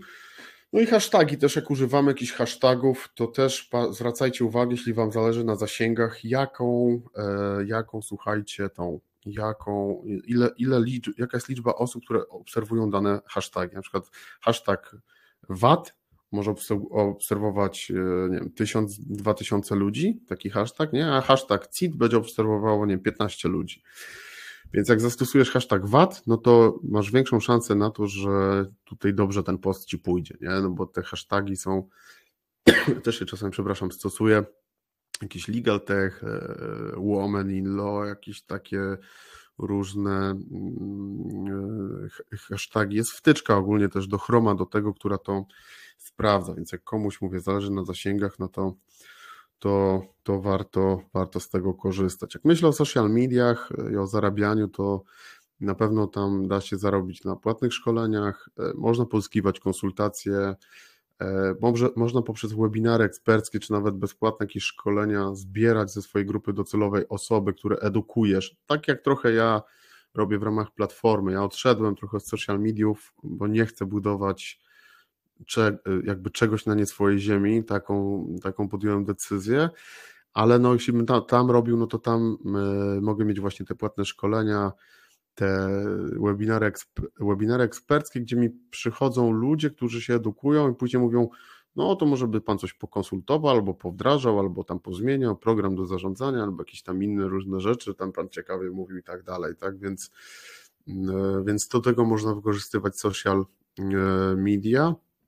My też na przykład wykorzystujemy Facebooka do tego, jak ktoś nam polubi fanpage, to tam zaczepiamy ludzi na zasadzie, że o, widzę, że się interesujesz mm, biznes developmentem, więc może na pewno jest coś, albo mamy takie podejrzenie, że jest coś, co być może Ciebie bardziej interesuje niż tylko e, ten, niż tylko to, że polubiłeś ten fanpage, może porozmawiamy.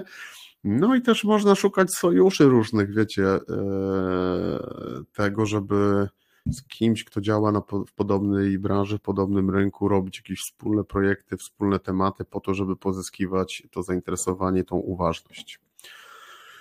No i dobra, słuchajcie, to się wyrobiłem. Yy, tu jeszcze chcę chwilę pokazać, zaraz przejdę do czatu, bo nie wiem czy ten, yy, bo nic nie czytałem, ale tak, mamy dużo jakby możliwości yy, korzystania z tych social media, teksty, zdjęcia, filmy, linki, dokumenty, prezentacje, cała jakby obszerna jest tutaj mm, metodologia pracy i, na to, żeby się wyróżniać. I zakończę temat e, zadaniem, które podsunął mi jeden właśnie z uczestników, chyba jest nawet Rafał tutaj z nami na, na tym spotkaniu, bo podsunął taki temat, żeby jako zadanie dać e, trzy, e, żeby uczestniczki i uczestnicy tego szkolenia nagrali trzyminutowy film o problemie prawnym dla klienta, żeby to zobaczyli, też ocenili i, i ja dodałem, żeby to wstawić na swoje social media. Rafał jeszcze dodał, żeby kierować się tym, żeby to było zrobione dla klienta, nie dla prawnika. E, wiedzieć o tym, że klient chce konkretów, nie przeglądu jakichś orzecznictw i jakichś wydumanych e, elementów. No w trzy minuty to pewnie tam się trzeba uwijać. Mm, język ma być językiem klienta, a nie twoim. Też no, ciekawe zadanie. E, problem ma być ciekawy, praktyczny i ma być rozwiązany, ale bezpiecznie dla udzielającego porady. No, jakaś chyba tu ostrożność procesowa. No, powiem tak, ja też chyba to zadanie będę chciał, w tym tygodniu to pewnie nie, ale będę chciał zrobić i zrobić taki właśnie trzyminutowy filmik, być może o tym, co robię, co robię w tej platformie, może to będzie dla mnie też takie właśnie mm, ciekawe przełamanie, bo takich filmików jakby jeszcze nie, nie, nie nagrywałem. No i słuchajcie, to tyle w części